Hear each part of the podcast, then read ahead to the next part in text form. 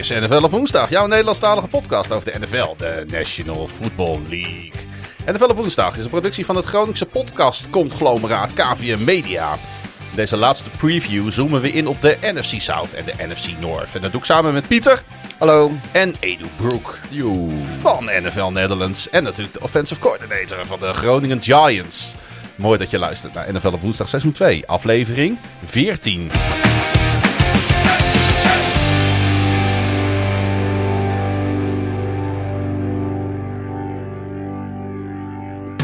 Met dus aan tafel een oude bekende uit het uh, Groningse, Edu Broek van, uh, ik zei het al, NFL Netherlands. En de Groningen Giants. Ja, ja. zeker vandaag. Uh, ik kom net van het trainingsveld af. En, Was weer de eerste training na de zomer, als ik het goed begreep? Niet de eerste, maar wel de eerste druk bezochte training na de zomer. Uh, mocht je nog interesse hebben en in de buurt van Groningen zijn, uh, kom vooral een keer langs bij uh, de volgende training op een maandag of woensdag. want we zijn zeker nog op zoek naar mensen. Maar het, het, er was weer wat volk. Ik denk dat we met een mannetje of 20, 25 op het veld stonden. Zijn de, zijn de Giants die in de kleuren van de Jets spelen, toch? Ja, zeker weten. Zeker en weten. natuurlijk de kleuren van de stad Groningen. Precies. En de kleuren van ons aller FC Groningen.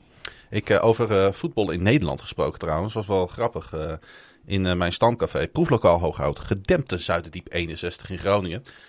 vertelde de kroegbaas, had een groep dames op bezoek.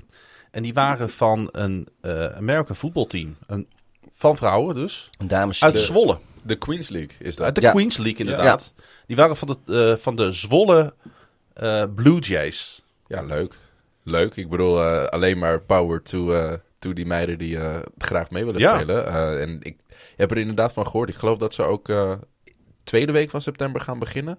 Dus mochten jullie geïnteresseerd zijn in dames American voetbal, zoek dat vooral op. De, de Queens League in Nederland. volgens mij is het ook Queens League Nederland. Ja, volgens mij wel. Richting.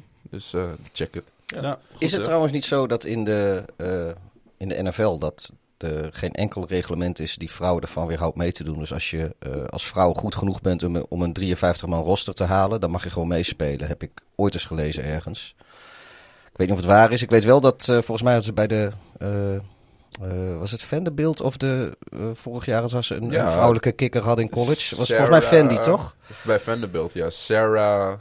Nog iets met nummer 27. En zij was keeper bij het uh, ja. Vanderbilt uh, soccerteam. En toen hebben ze allemaal, allemaal kikkers raakten geblesseerd, geloof ja. ik. En uiteindelijk hebben ze haar opgetrommeld om... Uh, om ja. En ze, ze hebben de keeper gekozen. Wat dan volgens mij ook weer een beetje laat zien van... Hoe, hoe Amerikanen naar soccer of naar voetbalvoetbal kijken. Want ja. als je iemand met een goede traptechniek wil hebben, dan... Ja, ze zullen wel op basis van doeltrap, doeltrap, field goal, is allemaal hetzelfde. maar voor mij was het inderdaad niet zo'n succes, maar... Paulsen heet ze? Nee, ja, weet ik ook niet hoe ze heet. Sarah. Ja, natuurlijk, uh, die, die, die vrouwelijke uh, zebra die de, in de Super Bowl actief was, die heet ook Sarah. Sarah Thompson volgens mij. Okay. Die was, uh, dat was de eerste vrouwelijke zebra. En die is nog Who's That Woman geweest. Ja. Nou, mooi. In, in de NFL op woensdag. Ja, die die kunnen, zullen er ongetwijfeld meer komen, want ja. ze komen steeds... Sarah Fuller. Juist, juist. Um, ja, maar het is dus volgens mij is het zo dat mocht die Sarah Fuller dus wel een, een, een briljante kikker nog uh, worden of blijken te zijn, uh, wat, wat we dan nog niet gezien hebben, maar ja, wat niet is kan komen, dan zou ze volgens mij zo mee kunnen doen in de, in de NFL bij een van de 32 teams. Voordat we helemaal afdwalen, en hopelijk luister je deze podcast voor 19 september 2021. Want uh, ik wil toch nog heel even hebben over het uh, NFL op woensdag event wat er aan zit te komen. We gaan met de luisteraars van deze nu al legendarische podcast een uh, mooie zondagmiddag en avond beleven in Tilburg. Sports Bar, bar for, for friends. friends. Aan de Koestraat in, in Tilburg dus. Wie kent het niet? ik, ik, ik nu wel. Ik ben er zelfs al geweest. Ik heb al locatie gescout. Hè. Dat is dan weer wat ik scout. Het moet verschil moeten zijn. Je hebt en, er wat gedronken en wat gegeten ook. Zeker. hey, uh, super toffe plek. Uh, hele mooie sportsbar. Met acht beeldschermen maar liefst. Waarvan één groot voor de Red Zone. En daar gaan wij jullie ontvangen. Voor een tientje ben je erbij. En dan krijg je ook nog een welkomstdrankje, een hotdog en een frietje. Of patatje. het is maar net waar je woont in Nederland. Patat. Patat. En ja, wij hebben daar gewoon heel veel zin in. Om met jullie uh, daar een toffe dag van te maken. Ja, ik geloof we gaan een uh, stukje podcasten daar ook. Uh, we zitten even te kijken ja. om een, om een, een Amerikaanse sport CQ NFL ge, ge, gethematiseerde eh, pubquizje even te, te maken. kwam er zeer vloeiend uit, Pieter. Ja, dat, eh, ik, ik zit hier om te praten. Hè. Dat, is, eh, dat is waar ik goed in ben. En eh, eh, schrijf je daarvoor in door een eh, DM of privébericht te sturen op Twitter, Facebook of Instagram. En voor degenen die dat al gedaan hebben, bedankt alvast en tot, eh, tot 19 september. Absoluut. En eh, graag ook nog even aandacht. Ja, dan zijn we echt eh, door de administratie heen voor onze petje.af pagina. nflopwoensdag.nl kun je ons steunen. Dat hebben al vele mensen gedaan. Deze maand zijn onder andere Rogier, Mark, Edwin en Bram lid geworden. Waarvoor natuurlijk ook dank. En ja, Ja, het- dankjewel. Het gaat, het gaat niet om hele dikke euro's, maar van die euro's kunnen wij deze podcast wel blijven produceren. Eh goede, eh, goede microfoons kopen, eh, leuke logo's laten ontwerpen, dat soort dingetjes. En je laat daarmee zien dat je ons waardeert. En dat geeft ons ook weer nieuwe energie om deur te gaan. Ja, er komen nog veel meer van deze, van deze podcast. Maar dit is wel de laatste voorlopig preview technisch. Absoluut. Want we hebben al zes divisies hebben we natuurlijk voorbeschouwd. Vandaag nummer 7 en 8. En we beginnen met de NFC South. De Atlanta Falcons, heren. En eh, net als de andere podcast ga ik iedere team kort inleiden. En dan mogen jullie daarna eh, zeggen of jullie het eh, een klein beetje eens zijn met hoe ik het team heb neergezet. En de Atlanta Falcons lijken een beetje gevangen in hun eigen organisatie. Ze maken gebruik van de diensten van de 36 jaar oude quarterback Matt Ryan. Die zo nu en dan best competitief kan zijn, maar niet de aanvalsleider is die de Falcons momenteel laat meedoen om een divisietitel. Daar gaat ook de nieuwe hoofdcoach Arthur Smith denk ik niets in veranderen. De trade van Julio Jones naar de Titans was natuurlijk al een duidelijk signaal dat Atlanta momenteel niet in een win-now-mode is. Maar de geherstructureerde deal van Ryan en de keuze in de draft voor Kyle Pitts wekken ook de suggestie dat de franchise niet gaat voor een full rebuild. Dus, wat is het plan? Het lijkt bij voorbaat een verloren seizoen. Het team zal voor de fans die nog naar het stadion komen wat wedstrijden willen winnen. Een uitweg willen zoeken uit de hel die capspace heet. En zal na het seizoen uitdokteren hoe nu verder. Er zijn een paar aanwijzingen dat de Falcons beter zullen zijn dan vorig jaar. Ze waren 1-8 in one-score games in 2020 en hadden een zwaar speelschema. Wellicht dat er wat kwartjes hun kant opvallen dit jaar. Hoe Ryan gaat reageren op de schemes van Smith moeten we afwachten. Maar vorig jaar was de aanval bij tijd en wijle best spectaculair om naar te kijken. En met Pitt zal dat niet minder worden. Ze moeten alleen niet te veel potjes per ongeluk gaan winnen. Met opnieuw een hoge pick in 2022 kan wellicht de quarterback van de toekomst worden opgepikt in de NFL-draft. Een seizoen waarin de Falcons zeven wedstrijden winnen en ze in niemands land brengt, geen playoffs oplevert en geen hoge draftpick lijkt dan ook een worst case scenario. Edu, de Atlanta Falcons. Ja, ik, ik denk dat je, dat je best een goede samenvatting had. Want het is inderdaad ook voor mij een beetje een roster wat een beetje in dubio is. Van, het lijkt aan de ene kant dat ze af willen van wat oudere jongens. Van wat jongens die er al heel lang onder contract staan. Van wat jongens, nou vooral Julio Jones waar ik het nu over heb. Die je eigenlijk alleen nog maar in Falcons jersey gezien hebt. Eh, die, die nu dus niet meer eh, op, op het roster staan. Maar op hetzelfde moment wel heel veel geld geven aan de... Is hij een elite quarterback, Matt Ryan? Uh, en ook Kyle Pitts draften. Dus niet voor een nieuwe quarterback gaan in deze draft als je een hoge draft pick hebt. Mm. Dus het is inderdaad wat je zegt van... Het, we weten niet zo goed waar ze heen willen. En het is, Terwijl ze wel hun coachingstaf helemaal vernieuwd hebben met Ja. een nieuwe headcoach, Arthur Smith. Wat een goede hire is, denk ik. Ja, komt eh, natuurlijk van Tennessee. Eh, En- ze hebben een nieuwe OC met eh, Dave Ragoon. ja ik, ik, me niks, maar goed. Eh, en, en de defensive coordinator is natuurlijk wel een bekende naam met de NFL. Dat is Dean Pease. Ja, ik, ik denk dat Arthur Smith de, de, de offense gaat overnemen. Want dat was Ja. ook eh, een hele offensive-minded coach natuurlijk in eh, Tennessee. Eh, en dat wordt ook weer iets wat heel interessant is om te gaan zien. Want ik denk niet dat dit team de running back stal heeft die ze in Tennessee hadden. En dan vooral natuurlijk Henry. Maar een Henry-achtige back is er in dit backfield absoluut niet te vinden. Nee, want dat is natuurlijk wel wat, eh, eh, wat als eerste in je opkomt. Hij had natuurlijk inderdaad in Nashville had hij Derrick Henry tot zijn beschikking. Het is dus interessant om te kijken of Smith daadwerkelijk coach is die zwaar gelooft in de run. Dus Mike Of- Davis is het beste wat ze hebben, hè? Ja. De- Ja. ja. en ze hebben natuurlijk, die staat eh, denk ik als receiver, eh, maar die kan ook als running back gebruikt worden. Uh, Cordero Patterson hebben Ja. ze. ja. Ja, ik zou hem gewoon, ik, ja, Dat is niet de jongen die je de bal natuurlijk eh, meer dan twintig keer in de wedstrijd gaat geven. Ik, Nou was wel, ik ben wel zijn hele carrière al fan van hem. Absoluut. Hij is op special teams is hij echt verschrikkelijk goed. Als wide Zeker. receiver is hij, eh, hij is een beetje een gadgetspeler. Maar ja, ik neem toch aan dat ze, dat ze in ieder geval iets, eh, iets minder voorspelbaar doen... als dat het eh, bij de Bears met hem ging. Want dan was zoals hij in de backfield stond... wist je ook gewoon dat hij de bal ging krijgen en dat dat het werd. En ja, als je daar alleen al van afstapt... dat, dat daar nog een, een, een verrassing in zit... of dat hij er gewoon staat om safety blanket te zijn voor, eh, voor Ryan... dan kan het misschien nog wat worden, maar... Ik denk dat, eh, dat het vooral eh Allison, eh, Quadre Allison is die eh, de tweede running back gaat zijn achter Ja. Davis. Ehm, maar beide backs zijn niet de soort eh, waarvan je gaat denken van laten we zo'n Tennessee offense lopen. Ze Dus- kunnen zelfs als ze willen, ze kunnen ze Todd Gurley nog oppikken. Hè? Want die is eh, free agent. Trouwens, Todd Gurley, geboren in Baltimore. Ergens- mooi, mooi. Die speelde vorig jaar natuurlijk al voor, eh, voor Atlanta. Ja, Ja, had, het hij niet, had hij niet die onwaarschijnlijke blunder tegen de Lions, wil ik zeggen, dat dat tegen Detroit Ja. was, dat hij... eh, dat Maar hij hij was wel de leading rusher vorig jaar. Ja, dat zegt denk ik heel veel over de backfield van, eh in van het Atlanta. land der blinden, klaas Ja, en toch die aanval van de Falcons. Vorig jaar eh DVOA, de 21ste aanval in de league.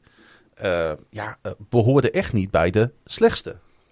Nou ja, je zit wel in het, eh, in het rechte rijtje als je de 21ste bent natuurlijk. Je hebt natuurlijk met Matt Ryan heb je nooit de slechtste aanval van de NFL. Zo'n eh, zo'n slechte quarterback is nou ook weer niet. Nee, maar Zoveel gaan de, gaan de jaren niet tellen, denk je, voor, eh, voor Ryan zo langzaam? Ik weet het niet. Ja, met Ryan met een Julio Jones en Calvin Ridley, wat gewoon allebei top 10 receivers Ja. zijn. eh, ja, dan, dan heb je een hele goede basis. En ik denk dat dat het volgens mij eh, ook voornamelijk droeg vorig jaar. Want ik kan me niet herinneren dat ze een running game hadden. Nee. Ehm, en nu, nu je Jones kwijt bent.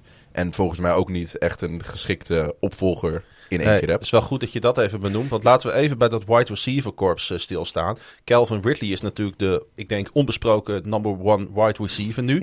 maar, Gage, maar daarachter staat inderdaad Russell Gage, de zesde ronde pick in 2018. En Olamide Zacchaeus. Ja.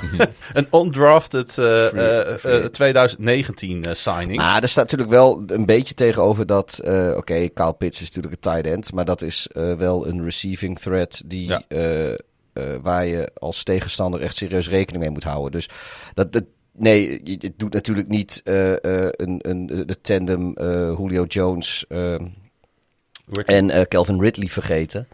Maar eh, het is wel... Ja, weet je, het is Kyle Pitts. Dat, dat is wel iemand als... Tenminste, kijk, we hebben hem natuurlijk nog niet in echt gezien in de NFL. Alleen eh, in pre-season wedstrijden. Maar ook Maar niet het- echt, toch? Of En, en, en af en toe een, een flash in de pan hebben Ja. we zeg maar gezien. Maar als, als eh, zijn talenten zoals die, die hem toe, toebedeeld worden... als die zich een beetje vertalen tot, tot de NFL... Dan, dan moet dat natuurlijk wel ervoor kunnen zorgen dat je hoeft dan niet... eh, ze- echt eh, zeg maar een Julio Jones niveau eh, receiver ook erbij te hebben. Want als, als, ja, als, Mhm.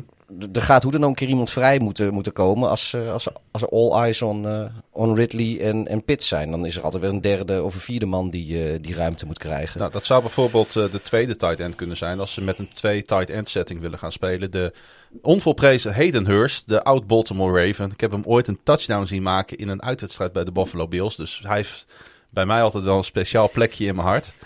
Ehm, eh, maar jongens, toch nog even, hè, want het is de grote naam eigenlijk op aanval in de NFL draft, los van quarterbacks.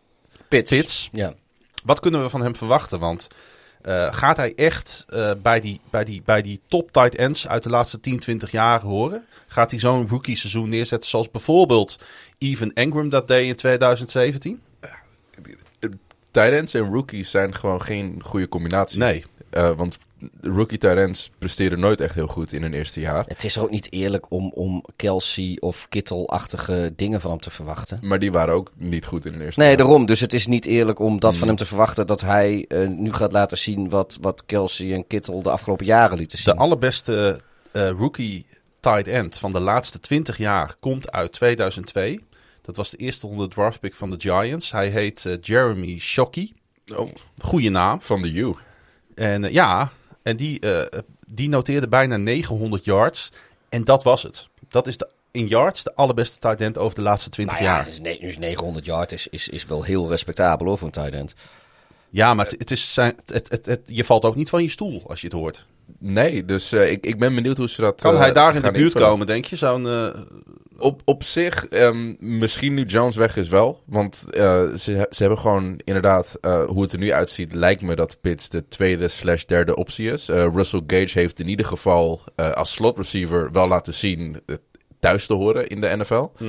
Sa- Zacchaeus heeft ook redelijk wat gespeeld de afgelopen jaren, maar meer, ja... kom, je toch niet, kom je toch niet voor naar de, naar de hoe heet het daar? Mm, De Mercedes-Benz? eh, mooi stadion, maar ik denk Dat niet dat ze voor Zacchaeus eh, komen, inderdaad. Eh, want ja, de drie, nummer 3-4 receiver. eh, dus het, die, die plek is er wel voor Pitts om, om die rol in te nemen in deze offense. Maar ja, ik, ik twijfel een beetje om eerlijk te zijn. Want ik, ik heb ook nog heel weinig gezien in de preseason. Als ik hem nu flashplay achter flashplay zag maken, dan stond ik er anders in. Maar als je nadenkt dat tight ends niet echt goede rookie seizoenen hebben. En dat ik hem ook nog niet echt erin heb zien komen. Heb ik er een beetje twijfels over. Al is Spits wel echt de speler die, eh, die mij het ongelijk kan bewijzen hiermee. En gewoon een goed Mhm. seizoen kan hebben. Misschien nog wel belangrijker of eh, die ballen bij eh Pitts daadwerkelijk ook gaan landen.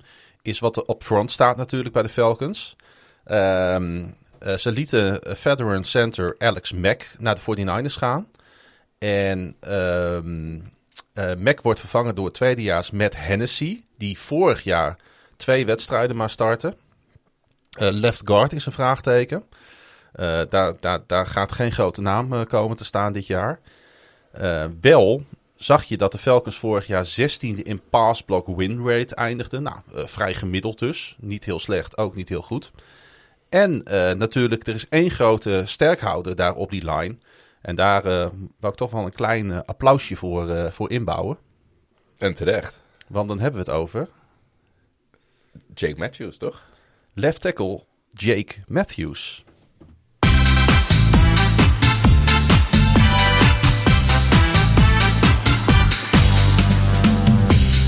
Die deze week eh biertopper van de week Week, is Jake Matthews.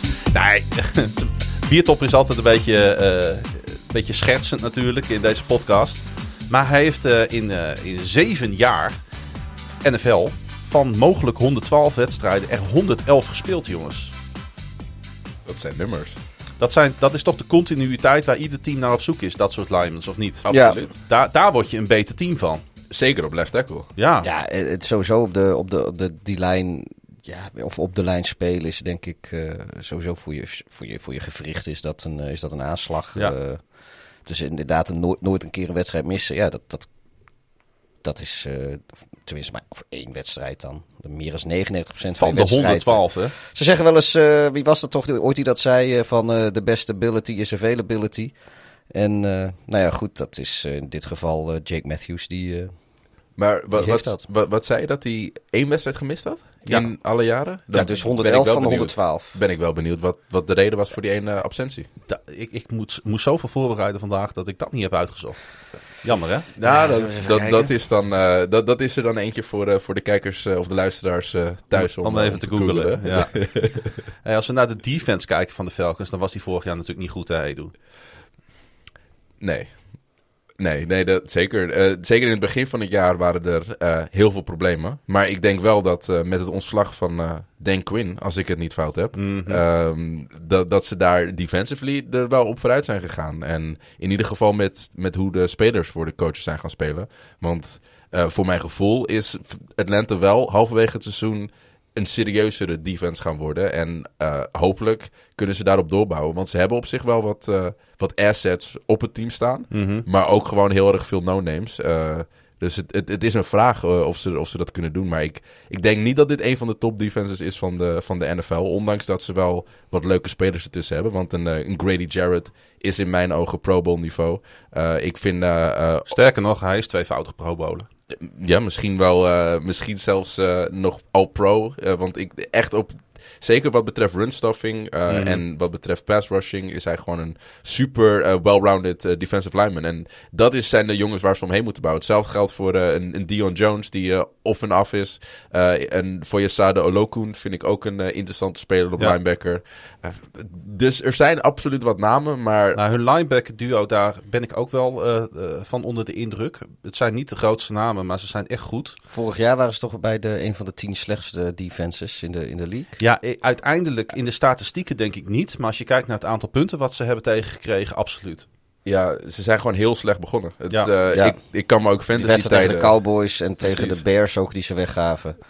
Eh, Dat was, ja, volgens mij Cowboys was week 2 met die, eh, met, die, met die fumble die ze niet recovered of zoiets. Wat was, daar, daar was iets mee. De, dat, dat, dat er zo'n bal eh er op het veld lag die ze, Ja. waar ze allemaal een beetje als, als een hond naar een zieke koe naar stonden te staren en, en niks mee deden. Ja, dat was, jij bedoel je die, die, die water- watermelon, eh, Ja, wat was het? Dat was, ja, dat was een soort onside kick. Een watermelon onside kick was dat. Toch, of niet? ja ik, ik, ik, ik, raars. ik, ik weet alleen dat, dat, dat die bal daar dat op was, het veld tegen, dat lag. was tegen de Cowboys. Dat was tegen de Cowboys, ja, ja, Ja. ja. En een week later speelden ze tegen de Bears dat ze, dat ze drie touchdowns in de laatste vijf minuten weggeven of zoiets. eh. Want zo'n team is het wel, hè. Eh, ze hadden natuurlijk ook een beetje pech met Dante Fowler. De outside linebacker ehm, die ze vorig jaar eh binnenhaalden, maar echt een dramatisch seizoen speelde volgens mij. Ja. Ehm, en ze hebben eh, een speler uit Chicago gehaald. Mingo. Barcavius Mingo. Maar dat was niet zo'n goed idee. Want hij moest noodgedwongen weer ontslagen worden vanwege een arrestatie eerder dit jaar. Weet ja, je we nog? hebben het, hebben het over gehad, ja. Dus eh, het stapelt zich ook een beetje op hè, bij, eh, bij Atlanta de pech. ja. Wat dat betreft. Ehm, ja, ik denk dat we ook maar gewoon dit team moeten gaan voorspellen, of niet? ja, In, in mijn ogen ben ik bang voor eh, Atlanta fans. Ik, eh, ik ken er een paar. Dat, eh, dat het een zwaar seizoen gaat worden. Eh, en eh, gewoon aan allebei de kanten zijn ze, behalve misschien de pass game eh, in offensive gebied, eh, zijn ze gewoon een beetje underwhelming in mijn ogen. Zeker. Dus ik denk, ja, ik vind het lastig om een record te be- bedenken zo. Vorig jaar wonnen ze de vier. Eh, laten we ze er dit jaar vijf geven. Ik eh, geef ze ook vijf. Ik denk namelijk dat met Dean Pease dat ze een coördinator op eh, defense hebben die het maximale uit, dat, uit die unit kan halen. Ehm, alleen het maximale is geen high ceiling in het geval van de Falcons. Dus ik zet ze ook op één overwinning meer. Op vijf en in dit geval natuurlijk twaalf omdat we die extra wedstrijd hebben. Nou, ik, ik, ik vind het wel grappig, want jij zei in je introductie, had je het over als ze, als ze zeven wedstrijden winnen, dan zitten ze weer in het niemandsland. En Ja, ik had wel zoiets ze- van, nou, ja, dat, dat zou ziek zijn. ik zat even naar een schema te kijken en ik denk, nou, maar ehm, ik, ik hou het op zes. Weet je, dat is nog steeds wel een beetje draften in niemandsland, maar al een beetje minder. Ik denk dat ze, ik zat eens even te kijken, de, ja, weet je, ze, ze hebben wel wedstrijden die ze kunnen winnen. Weet je, als die offense het een beetje doet en die defense het niet, eh, niet zo slecht is. Ja, kijk, ze, wat hebben ze? De, de Eagles kun je van winnen week 1. eh, Giants kun je winnen. Washington voetbalteam. Nou ja, goed, die hebben een hele goede verdediging. Maar je weet nog niet hoe die aanval gaat lopen. Eh, Jets, met alle respect, die, die, die kun je winnen. Is in Londen. Dus Dat is... ik niet hoor. Dat, eh, Ja, die, hebben wij, die hebben wij in het groen. Ga je, Nou ja, goed, ga je weet naar je- Londen? Ik eh, ben wel aan het kijken voor kaartjes. Ja. Oké. Dus eh, staat, eh, staat met potlood in de agenda gezet. Ja, maar goed, ja, de, en, en de Lions en, en Jacksonville, weet je, dat zijn, ik zeg niet dat ze die winnen, maar dat zijn, Nee. wel, dat zijn wel de wedstrijden waar ze het van moeten hebben als ze die, die, die winsten willen pakken. Dus ja, zes alleen, wel die, gebeuren. alleen die tegenstanders waar je het over hebt, die zullen op dezelfde manier naar ja, de nee, dat klopt, kijken. dat klopt. Dus het is inderdaad een kwestie van gaat het kwartje een paar keer de goede kant opvallen. Ja, En ze hebben absoluut een, eh, een groot talent eh, op, eh, als nieuwe headcoach. Want ik denk dat Arthur Smith een van de betere headcoach hires was in dit eh offseason. Dus ik ben benieuwd wat hij gaat doen. Alleen hij kan niet doen wat hij bij de Titans heeft gedaan. Dus Arthur moet met iets nieuws komen. En, Ja. eh, Ja, en de- dat werkt dan... eh, en de biertopper, die moet natuurlijk als het er recht op aankomt, eh, die Jake Matthews, niet, niet weer zo de fout in gaan als hij in de Super Bowl deed. Ja, Want, eens. want hij, was de, hij was toch de, die man van de holding penalties waardoor ze uit field goal range kwamen. Dat weet ik echt niet meer. Volgens mij dus, stonden ze in field goal range en dan kregen ze twee holding penalties op rij tegen. En dat was Matthews. En dat was Matthews volgens mij. Trouwens, Matthews, familie natuurlijk van de... Van die lange, vette, harige... J- ja, eh, Clay Matthews.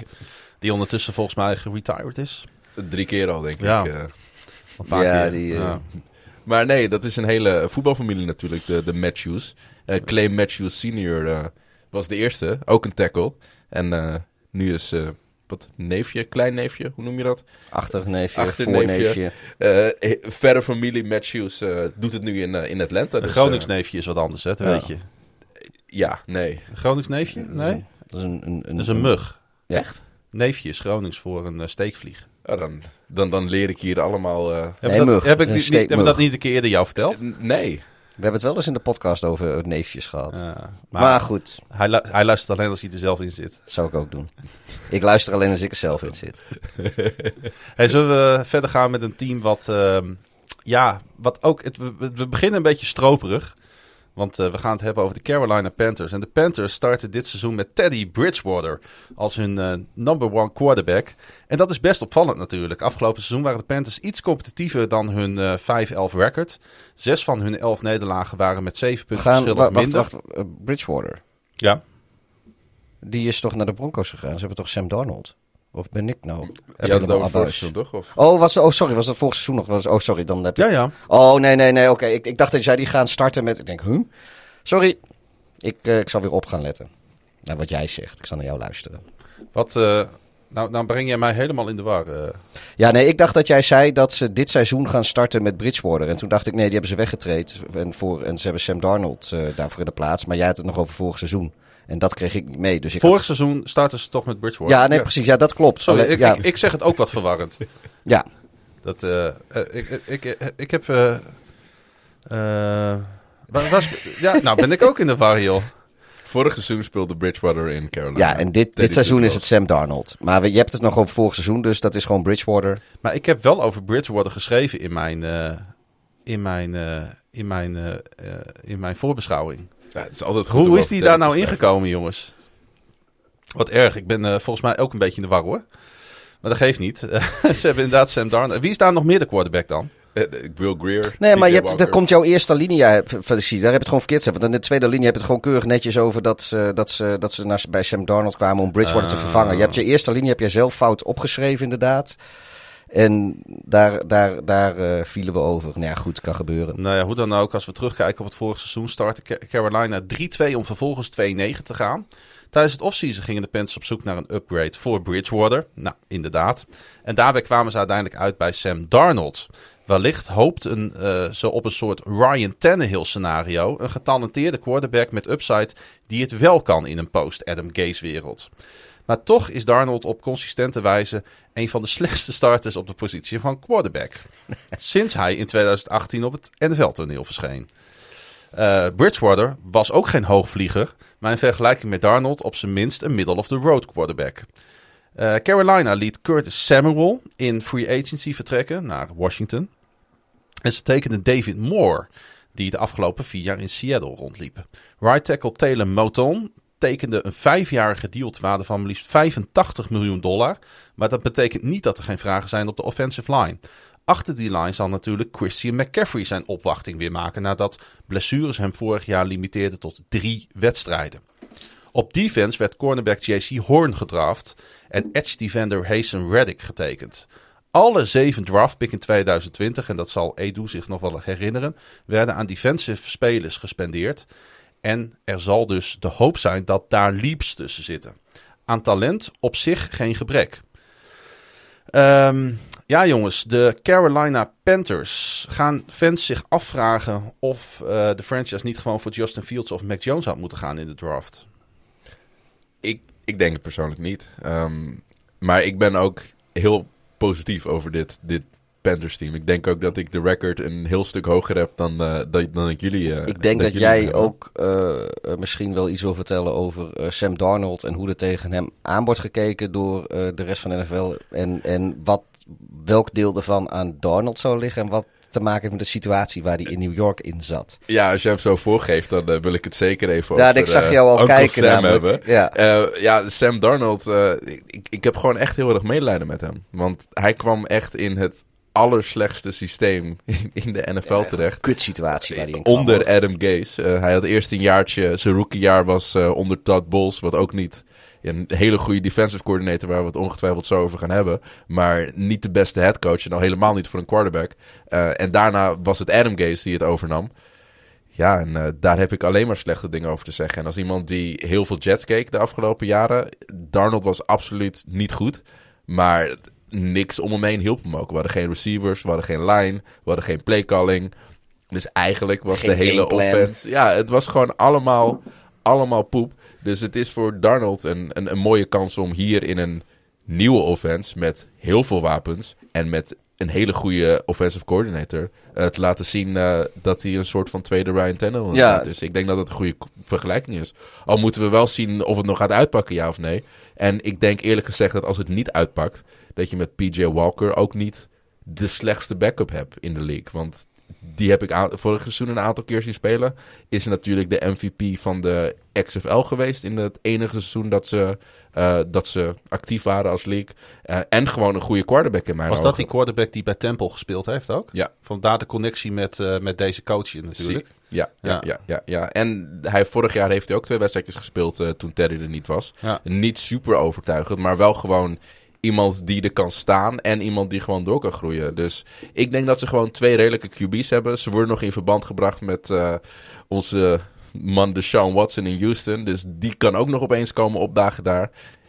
En gewoon Ja, dan heel veel talent jezelf op als die lijn. franchise toch volkomen belachelijk als je dat... In, in, Ja, weet in je- mijn ogen, ja, absoluut. Maar eh, ja, Ja, is dus ik wil het heel vaak zeggen. Zo, zolang zolang de, de, de NFL eh, die jongen niet, niet zelf eh, schorst, kun je teams niet kwalijk nemen. Hoe, wat we er ook van vinden, dat, dat ze er wel of niet, niet voor, voor willen gaan.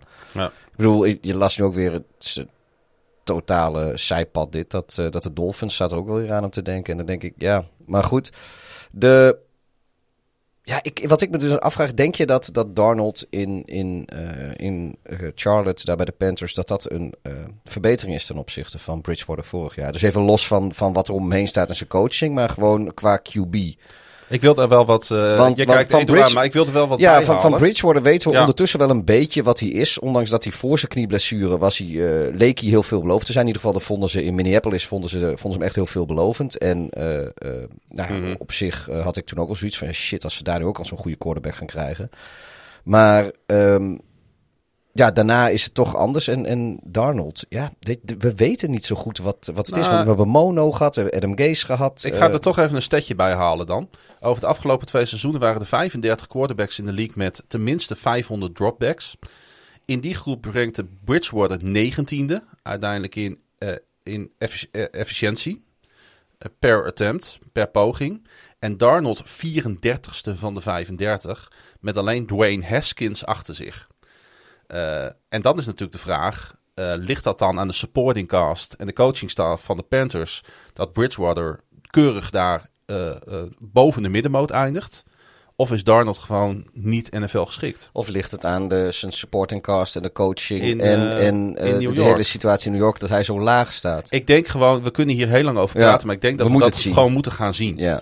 100 procent. Het, eh, het is voor Darnold echt absoluut het jaar om zich eh, te bewijzen. Hij is voor het eerst in een Maar als het nu niet lukt, dan gaat het nooit meer gebeuren. Oh, dan is het, Dan is het quarterback nummer over. 34, 35 in de Ja. league inderdaad. En dit is het moment om te laten zien dat hij, dat hij daar ver boven staat. Want wat je zei, het, absoluut, in New York, hij had niks. Alles heeft tegengezeten. Hij Maar ik zeg had ook niks. die mono eh, die hij kreeg toen. Ja, Weet je, alles heeft daar tegengezeten. en, en gewoon ook echt slecht, slechte coaching. En niet alleen in slechte systemen, maar ook gewoon mentaal en persoonlijk hele slechte coaching wat betreft Adam Gase. Die vanaf het moment dat hij erin liep een verliezende cultuur heeft binnengebracht. En ik denk dat hij nu gewoon in een nou ja, nieuw bad, in een warm bad Ja. zoals ze dat dan zeggen, De terecht druk is natuurlijk veel minder groot. Want je hebt in New York heb je natuurlijk ook de, de, de sportpers is daar relentless. En toen had je natuurlijk ook nog dat Mike Top moment dat hij dat over I'm seeing ghosts. Wat ja, enorm uit context getrokken is. Want iedere quarterback die daar eh, serieus op gereageerd heeft, eh, die heeft allemaal gezegd: van, ja, weet je, dat hebben we allemaal wel eens gehad. En we hebben het ook allemaal wel eens gezegd. Alleen toen waren we niet mic'd up. En het, eigenlijk is het enige wat hij daar verkeerd doet, is dat hij vergeten was dat hij of zelf mic'd up was, of dat hij sprak met iemand die mic'd up was. Eén van de twee. Maar eh, ja, en dan juist in New York, weet je, dat is haarfikken gaan die, eh, gaan die sport, beatwriters die gaan, daar, gaan daarop opduiken. En dat wordt nooit meer vergeten. Maar er is natuurlijk meer dan Darnold In, in deze offense vooral. Want als je gewoon even kijkt naar de wapens. Ik bedoel, eh, DJ Moore, verschrikkelijk underrated receiver. Robbie Anderson had een hele goede klik met Darnold in New York. Een van de weinige receivers waar hij de bal wel kwijt komt. Eh, ik denk dat Marshall een hele goede eh, rookie draft pick is van dit jaar. Tweede ronde. Precies. Ja. David Moore, de andere Moore, Ja. underrated speler uit Seattle. Dus nu heeft hij wel gewoon vier legit receivers. En gewoon een van de betere receiving cores in mijn ogen in, eh, in de NFL. En ook een Dan Arnold en een Tommy Tremble zijn, denk ik, gasten die een bijdrage gaan leveren dit jaar. Ja, ik vind de tight end situatie op zich wel interessant daar inderdaad. Eh, Dan Arnold, eh, vorig jaar Cardinals, daarvoor de Saints natuurlijk. Ian Thomas, overigens geboren in Baltimore. Hij Moet er erbij gezegd worden. Moet erbij gezegd worden. Eh, en, eh, en ze hebben natuurlijk die Tommy, Tommy, Tommy Tremble, Tremble. van Notre Ja. Dame eh, eh, Ja. gehaald. Ook een hele interessante rookie tight end, denk ik. Beetje onder de radar. Absoluut. Dus de tight end group en de eh, wide receiver group is op zich niet zoveel mis mee. En de beste running back in de league onder center. Of achter de Nou, quarterback. dan, dan moeten we toch even naar die line gaan kijken. Want eh, wat mij opviel op die line, voor het negende seizoen op rij, starten de Panthers met een andere left tackle in week 1. Dat zegt wel wat over, eh, over hoe, ze, het, hoe het maar niet lukt om in Charlotte consistentie op die line in te bouwen. Ieder jaar verschuift daar weer van alles. En dat is natuurlijk wel een probleem. Ik denk dat de right tackle het enige stukje consistentie is in eh, Tyler Moton inderdaad. Eh, Ja. Wat een van de beste right tackles in de league Die is. maar- ook dik betaald hebben natuurlijk. Zeker. Terecht heeft hij verdiend. Maar de rest van de lijn is, wat jij zei, inderdaad... Ik maak mij daar zorgen over. Want het, is echt jammer. Want eh, we gaan het zo meteen ook nog even over de defense hebben. Waar ik eh, ja, best wel fan van ben. En de aanval heeft ook pieces waar ik best wel enthousiast over kan worden. En dan kijk ik naar die line en denk ik, ja, die arme Sam Darnold. Hier gaat hij het ook niet doen. Nou, weet je, ik, Joe Brady, die, eh, die gaat natuurlijk een beetje de, de, de, de, de lijnen uitzetten daar eh, Ja, maar aanvallend. En ja, Het weet is je, hem er niet gelukt, hè? ja, nee, ja, maar goed, ik denk dat daar... hij heeft eh, echt een van de slechtste pass protecting lines van de league. Ja, maar ik denk dat, eh, dat Brady, dat hij, eh, dat hij wel redelijk, eh, niet de beste, maar ik denk wel dat hij eh, een van de betere eh, schemers is eh, in de league. Ja, maar het is ook wel begrijpelijk En- hè, en- met McCaffrey dat je een goede run line hebt. Dat, dat is begrijpelijk. Daar hebben ze ook op ingekocht, daar hebben ze ook op ingezet. Maar dat betekent dus dat je ergens anders inlevert en dat is op de pass. Ja, nou ja, ga je wat meer play-action spelen. Ja, weet je, de, de, de- Ja, Sam Darnold Nee, nee, en, niet- eh, niet en ieder play team- action. Ik, ik, ik ben benieuwd, maar als je kijkt naar Joe Brady bijvoorbeeld... Ik denk dat zijn grootste succes eh, het ongeslaagde seizoen met LSU was. eh, met eh, Burrow als, als quarterback. Eh, dat was ook niet de beste lijn eh, die ze toen hadden. Ik, volgens mij, misschien heb ik het mis... maar de enige lineman die ik me kan herinneren van die lijn... is de center die nu bij Denver zit en al bijna gekat is. Een beetje jammer dat ik zijn naam vergeet nu. Maar ehm, niet echt de beste pass protection line, niet echt de beste O-line in het algemeen. Ik, ik heb er vertrouwen in dat, zeker met spelers die hij goed kent. eh, je zei het al met PJ Walker, die hij al kent van Temple in Mhm. eh, Joe Brady. Terrence Marshall is iemand die op dat LSU-team zat. Eh, ik denk dat het gewoon allemaal pieces zijn die al snappen wat er moet gebeuren op het moment dat ze binnenkomen. En zeker op die manier toch nou ja, het- talent kunnen brengen. En hopelijk met het talent in de playcalling, eh die niet zo hele goede lijn, wat het absoluut is, een klein beetje teniet kan doen. Want je kan natuurlijk zeker met snelle passes, met meer eh, RPO-passes, waarin je gaat meer bezig bent met wat de linebackers aan het doen eh, zijn als quarterback en daardoor makkelijker de goede beslissing maakt, kan je wel een beetje om die lijn heen gaan. Maar ja, wat je zegt, ik denk niet dat we heel vaak gaan zien dat Darnold echt 7, 8 seconden in de pocket eh, stil gaat staan Nee, en een maar bal dat- diep field gooien. ja, ik, ja ik- dat, dat hoeft denk ik ook niet. Eh, ja, ik zeg, met, met, met coaching en schemen en, en, en eh, goed uitvoeren van, eh, van plays kun je denk ik van een slechte O-line eh, een matige O-line maken, statistisch in elk geval. En ja, de, de playmakers moeten de O-line ook helpen. Hè? Als de O-line bepaalde tekortkomingen heeft, dan zijn de playmakers die, die, die, die moeten dat, dat verhelpen. En, En de schemer. Ja. en, en de schemer, ja, je, dan ga je uiteindelijk ga je de, ga je de, de playcalling aanpassen aan, aan wat die lijn wel kan. Ja, En maar goed, ik- ik- defenses gaan zich daar ook op aanpassen. En dan kom je toch wel in zo'n vaarwater waarop je Ja, tijdens ik- het seizoen... Hè, ze begonnen natuurlijk vorig jaar ook aardig. En na de eerste vijf wedstrijden hadden ze aardig door bij de tegenstander... wat de schemes van eh, Brady waren. Ja, en toen zag je toch dat het per wedstrijd eh, steeds lastiger werd. Ik, Ja, denk- maar- ik denk dat het grote probleem, ondanks dat het me een beetje pijn doet om te zeggen, omdat ik denk ik de grootste Teddy Bridgewater fan, tenminste in Nederland ben, ehm, was Teddy Bridgewater. Want het grootste probleem van Teddy Bridgewater is dat hij heel erg conservatief is. Misschien ultra conservatief. En ik denk dat de Panthers de meeste plays op het veld hebben laten liggen van Heel veel teams. Eh, dat er mensen vrij stonden, maar dat Teddy in plaats van voor de diepe vrije man voor de checkdown ging. eh, en op die manier punten verloor. En wat betreft offensive line, ik denk je hebt mijn, mijn partner in eh, onze podcast, Amerikaans voetbal, Robert Jan, die zegt altijd: je offensive line kan een truck of een trailer zijn.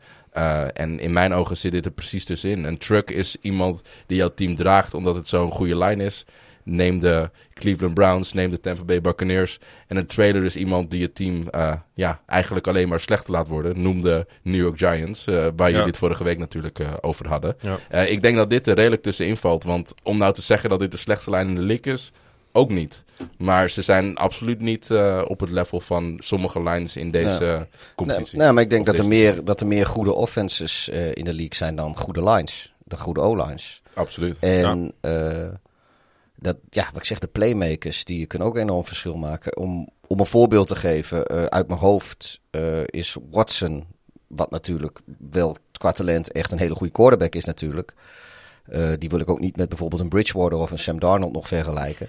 Maar die is uit mijn hoofd, of is die een is die hoog in de 40 keer gesekt vorig jaar. eh 48 keer of, of 49 keer of 47 keer ergens zoiets. Maar hij heeft ook eh, net geen 5000 yards. En nou, wat is het? Dus ergens in de 30 touchdowns of zo gegooid. Mhm. Eh, Of 27 touchdowns, ik weet niet precies. Maar voor, voor iemand die zo vaak op zijn rug lag, nou, dan moet je, heb je niet al te beste O-line. Dat, dat, dat, dat heeft hij toch hele goede stats neer- neergezet. Ehm, Wilson is daar ook een voorbeeld van. Van iemand die, eh, die regelmatig eh, op zijn rug ligt. Omdat zijn O-line hem in de steek laat. Terwijl hij toch eh, heel veel yards, dikke 4000. En, en weet ik hoeveel dat- touchdowns bij elkaar dat gooit. Meer dan 40 Dat soms. hebben we bijvoorbeeld, dat, dat, dat, dat- daar zijn gunslingers als Matt Ryan en Joe Flacco in het verleden. Hoe, hoe vaak lagen die wel niet op hun rug? Ja, maar nu moet ik wel zeggen, toch- ik denk dat, ja. dat, dat zeker Flecko in de tijd dat hij dat, dat, dat, dat ja, gewoon een goede quarterback was bij Wordt de hij toch weer Ravens. genoemd, hè? Had hij, had hij toch ik, echt wel een, had hij echt wel een betere O-line dan, eh, dan, dan heel veel andere. eh, dan dan Ja. bijvoorbeeld Watson en, en, en Wilson. eh. Ja, was we gaan het daar niet over hebben, maar eh, eh, ik wil eigenlijk, eh, als jullie het goed vinden, afscheid nemen van de aanval. Prima. Ehm, nog even Christian McCaffrey. eh super goede Ja. running back. Beste Oh, running back in de league. Eh, in mijn ogen in ieder geval. Eh, ja. Ja? ik ben benieuwd. eh Hoe heet hij? Christian McCaffrey. Ik zal het even noteren. Run Zal, CMC. eh, als, je- als jij moet draften fantasy, je hebt de eerste pick. Is dat ook degene die je pakt? Eh, als ik eh, een ja, normale format speel, dan wel. De drafts die ik tot nu toe heb eh, gespeeld, eh, was dat het geval. Snap ik volledig. Want Ja. eh, Nou, het enige, man ik kan heb, alles. ik heb alleen een beetje. Af, maar goed, dat is altijd met running backs. En dat is ook met McCaffrey zo. De, de, de, de, eh, of hij fit blijft. Maar Ja. ja, weet je, dat is ook. eh, Maar McCaffrey is denk ik inderdaad. Wou, ik er nog even doorheen gooien. Want die hebben we wel een beetje links laten liggen. Ja. Terwijl die natuurlijk met afstand de beste speler op deze offense is. Ja. Voor de open deuren moet je andere podcasts luisteren. Dat is waar. Defense, eh, jongens, we- ik heb het vaak gezegd, denk ik, afgelopen seizoen, Pieter. Eh, Defense wins championships. Nee, Oh. dat ook. Kom, Wat, komen wat, wat, wat, komt wat- ook nog wel even. Nou ja, dat, eh, dat ik onder de indruk ben van het talent wat bij de Carolina Panthers op defense staat. Ongelooflijk interessante unit. Een van de meest interessante defense in de league om te volgen. Als je, wat, als je geïnteresseerd bent in hoe spelers zich ontwikkelen. Ehm, belangrijkste toevoegingen waren natuurlijk eh, JC Horn. Kan jij daar wat over zeggen als, eh, als eh, NFL-scout? ik ben een enorme fan van JC Horn. In mijn ogen de beste man coverage corner in deze draftclass. Speelde in de SEC, wat de moeilijkste college competitie eh, Mhm. out there is. Zeker in Division, eh, Division 1. Sp- Heeft alle moeilijke teams gezien. Heeft alle moeilijke matchups gezien. Eh, elk jaar tegen Devante Smith gespeeld. En eh, de jongens van, van Alabama. Dus heeft echt een track record van nou ja, tegen, tegen serieuze spelers staan. En is eigenlijk altijd eh, boven komen drijven als een van de winnaars. En heeft ook die mentaliteit. Zijn vader heeft voor een Division Rival gespeeld. We- weten jullie welke? Welke hoorn In de NFL? in de NFL heeft gespeeld? Eh, bij de Saints. Bij de Saints, juist. eh, de Hall of Famer, die Ja. eh, inderdaad, Joe Horn, dat is wide receiver en de vader van JC. Dus nu mag jonge JC in mijn ogen een, een potentiële topper in deze divisie. mag het laten zien nu. ik denk dat het een, een leuke pick is. Ik weet niet helemaal hoe het past, want ze speelden vorig jaar heel veel zone. En, maar ze lijken nu juist weer heel wat Mankovic jongens er binnen hebben gehaald. Dus ik ben benieuwd hoe ze dat tijdens het seizoen gaan spelen. Maar absoluut iemand eh, waarvan ik denk... eh, Ga ik dat toch even de vraag der vragen stellen. JC Horn of Justin Fields? Ja, Gaat ja, we Of moeten Mac het er toch over hebben. Ze hebben Mac Jones en Justin Fields laten gaan, jongens. ja. En daar hebben ze dus deze jongen voor gekozen. Dus deze jongen zal zich vereerd voelen. Maar is hij het waard? Uh, hij, in Om, mijn, om je eventuele franchise quarterback te laten gaan? Het is lastig, want dit was gewoon een hele goede Je kan, je kan natuurlijk sowieso nog, nog niks van zeggen, inderdaad. Want eh, Nee. ik denk over. Ik, ik hoop natuurlijk dat over een jaar of vijf of, of zelfs tien jaar. eh, dat, er, dat er een stuk of acht teams zijn die, eh, die zich gewoon een, eh, een, een hersenschudding slaan van, van, van, van, van, de, van, de, van frustratie. Dat zij inderdaad Fields of, of Mac Jones hebben laten lopen. Maar ik, ik ga nee zeggen. Ik ga nee zeggen, want ik denk dat Horn de beste corner was in deze draft. En de corner was absoluut een niet voor dit team. Want wa- wat je Ja. zei, eh, het, het is een defense die aan het bouwen is. Heel veel jonge, talentvolle jongens. Eh, corner was een plek waar ze nog niet echt jonge, talentvolle Het was jongens een hadden. drama op corner afgelopen jaar. Ze hebben Ja. verder een cornerback Bouger van de Broncos gehaald. Eh, ze hebben een geweldige edge, edge binnengehaald met Dante- Hazen Reddick natuurlijk. Dante Jackson is ook corner daar tegenwoordig, toch? Ja, hun, Jackson, hun cornerback group is, is flink geupgrade. Ja. En er is zelfs diepte. Ehm, En nu dus ook wat meer man-coverage jongens. Want een eh, AJ Ja. Bouye is ook een van de betere man-coverage spelers. ja, eh. die zal meer ja, zij, eh, gaan, eh, het is goed dat je dat zegt, want wat is het gevolg? Het is toch wel leuk om, eh, ja, jij bent natuurlijk coördinator, eh, om hier een beetje op in te duiken. Ehm, bij, met het ontbreken van talent op cornerback ze vorig jaar voor een zone-heavy benadering. En eh Rule, de head coach, gaf tijdens offseason eh terecht al aan dat er meer man coverage gespeeld moet kunnen worden. Eh, eh, en met deze toevoegingen gaat dat denk ik ook gebeuren. Dat denk ik ook. En ik denk ook dat... eh, Dus het wordt veelzijdiger. Dat is eigenlijk wat ik wil zeggen. Dat ben ik absoluut met je eens. En eh, Matt Rule is een hele eh, capabele coördinator aan de defensive kant. En ja, die heeft waarschijnlijk ook gezien dat met de jongens die hij vorig jaar had... het onmogelijk was om te zeggen van... zorg jij er maar even voor dat iemand als... Nou ja, Calvin Ridley, Julio Jones de bal niet gaat vangen. Precies. Ik wil één speler er nog even uithalen. Jeremy Chin. De strong Terecht. safety eh, die een... Nou, ja, eh, eh, er loopt iemand in Washington rond. Was hij anders misschien wel de rookie defensive player of, of the year geworden? Misschien een iets minder eh, impactful position eh, daar als, eh, als safety. Maar hij is absoluut eh, een van de betere rookies eh, van dit jaar geweest. En ook zo veelzijdig. hij duikt overal ja. op, hè? In de, in de box, in de slot, in de backend. af en toe is hij gewoon een soort linebacker eh, zoals hij speelt. Zeker. Zeker. Ja. En ja, ik denk dat, eh, dat Shin en ook Brian Burns, eh, dat dat echt jongens zijn die, eh, die stappen gaan maken dit jaar. En daarom denk ik ook dat, dat deze, dit team echt wel, wel een beetje kan verrassen misschien. Ja, ik ben echt fan van, eh, van deze defense. Eh, wat minder van de offense, maar dat komt door de line. Eh, dus het is wel een interessant team. En ze zijn wel interessant aan het bouwen. En als nou blijkt dat deze quarterbacks die ze nu hebben, zeg maar, het niet zijn. Ja, dan kunnen ze er volgend jaar voor gaan. En dan kunnen de Panthers zomaar binnen een paar jaar in de top van hun divisie terechtkomen. Dus ik zie wel een plan bij de Carolina Panthers. Ja, dat is ook, ook slim, denk ik. Want eh, kijk, eh, bij, de, bij de concurrentie in Tampa gaat alles voor de korte termijn. Eh, Ja. Bij de concurrentie in New Orleans, daar is het ook nog maar afwachten hoe zich dat de komende jaren gaat ontwikkelen. Nu, Ja. nu Breeze daar weg is. Daar Dus gaan ja, het is- cap-wise nog heel veel topspelers weg van Ja, ja dus, jaar. dus het is wat dat betreft eh, denk ik dat, eh, dat, dat de, de Panthers een beetje op het vinkentouw zitten in deze divisie. Ja. Om, om precies hun, eh, hun shit op orde te hebben op het moment dat, eh, dat de divisierivalen eh, dat niet hebben. Ja, eh, 100% mee eens. Dat was ook een beetje de take die ik wilde maken als... eh als, Sorry, als, als dat ik nou, het gras voor je voeten wegmaai. Eh, Helemaal, helemaal geen probleem hoor. Want eh, wat je zegt, eh, ik denk dat deze, deze Panthers eh, in de lift naar boven zijn. Terwijl uh, zeker een team als uh, New Orleans, uh, wat jij net noemde, we gaan het er zo waarschijnlijk meer over hebben, toch wel een beetje in de lift naar beneden is. En zo werkt het natuurlijk altijd in de NFL. die ja. divisies blijven altijd aan het schuiven. En ik denk dat Panthers fans zich wel kunnen opmaken voor wat, wat leuke jaren. Want het talent, daar zal het niet aan liggen. Goed, gaan we voorspellen jongens. De Carolina Panthers. zal ik deze keer beginnen? Ik zet ze op zeven overwinningen en tien nederlagen. Ik ben fan van ze, maar het gaat toch niet helemaal goed komen dit seizoen. En dat gaat ze alleen maar een goede draftpick opleveren. Ik, dus, uh, ik heb eigenlijk wel een beetje vertrouwen in een, in een opleving van Sam Darnold. Dus ik draai jouw voorspelling om. Ik zeg gewoon 10-7. Oeh, dan, dan, dat, jij, jij maait nu wel het gras van mijn uh, voeten weg. oh, je, je, je, mag hetzelfde doen als ik, ik. Ik begon natuurlijk heel, heel, heel groot met dat, dat ik het, de Panthers het hoogst had. Dus ga ik hoger dan? 11 en 6? Ja, die nieuwe, die nieuwe records die zijn sowieso een beetje... Een Zullen we even kijken? Nou, even heel, heel, heel vlot. Uh, ze openen, dat is natuurlijk wel lekker, uh, lekker tegen de Jets meteen. Dus dat kan meteen al met, met een Darnold revenge... Een, de, Sam Darnold revenge game. en dan, ja, dan hebben ze de, de, de Saints, Texans...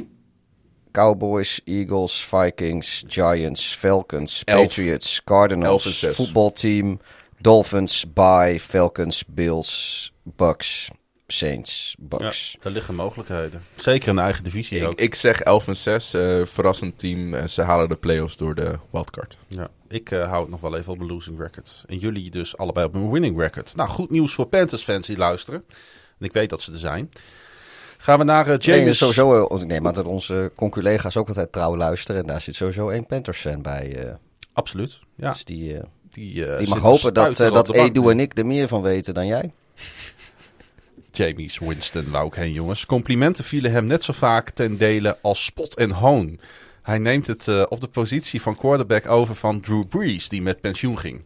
In zijn laatste volwaardige seizoen bij de Tampa Bay Buccaneers gooide Winston voor 5109 yards, 33 touchdowns, maar ook 30 intercepties. Het voelt alsof Winston al een hele tijd in de NFL rondloopt. Maar hij is nog maar 27. Tussen 2017 en 2019 start hij 40 wedstrijden. Statistisch is hij een gemiddelde starter in de league. Kan Sean Payton hem omhoog tillen naar bovengemiddeld. Winston speelde achter een sterke offensive line en heeft met Elvin Kamara en Michael Thomas elite wapens. De defense heeft de potentie een top 10 unit te zijn.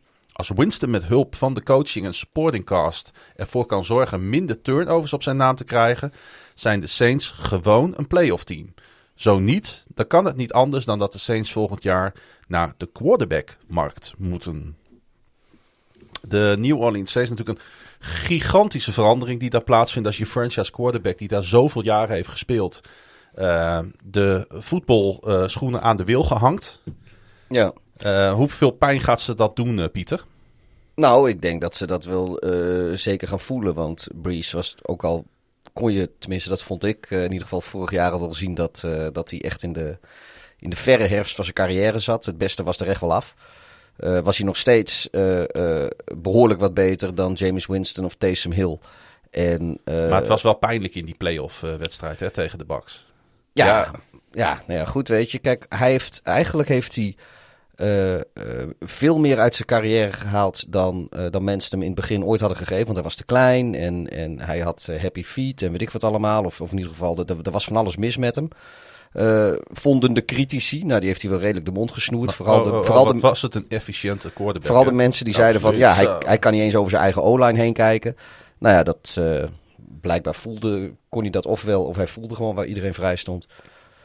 Maar ja, tuurlijk ga je die missen. En wat uh, denk ik voor uh, Jamie een probleem is en voor de hele Saints-organisatie een probleem is, is dat, uh, wat jij net zei, Michael Thomas, die, die gaat dit seizoen wel spelen, maar waarschijnlijk pas na de bye week. Dus ergens week ja. 7 of zo dat hij dat hij mee gaat doen. En ik denk dat ze die zeker in het begin heel erg gaan missen. Want dat is wel eens een lekkere safety blanket eigenlijk voor een, voor een Winston om, ja. om in het begin al, om alvast te hebben om je, om je ballen kwijt te Voor de mensen die dat misschien niet mee, hebben meegekregen, hij is in juni is hij geopereerd. En hij mist inderdaad zeker de eerste vijf weken. En dat is natuurlijk ook. Het is wel een beetje, ja. Uh, Breeze die niet meer speelt. Uh, je elitewapen die wegvalt voor de eerste weken van het nieuwe seizoen. Een hurricane die over je stad waait. Zijn ze het laatste misschien wel, eh, wel enigszins gewend daar, toch? Ja. Of, eh, maar Het begint met vraagtekens hè, dit seizoen. Is- Absoluut. Eh, ik, ik denk dat de eerste vraagteken wat, eh, wat weggewerkt is, is de, de quarterback-positie. Want eh Taysom Hill was ook nog iemand die eh, heel lang dit preseason genomineerd stond als starter. Ja, ik denk maar dat, het, het is toch wel terecht. ja, ik denk dat ik ze heb nooit- goed ja. om James als starter neer te zetten. Ik heb, En ik- denk ook dat James op dit moment, vorig jaar misschien ook al een, een, een betere QB is dan, dan Drew Brees als QB. Eh, alleen wat Drew Brees natuurlijk wel brengt, is het nou, misschien voor, voor de voetballers onder ons het Cristiano Ronaldo effect. Dat je gewoon iemand in je kleedkamer hebt die alles 100, 10, 20, 30, 40 procent weet en iedereen op scherp kan zetten. ja. Eh, dat is nu natuurlijk weggegaan. Eh, en ik denk ook daarom dat je als Saints misschien een paar kleine aanpassingen gaat moeten maken. En de lat niet meer zo hoog gaat moeten leggen. Want ze hebben gewoon cap-problemen. Ze hebben heel veel dure contracten Ja. onder hun cap staan. En ze moeten wat ruimte creëren. En daarom, om, om het hele cirkeltje rond te maken, lijkt het me eigenlijk. Noem me misschien eh, wat radicaal, maar het lijkt me eigenlijk helemaal geen slecht idee om een speler als Michael Thomas proberen weg te treden. Ja, Kijken of je er een, een redelijke pick voor kan krijgen. daar heb Ja. ik ook al aan gedacht inderdaad. Eh, want ze hebben natuurlijk, ze zijn al wel een klein beetje aan het verjongen. Ze hebben met Adam Troutman hebben ze een jong talent op tight end die eh, gedurende het seizoen steeds meer eh, boven kwam drijven. Is ook geblesseerd nu helaas. Dus Ja, dat, eh, Is inderdaad questionable voor week 1. Eh, maar hij kan denk ik wel de lead maken. Hè? Hij heeft het wel in zich. absoluut. Ik ben in ieder geval wel fan. Ik heb hem zelfs gedraft. Ik, ik zag het. Ik zag het. Ik zag Adam Troutman eh, bij, bij jou op het roster komen. En ik, ik denk inderdaad dat dat een, een, een sleeper is voor, eh Zat jij ook in die draft? voor tight end rosters. Ja, ik zat ook in. Dat is voor de Dynasty, toch? Of heb je hem ergens anders eh, ingedraft ook nog? Je hebt overal gewoon Adam Troutman ik weet het echt niet meer, joh. Adam Troutman Wanneer heb ik met jou gedraft? Eh, wat, een paar weken geleden wel. Bijna een maand al. Oh ja, tuurlijk. Ja. Heb ik hem, oh, daar heb ik hem ook opgepikt. Als het goed Oh, is ik heb hem namelijk van het weekend heb ik hem ook opgepikt. Nou ja, dat... eh een, een, een Hoeveel leaks doe je mee, gast? Je was Ja. gisteren ook aan het draften. Ja, het is echt. ik ben het helemaal kwijt, joh. Ja, nee, fantasy... eh, morgen weer. Spelers zullen het wel kennen, want ik heb er ook nog eh, drie, vier op de agenda staan. Maar hij is zeg maar voor een, voor een derde tight end op je, in je draft, is het, of het, zelfs een tweede, vind ik het echt een valide keuze. Nou, ik zal je er nog eentje geven, want eh Juwan Johnson, eh, die nu dus een klein beetje naar voren wordt geschoven als vervanger voor Adam Troutman eh, de eerste paar weken, is eigenlijk eh Cal Pitts light, light, light, light, light. Maar wel een soort speler die, die, die zeg maar tight end is, maar niet tight end speelt. Ik En- ben ook een kaalpits. Light, light, light, light, light, light, light, light, light, light. Light. Ja, Light. toch wat meer lights, hè? Toch wat meer lights. Maar eh, nee, ik, ik denk dat, eh, dat ze in dit team heel veel star power een klein beetje eh, uit de deur moeten krijgen. En wat nieuw talent. Nou ja, dat- ze hebben al wat weggedaan. Hè? Want ze hebben natuurlijk eh, eh, Emmanuel Sanders hebben ze laten gaan. Die speelt nu bij de Bills dit seizoen. Jared Cook hebben ze laten gaan. Die gaat naar de Chargers. Maar ze durven inderdaad hun grote namen nog niet te laten gaan. Want ze hebben bijvoorbeeld nog steeds een prima one-two punch natuurlijk met Latavius Murray en Elvin Kamara op running back. Daarachter is geen enkele diepte op die positie, vind ik. Ehm, Ik zie Devontae Freeman zie ik hier staan. Maar ik weet niet of je dat diepte wil noemen. Nee, dat is de fourth eh, eh, string eh, running back als ik Is daar nog wat van over van Freeman? Is een beetje, of is dat het opgewarmde lichaam van Devonta Freeman wat daar op roster zit? Ja, Ja. zonde. De running back eh Ja. life is dat, hè? Dat ja, je, dat hij, je ooit, ooit wa- hij heeft ook nooit helemaal zijn belofte ingelost. Die gaat de roster maar- niet halen, kan ik je vertellen. Ik ben bang dat het lastig gaat worden, ja. Dus hij staat er nu nog bij, maar ik denk over een paar dagen niet meer. Maar ik heb ook, sle- want morgen, tenminste voor ons morgen, eh, dinsdag eh, de 31ste, eh, worden de laatste cuts gemaakt. Dus dan zullen we zien of, of, of hij op het roster blijft. En Latavius Murray is volgens mij ook iemand die zich op de bubbel bevindt van de verhalen die, Die ik kunnen ze niet missen. Als ik kijk naar de diepte op running back, gaan ze die niet laten gaan. Kan ik me niet voorstellen. Ik, ik denk dat eh Kamara en, en, en Latavius Murray, die zullen we Die gewoon... zullen met eh, z'n tweeën moeten gaan Nou, rollen. To- Tony Jones, eh, denk ik, dat, eh, die zal er nog wel bij zitten. ja. En eh, Freeman denk ik niet. Want wie de running back ook wordt, eh, als er één ding is dat consistent goed is gebleven van dit team, is het natuurlijk wel de mannen op front. Want die zijn, O-line keert precies terug zoals hij er vorig jaar ook stond. en die stond daar vorig jaar als een van de toppers. Ja, en Ja. James Winston kan er wel overheen kijken. Ja. En, en, dat heb ik ook nog niet horen vallen. En dat, want James Winston heeft natuurlijk zijn ogen laten lezen. Ja, ja en Die sindsdien, eh, ja, die, heeft, die LASIK-surgery heeft hij Ja, gehad. die heeft altijd dus gewoon blind gespeeld. Dus vandaar ook dat, dat al die Ja, ik kan er ook gewoon kwamen. contactlenzen in doen of zo. Ik bedoel, laten we even normaal doen. En eh, die, eh, die, die kikker van de Colts heeft er ook gewoon een bril op. Straks komt nog een quarterback voorbij die kleurenblind is. Maar wat ik, ja, wat, wat ik wel... want die defense, om even eh, eh, Ja, een, een, een, een bruggetje te maken. ehm, die was vorig jaar natuurlijk, eh, ja, ik denk toch wel in, de, in, de, in, de, in het linkerrijtje van NFL-defenses. Zeg maar top, top 15, top 16 waren ze denk ik wel. Nou, top 10, Nou ja, top 10 zelfs. absoluut. Maar ik denk wel dat daar zit gewoon, eh, zitten best goede spelers. Maar ik denk wel dat dat deels ook wel natuurlijk komt omdat ze toch een hele potente aanval hadden. Waardoor ze dus eh, tot, tot diep in de wedstrijd eh, fris bleven. En ze ook niet. eh, nou ja, weet je, als, als, je, een- als je een aanval hebt die, die wat punten op het bord zet en je verdedigt dus een voorsprong, dat is natuurlijk voor een defense ook wat lekkerder, want het beperkt een beetje de, de plays die, die de opponent gaat callen. Dus dat maakt het verdedigen iets makkelijker. En ik, ik ben wel een beetje bang voor, voor hoe de defense zeg maar, zich gaat houden nu ze met James Winston moeten doen. Als James Winston toch korter op het veld staat met zijn offense als Brees dat deed en Mhm. minder punten op het bord zet dan dat Brees dat deed, dan kan die, eh, die defense, die kan dan... Ja, weet je, het wordt niet meteen de slechtste in NFL, maar ik denk wel dat ze van, van ergens hoog in het rechterrijtje terecht kunnen gaan komen. Gewoon op basis van het feit dat, dat de aanval waarschijnlijk gewoon ze minder ter ondersteuning is. Als we eens inzoomen op die defense, eh, met natuurlijk die uitmuntende coach Dennis Allen. Ze hebben wel een paar bepalende spelers laten gaan. Trey Hendrickson naar de Bengals, Sheldon Rankins naar de Jets. Ik denk dat jullie daar een redelijke defensive tackle voor eh, aan hebben. Hij is eh six string bij ons, eh, heb ik gezien. Echt waar? Ja, we hebben zo'n goede defensive lineman. Dat echt. We hebben, ik denk dat wij top Ah. 5 defensive line in de league hebben. Maar mensen kijken niet naar de Jets, dus. Waarom, waarom haal je dan deze jongen? Nou goed, en Malcolm Brown is naar de Jaguars gegaan. Ehm, er zitten wel wat zorgenpuntjes bij die defense hoor. Want eh, Marcus Davenport heeft volgens mij nooit eh, eh, de verwachtingen waargemaakt daar op Edge. En ze hebben daar, en dat is dan wel grappig dat je dat dan ziet. Dan zie je dat gebeuren over de laatste twee, drie jaar. En ze hebben daar Peyton Turner gedraft op de 28e overall pick. Kun jij iets vertellen over, over deze jongen? Het zegt mij namelijk niks. Ja, dat, dat, Nog. Maar Niet- het, niet- het, ge- het geeft wel wat aan dat ze hem hebben gekozen. ik, ik kan je er eigenlijk te weinig over vertellen voor iemand die als 21ste eh, in de draftclass kiest. Omdat, eh, of niet 21ste, maar in de 28e. eerste, eerste ronde van de Ja. draftclass kiest. Want het- ja, het, het was in mijn ogen ook niet de beste edge Nee, het was rusher een op dat moment opvallende keuze eigenlijk. Hè? Ja, eh, en ook nu ik het preseason heb gezien, eh, ik geloof dat ze, dat ze het zo over hebben, maar Joe Tryon, die is echt eh, kapot aan het maken in de afgelopen paar wedstrijden. En van Turner heb ik nog niet zo heel veel gezien.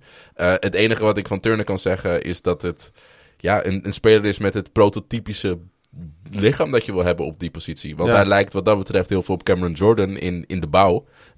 Gewoon de prototypical edge rusher. met atletisch upside. Maar om nou te zeggen dat hij een spectaculaire college carrière heeft gehad, absoluut niet. Eh, en daarin denk ik dat het inderdaad een hele vergelijkbare pick is met eh, die van Marcus Davenport een, eh, Ja. een aantal jaar terug. En die pakte niet goed uit. Op cornerback is de situatie ook niet optimaal. Maar Sean Lattimore werd in maat gearresteerd voor het bezit van een gestolen wapen. Een schorsing ligt daar nog op de loer. Ehm, Het zal zwaar zijn voor ze als ze die kwijtraken. ja, nou dan zal dat misschien voor één of twee of drie wedstrijden zijn. Dus eh, op zich is dat te overzien. Maar ze namen natuurlijk afscheid van cornerback eh Janoris Jenkins, die naar de Titans ging. Nou, Ja. dat, dat is wel een grote naam natuurlijk. Dus ehm, Dat is grappig dat je dat zegt. Want volgens mij, toen we de Titans aan het eh, previewen waren, Mhm. toen ik zei dat hij er bij, eh, bij de Titans bij was gekomen, wat, ik weet niet of jij dat was, maar we nog een beetje Ja. van, ja, hm, nou ja, eh, ja, ja, werd Ja, er nog klopt. een beetje laatdunkend over gedaan. Dus Dat- dat, ik, Maar ik, het enige wat ik over hem zeg is dat het een grote naam is. Da- dat is het zeker. Eh, Jack Rabbit is. eh, dat is dat, volgens mij is dat zijn bijnaam, Jack Rabbit. Hij heeft zelfs een hele coole NFL-bijnaam. Dan weet je dat het een grote Ja. naam is. Maar ik denk dat ze een goede vervanger voor die positie hebben binnengehaald. In rookie eh Paulson de Debo. Jenkins heeft iets heel vervelends meegemaakt dit jaar. Hè? Dus Wat heeft Jenkins? er zijn voor auto is gestolen op het vliegveld van Atlanta. ja, ja, dat was heel erg. Dat is heel specifiek. Maar Hij had, een, hij had een Bentley Ja, en hij kwam terug van vakantie eh, op, op, eh, op Hartsfield, dat vlieg, grote vliegveld daar. Hartfield Jackson. Hartfield heet het inderdaad. En kwam niet terug en was die Bentley ges- gestolen. Ja, want, want je hebt wel geld voor een Bentley, maar je hebt dan geen geld om hem bewaakt te parkeren Precies. of zo, weet je. Je zet hem gewoon... handig. eh, op P6. Dus ja, toen pakte hij maar wat, wat 100 dollar biljetten uit zijn zak om zijn tranen te drogen. En eh, ja, het was wel heel erg. Het zou wel verzekerd zijn, toch, die man?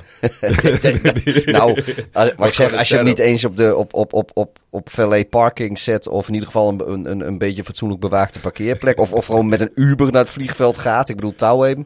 dan, eh, dan weet ik Maar niet of hij zal er ook, genoeg hij zal er ook niet in de buurt wonen, hè? want hij speelde natuurlijk eh, hier bij, de, bij de Saints. Hij gaat nu naar de Titans en hij vloog vanaf Atlanta. Ja, misschien woont hij daar wel, weet je. Ja, maar als je voor de Saints speelt, is het sowieso natuurlijk geen goed idee om je auto in Atlanta waar dan ook neer te zetten. Inderdaad, dat zal Ja, misschien wel best zijn. kans dat dat iemand dat herkent. hè? Ja, het is zo'n Louisiana kenteken van, Saint, of, eh, van Falcon Sock of zoiets, eh, weet je wel. En dat, eh, ja. Ehm, ja, ik, ik denk overal dat de he- hele linie, zeg maar, er best nog wel redelijk voor staat in, eh, in New Orleans. Ik ben fan van de schemes van eh, Dennis Allen. Eh, dat, dat, dat ziet er gewoon heel goed uit al jarenlang. En er is niets wat mij nu doet vermoeden dat dat in 2021 niet zo is. Dus, Pieter, wat wordt eh, de eindscore voor de Saints? Nou, ik, eh, ik ga dan toch even de knuppel in het hoenderok gooien. En dat heeft ook deels te maken met dat ik wel een beetje klaar ben met de Saints. En dus ze gaan maar vier vijf wedstrijden winnen. Vijf geef ik ze nog. Vijf winnen, twaalf verliezen. Dat vind ik echt heel weinig. Ik heb ze Ja, op- nee, maar ik, ik denk dat het echt een acht, wisselwerking eh, wordt. Ik heb ze op acht overwinningen staan. Ik, eh, ik ga met, eh, met Klaasje mee, denk ik. Want eh, ook, eh, ook hier komen een... Nou, 8 is nu niet meer 8-9 of 9-8, weet precies. je. Je, dat, hebt, dat je is hebt geen even record zit, meer. hè? Ja, Ja. nee, dan, dan zeg ik misschien zelfs wel 9-8. Ik zeg, ik, zeg, ik zeg 8-11, maar dat kan natuurlijk helemaal niet.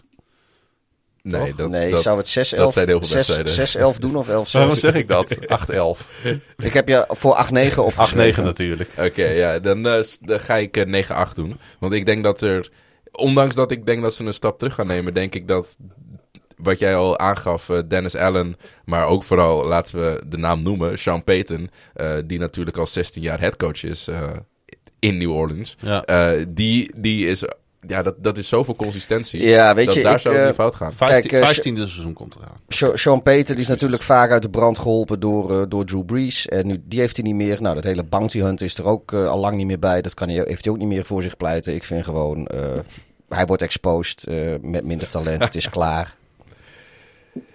Ja, nee, dat denk ik. Ik, ik denk dat, dat, dat, dat Sean en de consistentie van de aantal goede spelers die nog op het roster zijn, genoeg zijn voor een redelijk seizoen of voor NFL-standaards, maar niet een goed seizoen voor de New Orleans Saints, die natuurlijk de playoffs verwachten en meer de, de afgelopen jaren, omdat ze daar eigenlijk al tussen zaten. Gaan we naar de Tampa Bay Buccaneers. Er is, Wij eh, worden gewoon laatst in de divisie. Ja, dat kan.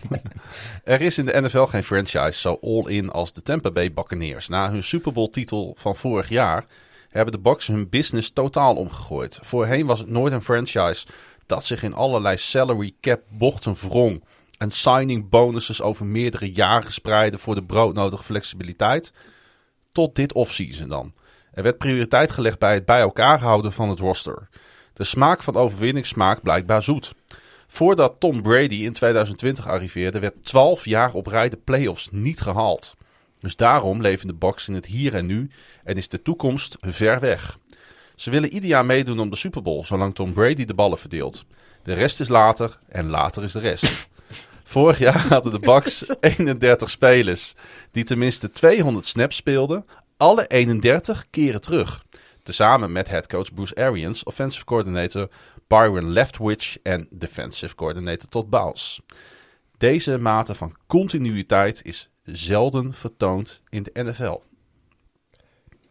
Ja, dit, misschien zijn jullie het met me oneens, maar in mijn ogen is dit het beste team dit jaar in de NFL. Eh, als je van top to bottom kijkt, eh, alle posities bekijkt, denk ik dat dit het meest well-rounded, eh, goed gevulde roster is. Ja, Van dat, dit jaar. dat, dat kan ook niet anders. Ze waren natuurlijk vorig jaar het beste team. In, in, in ieder geval in de zin van aan het eind van het seizoen. En uiteindelijk wonnen ze ook alles. Dus ja, daar valt niet zoveel tegen in te brengen. En wat je zegt, wat, wat Klaas dan zegt in zijn intro. Eh, het, het is redelijk gelijk gebleven. Dus het is Nou, niet zo dat... redelijk gelijk gebleven. Het is gewoon iedereen. Nou ja, weet je, er komen wat draft pickies bij, Ja, eh, weet ik wat allemaal. Dus, dus in die zin, maar... eh, ehm, ja, en ze, ze waren gewoon al stacked op bijna iedere positie. Ja. En dat blijft dus ook gewoon zo. Dus los van het feit dat ze, dat ze gewoon al hun talent behouden, of, ta- of talent hebben op iedere positie, hebben ze ook nog eens de, de, de extra eh, eh, modifier, extra bonuspunten voor het feit dat de consistentie er is en dat ze een jaar verder zijn met z'n allen weer. Dus ehm, ja, weet je, dat, dat, dat geeft denk ik ook gewoon, weet je, dat, dat, dat de som der delen nog weer, eh, of dat het totaal weer net iets meer is dan de som der delen, omdat ze weer wat langer bij elkaar zijn en, en beter op elkaar ingespeeld zijn. Vorig jaar hadden de Bucks de derde aanval in de NFL. Ehm, en ik denk dat de belangrijkste acties tijdens het offseason het resignen van Antonio Brown en de franchise tag op wide receiver Chris Godwin Ja, waren. En ik denk dat met zeker die van Godwin. Ja, want eh, eh, ehm, waar rankt hij voor jou in, eh, in wide receivers in de NFL?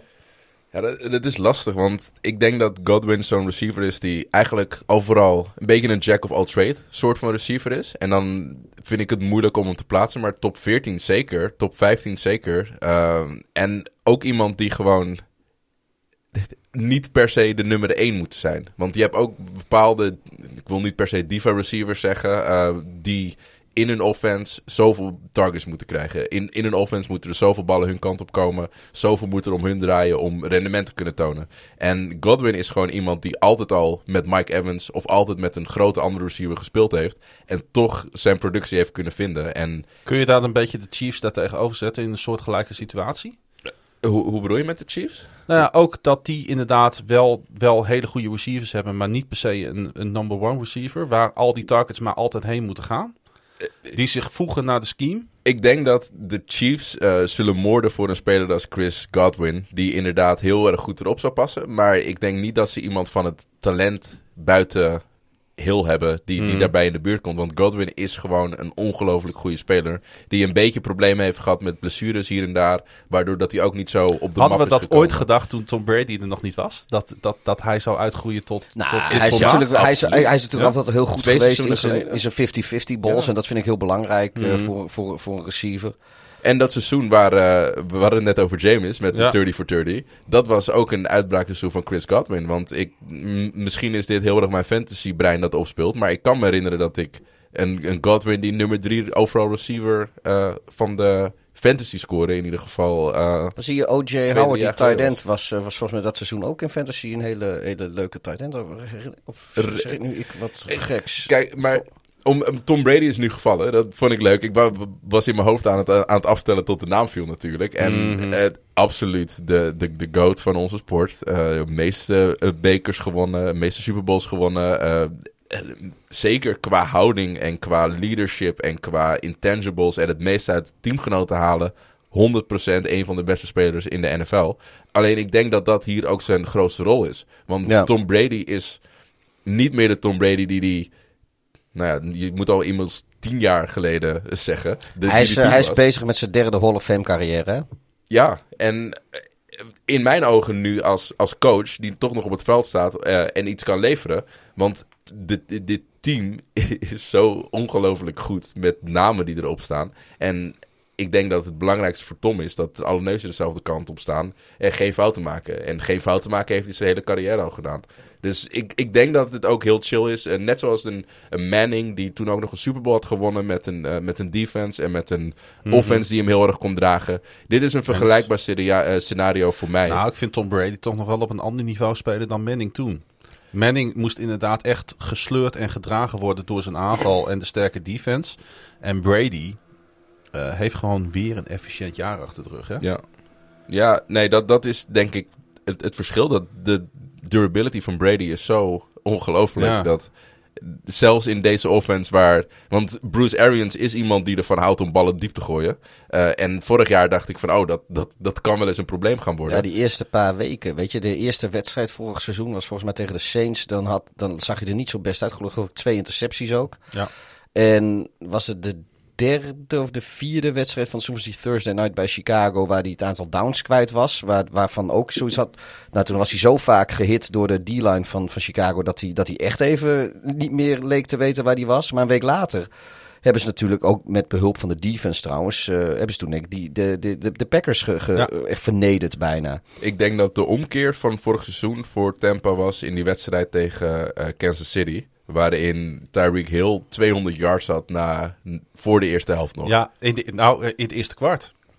Precies, Ja. nog erger. Ja. Ja. eh, ik denk dat die tweede helft hebben ze toen heel goed eh, hebben ze op aangepast. Daarna hadden ze een bye week gehad en toen hebben ze ook niet meer verloren. Nee. Eh, dus ik ben benieuwd hoe ze, hoe ze dit seizoen ingaan. Want als er iets is wat andere teams als voordeel hebben eh, ten opzichte van vorig jaar, is dat je nu gewoon wel, wat is het, 20 wedstrijden, eh, 19, 18 wedstrijden aan tape hebt. eh, waar je in ieder geval kan zien eh, wat dit team eh, graag wil doen ehm, op offense. Maar ook waar ze te verstaan zijn op defense. Want ik denk dat daar misschien nog wel eh, het, het sterkste gedeelte van het roster is. Ja, want als we nog even naar de O-line kijken van, eh, van Tampa. eh, daar is zoveel diepte. Daar, ik kwam daar bijvoorbeeld guard Aaron Stinney eh, tegen. Ik dacht heel even in mijn eh gedachten dat dat een basisspeler was voor de Buccaneers. Maar dat is het helemaal niet. Dat komt omdat hij drie playoff games heeft gespeeld eh, vorig jaar. En dat staat daar dus gewoon op het roster in diepte op de O-line. En dan hebben ze ook nog met hun derde ronde pick hebben ze Notre Dame's Robert Hainsey hebben ze gehaald. Dus ze zijn op de achtergrond ook nog aan het doorbouwen. Ik denk dat Hainsey is, is een speler die vooral heel well-rounded is. Eh, niet iemand met een geweldig potentiële eh, ceiling. Maar iemand die je nu eh, van tackle tot center eigenlijk al neer kan zetten. Dus wat dat betreft inderdaad heel erg passend in de rol van win now. En we hebben iemand nodig voor op de bank die erin kan komen als er iets kapot gaat. Ja, en ik heb er ook wel alle vertrouwen in dat, dat hun right tackle, Tristan Wirfs, dat hij, ik geloof Hm. dat hij nu zijn tweede jaar in gaat. En dat maar zo nu alles dit jaar zo een top 3 right tackle in de league worden. Eens. Dat, Eh, die had eh, een geweldig rookie hier. Ja, dat, daar zit zoveel, eh, zoveel talent en, en fysiek is die zo perfect voor die rol van, eh, van right tackle. Dat, eh, eh, ja, ik denk dat hij in zijn sophomore jaar, dat hij dus maar zo eens eh, eh, een van de beste right tackles in de league kan worden. En dat, dat Ja. is wel iets voor de eh, concurrentie in de NFC om zich zorgen over te maken. Want eh, ja, Brady die, eh, die eh, kan gewoon 44 zijn, maar als hij zo'n O-line heeft, dan, eh dan sliced en diced die door je verdediging. Dat, dat maakt geen moer uit wat je daar tegenover zet. Als je niet bij Brady kan komen, dan, dan kun je net zo goed stoppen. En dan heeft hij ook nog een paar fijne tight ends om na te gooien. Rob Gronkowski heeft weer voor een jaar getekend. O.J. Howard keert terug van een Achillespees blessure. En Cameron Braid loopt daar natuurlijk ook al zeven jaar rond in Tampa. Met zijn veteran presence samen met Gronkowski. Ja, het ziet er eigenlijk op alle, eh, alle plekken ziet het er goed uit, hè? Ja, de- ook op running back namelijk. Eh, Jones, Fournette, in mijn ogen een hele underrated Ja, het, zijn, het zijn geen van beide toppers. eh, maar ze zijn samen zijn ze gewoon zo consistent en gewoon zo eh, eh, ja, ervaren en, en, en slim. En nou ja, we hebben net. En vooral, die- we hebben, vooral we hebben slim die- op de momenten Ja, dat nou, het maar- het doet, hè? We hebben, Ja. Kijk, wij zeggen heel vaak van, eh, van, van, Precies. eh, van, van running backs zijn redelijk vervangbaar. En als je een O-line hebt zoals de Buccaneers een O-line hebben... en je hebt er wat ervaren en slimme running backs achter... Ja, weet je, als de blocking schemes eh, goed zijn van de, van de, van de O-line... Nou, dan gaan die jongens altijd wel groen gras tegenkomen. Nou, dan, dan... Hebben ze, hebben En ze- kunnen allebei ballen vangen, hè, wat ook nog heerlijk is. ja, en dan hebben ze ook nog Giovanni Bernard hebben ze erbij gehaald, hè? Ja, ja, voor, ja Fournette kan... Ja, Ja, eh, eh, Jones absoluut niet. Die heeft echt twee stenen handen. Tenminste van de, wat we de afgelopen twee jaar gezien hebben van, van Jones. Niet de beste balcatcher, maar ja, wel Fournette, een hele goede ja, renner. Voor, voor, Fournette, Fournette ja, heeft dat meer, absoluut aan zijn game toegevoegd. Eh, waar Ronald Jones is, is vooral heel goed in heel, hard rechtdoor rennen. En dat werkt heel goed als je een line hebt die zo gaat voor je kan creëren. Dus Ja. wat dat betreft helemaal met je eens. Dat is een hele mooie combi. En ik, jij, noemde Bernard even. Giovanni Bernard hebben ze er als derde running back even Die, bij ja, gehaald. en die Ja. kan eh, nog wel ballen vangen trouwens. Precies. Dus die vult die rol helemaal perfect in. Eh, Ja. ja, er zijn gewoon geen zwaktes te vinden op, op, op deze offense.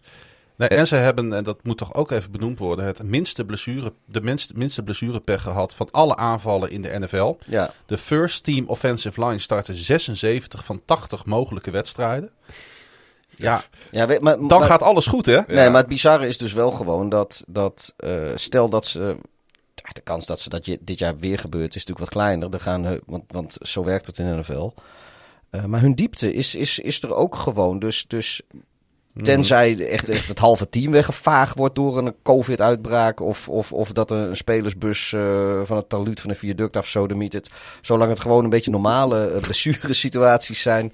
kunnen ze dat prima opvangen met hun diepte. Meer, denk ik, dan welk ander team in de NFL dan ook. Dus ik denk dat qua diepte zijn ze ook gewoon eh, eh, Ja. het beste. Dat, dat is in mijn ogen wel de, de grootste tegenstander van dit team. En de, de grootste kans voor, voor ze om niet eh, in ieder geval ver door te stoten in de playoffs. Is, is inderdaad dat de blessures zich wel op gaan stapelen. Want ik ben het met je eens dat de diepte er is.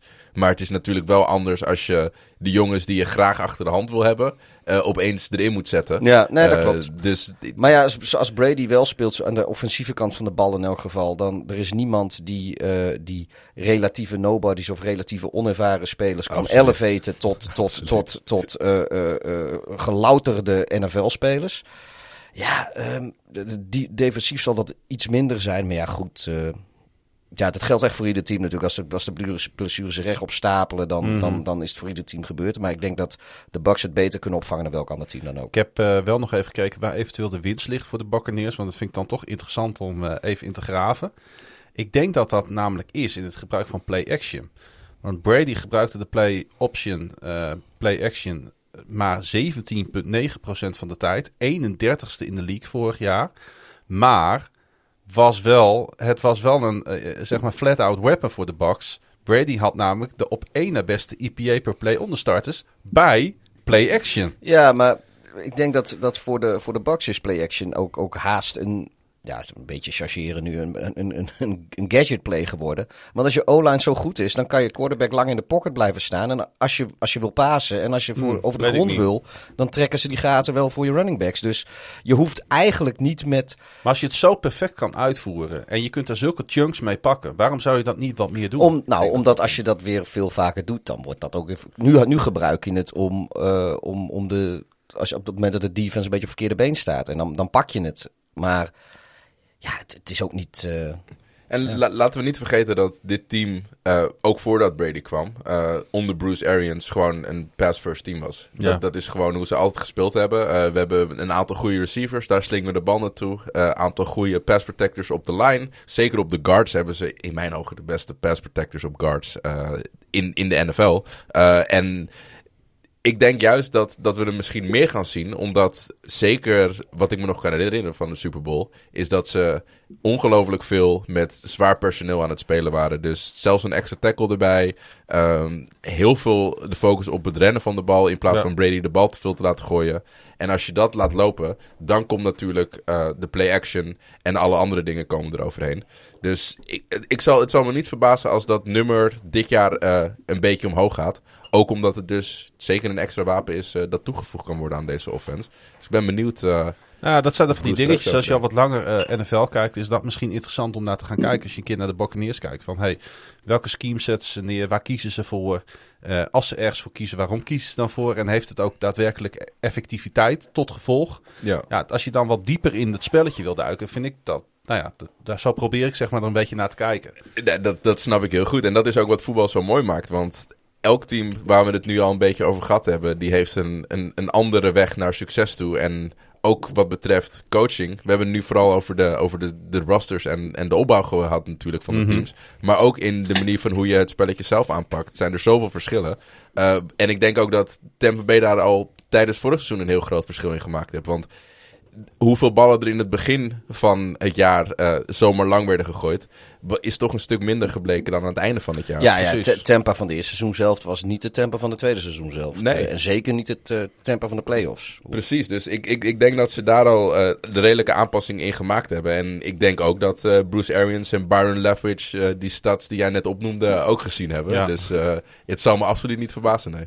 Het Wat- viel net al even die, eh, de frase defense wins championships. Ehm, dat is een beetje een frase uit het verleden natuurlijk. Maar hij ging afgelopen februari wel degelijk op natuurlijk. Vorig jaar hadden ze de vijfde unit, 2019 de zesde. Bols, ja, jij kent hem natuurlijk eh, wel redelijk, is een eh, agressieve schemer. De Bucks blisten, eh, blitzten tegenstanders 40% van de tijd. En ze zijn erg sterk in hun coverages aanpassen aan de tegenstander. En tegen de run rankt de Tampa eerste in, eh, in DVOA eh, qua defense. Ja, eh, moeten we nog meer veren in de reet van, van de bak steken? Ja, weet je, ik heb, voordat we begonnen met de opname, heb ik eigenlijk gezegd van, joh, het Buccaneers heb ik eigenlijk het minst zin in, om, om over te praten, omdat er eigenlijk niks veranderd is. En ze zijn het beste team in de NFL, of in ieder geval een, een, van de twee beste teams. Dus dat is automa ma- automatisch wordt er min. Maar ja, ik heb. Dat viel wel tegen uiteindelijk, want ik ben. eh, ik, het, is, was toch best wel leuk om Ah, er even dieper op in te gaan. het is wel echt. interessant hoe je succes bouwt, maar vooral het is nog interessanter hoe, Hoe je, dat vasthoudt. succes vasthoudt. Ja, ja, ja. Precies. Eh, maar ik denk. eh, ja, voorspellen of. nou, ik wou nog even over de eerste ronde draftkeuze hebben. Edge defender Joe Tryon. En ik denk Eh, dat deze defense het sowieso wel waard is om eh, misschien nog wat, eh, wat naampjes eh, uit te lichten. Sorry dat ik je onderbrak Oh, in, in. Tryon. Nee, helemaal niet. Eh, het, het, is vooral natuurlijk, het zijn vooral de namen die ze teruggebracht hebben, denk ik ook. Hè?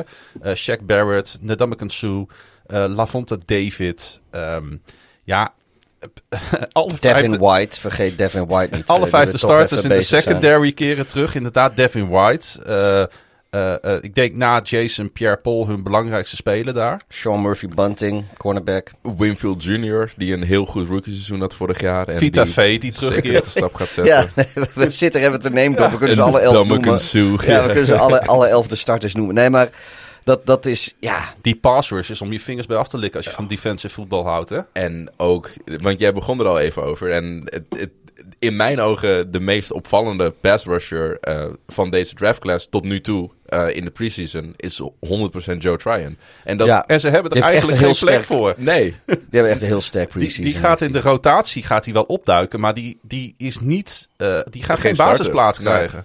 dat, dat is de opvolger van eh, Pierre Paul. Die Ja. hebben ze nu gewoon, die hebben ze al binnen. Dus die, wanneer Pierre's Paul contract voorbij is, kunnen ze die gewoon rustig laten gaan. En dan komt Joe komt erin. Dus ja, een super explosieve jongen van de, van de Edge om er, eh, om er nog wat meer eh, eh, diepte op in te geven. Speelde vorig jaar bij Washington. Ik heb hem denk ik een beetje onderschat in het draftproces. In hoe explosief en hoe, hoe, hoe krachtig hij van de bal afkomt. Want het is gewoon ook nog eens een hele lange jongen. Die ook niet volledig eh, uit zijn plaats is eh, met wat ruimte. En dat hij ook een, een, een, een, een coverage moet doen hier en daar. Eh, dus ja, gewoon echt een moderne speler. Hij doet me een beetje denken aan Michael Parson, maar dan als, eh, als edge rusher. Weet je wat, eh, wat het allemaal nog extra eh, gemeen maakt voor de rest van de league? Is dat de Buccaneers een van de makkelijkere schedules hebben op papier. Ja, Ook klopt. nog eens met, eh, met dit team. Nou, Bet eh, M, eh, MGM Ja. heeft ze zelfs het één na makkelijkste schema toegedicht. Ja, wat, nou, wat, ze- wat spelers, dat we snel Cowboys, Falcons, Rams, Patriots, Dolphins, Eagles, Bears, Saints, eh, Washington voetbalteam, Giants, Colts, Falcons, Bills, Saints, Panthers, Jets, Panthers. Ja, ik denk dat, eh, dat het vooral makkelijk is omdat heel veel mensen de, de, de Panthers en de, de Falcons niet heel hoog inschatten. Maar ja, Mhm. goed, ik zelf schat de Saints niet hoog in. En daar moeten ze ook twee keer tegen spelen. Dus wat dat betreft. eh, en inderdaad, ze hebben de, de, eh, de NFC East. Nou, ja, dat hebben we ook al eens eh, van geconcludeerd. Dat de Giants en de Eagles, daar verwachten we ook al niet zoveel van. Dus dat is ook. eh, ja. Nee, dat. eh, Dus wat gaat het worden? Zal ik, zal ik hem aftrappen? Want, eh, Nou, nee. of, oh, Wat? oh, we, Wat? we gaan Wat? vroeg. Wat? We gaan te Nou, vroeg. ik wou het nog even hebben over de leeftijd van, eh, van Tom Brady. Oh ja. Toch wel interessant om even bij stil te staan. Want eh, sinds de samensmelting van de conferences in de jaren 60 van de vorige eeuw. starten quarterbacks van 44 of ouder gecombineerd acht wedstrijden. Ik wacht wat, nog even, want ik, ik weet waar dit naartoe gaat. Ja. Maar ik denk dat we toch wat beter eerst kunnen voorspellen. En dan gaan we dan dit, dit vertellen. Want Dat dan gaan we daarna naar de, naar de andere eh, divisie toe, denk ik. Ik denk dat dat mooi is. Als een, eh, als een intermezzo. Oké. Sure, dan eh, trap ik hem af wel. Want Ja. volgens mij ben ik de enige die nog niet begonnen is in de voorspellingen. Zeg maar. Ehm, de oud, of de Super Bowl winnaars van vorig jaar, eh, die gaan gewoon weer naar de playoffs zonder enige moeite. Ik denk dat ze drie wedstrijden verliezen. Dus 14-3. juist. Pieter. Ik heb ze op 15-2 staan. Ik heb ze ook op 15-2 staan. En eh, we hadden het er al even over. eh, Tom Brady en zijn 44 jaar. En het is echt, als je het in, eh, in, eh, in geschiedkundige context zet, is het heel bijzonder. Want er waren dus maar acht starters in al die jaren, in ongeveer 60 jaar NFL, sinds eh, het de NFL is. Die dus starten op een leeftijd van 44 jaar of ouder. En Het is Alleen- heel bizar. Je zou bijna denken dat er 100 jaren waren. Maar het zijn gewoon mensenjaren. Ja. 44 hoor. En alleen, er, was, er is één man geweest, één quarterback, die meer dan één wedstrijd in één seizoen op de leeftijd van, eh, van Brady is gestart. En over eh, deze manier gaan wij het hebben.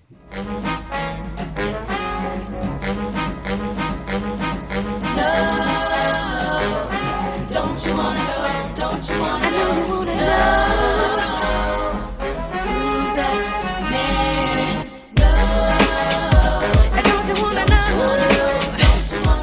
De Who's That Man van eh, deze aflevering is Eh Vinny Testaverde. Testaverde inderdaad. Ik denk laat het Pieter even één keer zeggen. Omdat ik nooit zo goed ben in, eh, in uitspraken. In 1987, beste mensen, was hij de eerste pick overall in de draft van dat jaar. Gekozen door de Tampa Bay Buccaneers. Super Bowl champions. Dat is dan toch ook wel weer grappig, hè? Dat, ja, eh, toen nog niet. Home, Nee. home of Tom Brady. Ja, Vinny eh, Testaverde werd geboren op 13 november 1963 in Brooklyn, New York. En eh, dat kennen we natuurlijk allemaal als een wijk van New York City. En het is eh, de dichtstbe- dichtstbevolkte wijk van de stad en de op één na dichtstbevolkte van het land. Met meer dan 2 miljoen mensen in alleen al die wijk. We kennen het ook allemaal van de klassieker van de Beastie Boys. No Sleep Till Brooklyn. Die eh Osdorp Possie nog ooit gecoverd heeft eh, als er geen slaap tot gelijk Osdorp. in me naar boven. Het Ja. eerste ding wat in me naar Ja, boven het is, eh, het is gewoon een ordinaire cover hoor. Het is, eh, het is No Sleep Till Brooklyn, dat is het origineel. Eh, trouwens, eh, jij, eh, jij, jij bent in New York geweest. Ja, Eh, regelmatig zelfs volgens mij, of niet? nee, één keer. Eén maar keer? Maar wel voor een langere periode? eh, Wat was het? ik ben in New York zelf ben ik eh, drie, vier, vijf dagen in totaal geweest. Oh, maar dat is niet zoveel. niet zo heel lang. Er stond Nee. daar ergens iets van bijna. Maar dat je was een keer Jersey. daarover verteld hebt. New eh, Jersey eh, ben ik wel ja, langer geweest. Maar ik eh, wil er niet ik. alle credits voor pakken als je dan zeg maar aan de andere kant van de river zit. Dus eh, een andere staat ook meteen. Maar mijn Precies. vraag was eigenlijk of je in die tijd ook in Brooklyn geweest bent. ik ben wel in, eh, in Brooklyn geweest. Wat, heb je er nog associaties bij? Ik, we zijn eh, eh, bij het Apollo hebben we foto's gemaakt. Daar zijn we langsgelopen. eh groot theater daar. Waar natuurlijk eh, de grote namen eh, van de jaren negentig en daarvoor eh, nou ja, optredens maakten. Eh, en het, het eerste wat me opviel is dat. Want we gingen vanuit eh, Manhattan naar Brooklyn toe. En dat het wel even een cultuurshockje is eh, als Ja. je de bru- brug over bent geweest. Ja, ik vond het ook een hele bijzonder. Ik ben er in de winter geweest. Dat, dat, dat- toen de, de, de winterwind ook door die straten joeg. En er s'avonds helemaal niemand op straat was. Maar overal zijn, zijn want dat is het Brooklyn van nu. Er zijn, zijn kleine cafeetjes, Ja, kleine restaurantjes. als fuck natuurlijk Ja, tegenwoordig. ongelooflijk. Maar wel als toerist zeg maar een hele toffe wijk om Ja, heen ik, te ik gaan. was er in 94. En ja, Brooklyn was toen nog niet... eh, eh, zo, zo, zo, zo- zoals je iets verder zeg maar, bij, eh, bij Manhattan vandaan kwam... werd het al heel snel, werd het heel snel minder. Maar dat Ja. gold toen voor Queens en voor de Bronx ook nog veel meer dan nu. Want Queens is tegenwoordig ook behoorlijk gegentrificeerd. dat waren toen nog knakenwijken. ja. Nou ja, ik weet nog wel dat we met, die gaan we echt helemaal off-topic, maar dat ik met de metro naar het Shea Stadium ging, het oude Shea van de, van de New York Mets. En dat ligt eh, vlakbij eh LaGuardia, dat vliegveld. Het, dat is een redelijk eindje Queens in nog. En ja, weet je, op een gegeven moment, eh, als je dat dan deed, weet je, alle, alle witte mensen stappen op een gegeven moment de, de, de, de metro uit. En op een gegeven moment dan blijkt ook gewoon de, de, de metromachinist blijft ook, blijkt ook gewoon wit te zijn. En die stapt op een gegeven moment ook gewoon uit. Of het- misschien dat dat toevallig was hoor, maar dat, ja, op een gegeven moment dan... dan het is verder geen seconde dat je onveilig voelt of zo. Maar ja, ik was toen, weet ik, het was 94, ik was een jaar of 14 of zo. En ik had, eh, ja, ik had dat nog nooit zo gezien of meegemaakt. Het heeft best wel indruk gemaakt. Klinkt misschien Hmm. raar, maar dat, eh, dat weet ik nog wel. Nou, die tijd is in ieder geval voorbij. Eh, Brooklyn is natuurlijk vernoemd naar het Nederlandse. Breukelen. Breukelen. Ja, dat weet iedereen hè. Dat, dat is de trots die we dan nog hebben als Nederlanders. hè? Ja. Dat New York vroeger ooit Nieuw Amsterdam heette. En Precies. Brooklyn Breukelen. En Flushing, Vlissingen. Ja, ja, dat eh, vergeten we nooit meer. Nee. Breukelen overigens een plaats in het noordwesten van de provincie Utrecht. In de zogenaamde Vechtstreek. De meeste mensen zullen Breukelen vooral kennen van het Van der Valk Hotel. De Chinese... Dat vroeger een Chinees restaurant was waar de Happy Few voor 25 gulden een lumpia kwam eten. één lumpia voor 25. 25 gulden. Ja. Ja. Eh, Gouden lumpia of zo. Ja. Was het met, met, met caviar of zo. ja, ik heb geen idee. Dat heb ik teruggevonden op de website van Van der Valk Breukelen. En die waren daar trots op. Dat ze voor 25 euro een lumpia verkochten. Ja, het zal wel iets heel bijzonders zijn geweest. Eh, tot 1 januari 1898 was Brooklyn een onafhankelijke stad. Touw G erin was van echt touw nog gemaakt. Ja. Ehm, trouwens, eh, oh ja, ik moet even scrollen in mijn script. We hadden het over. Oh ja, onafhankelijke stad. Binnen Brooklyn vind je veel etnische enclaves. Het officiële motto dat ook op het zegel en de vlag staat, is nog altijd eendracht maakt macht in het oud-Nederlands. Dat Is- staat nog steeds op de officiële vlag van Brooklyn. Is dat De niet, Nederlandse tekst. is dat ook niet van PSV maakt, of eh, zo? Of van, Eendracht maakt macht. Is dat niet de slogan van PSV? Ja, dat staat wel op, bij, dat- bij hun trainingscomplex Ja, staat toch? zoiets, hè? Ja, daar op de hetgang. Ja, eendacht. En dat is dus nog altijd officieel, eh, dat vind ik wel heel tof, staat dat op het zegel van de wijk eh, Brooklyn. Nou, dat, eh, dat vind ik altijd toffe dingen. En Brooklyn is dus de geboortegrond van onze Who's That Man, Vinny Testaverde. De familie verhuisde tijdens zijn jeugd naar Elmond, New York op Long Island. Elmond is vooral bekend van de Belmont Stakes en is de derde paardenrace van de prestigieuze Triple Crown. Die vindt daar plaats. In Elmond komt overigens ook de UBS Arena te staan, het toekomstige ijspaleis van de New York Islanders. Doe maar. Testaverde ging naar Sowanhaka High School in eh, Floral Park, waar hij in 1981 zijn diploma kreeg. Sowanhaka High School werd opgericht in 1919 en de naam betekent iets als Island of Shells. De sportteams staan bekend als de Indians en hebben als kleuren paars, goud en wit. Vind ik wel een toffe combinatie. Dat is een beetje, een beetje Minnesota Vikings eh Ja, en dan eh, ja, een beetje retro goud doorheen. Dat vind ik altijd wel tof eh, in, in jerseys. Uiteraard heeft ook Sewanhaka High School enkele notabele alumni.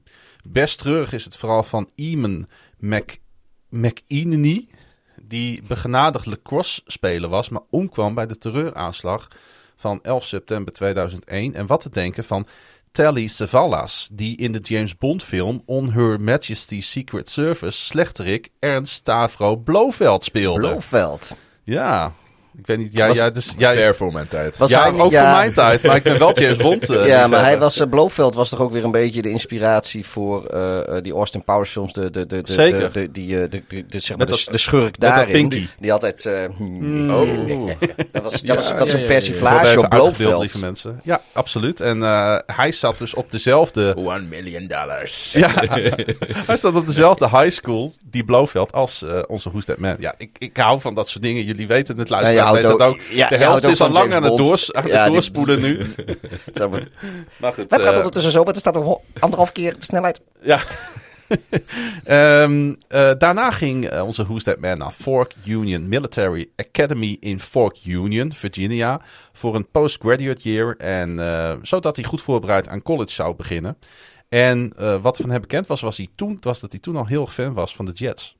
Snap ik. Hé, hey, maar eh, was er dus niet een, een college die hem vanuit high school recruitte dat hij een Nee. tussenjaar deed? Of had hij zoiets van, kan mij die recruiting schelen, ik ga een tussenjaar doen? Nou, of, hij, ja, eh, het is. Het of, is of, hij- of kreeg hij gewoon geen, geen scholarship Nee, het is, aangeboden? het is van allebei wat. Hij kreeg niks aangeboden. Is toen naar de Military Academy geweest, eh, waar ook een voetbalteam was. En toen he- heeft hij een scholarship geaccepteerd bij de University of Miami. Ja.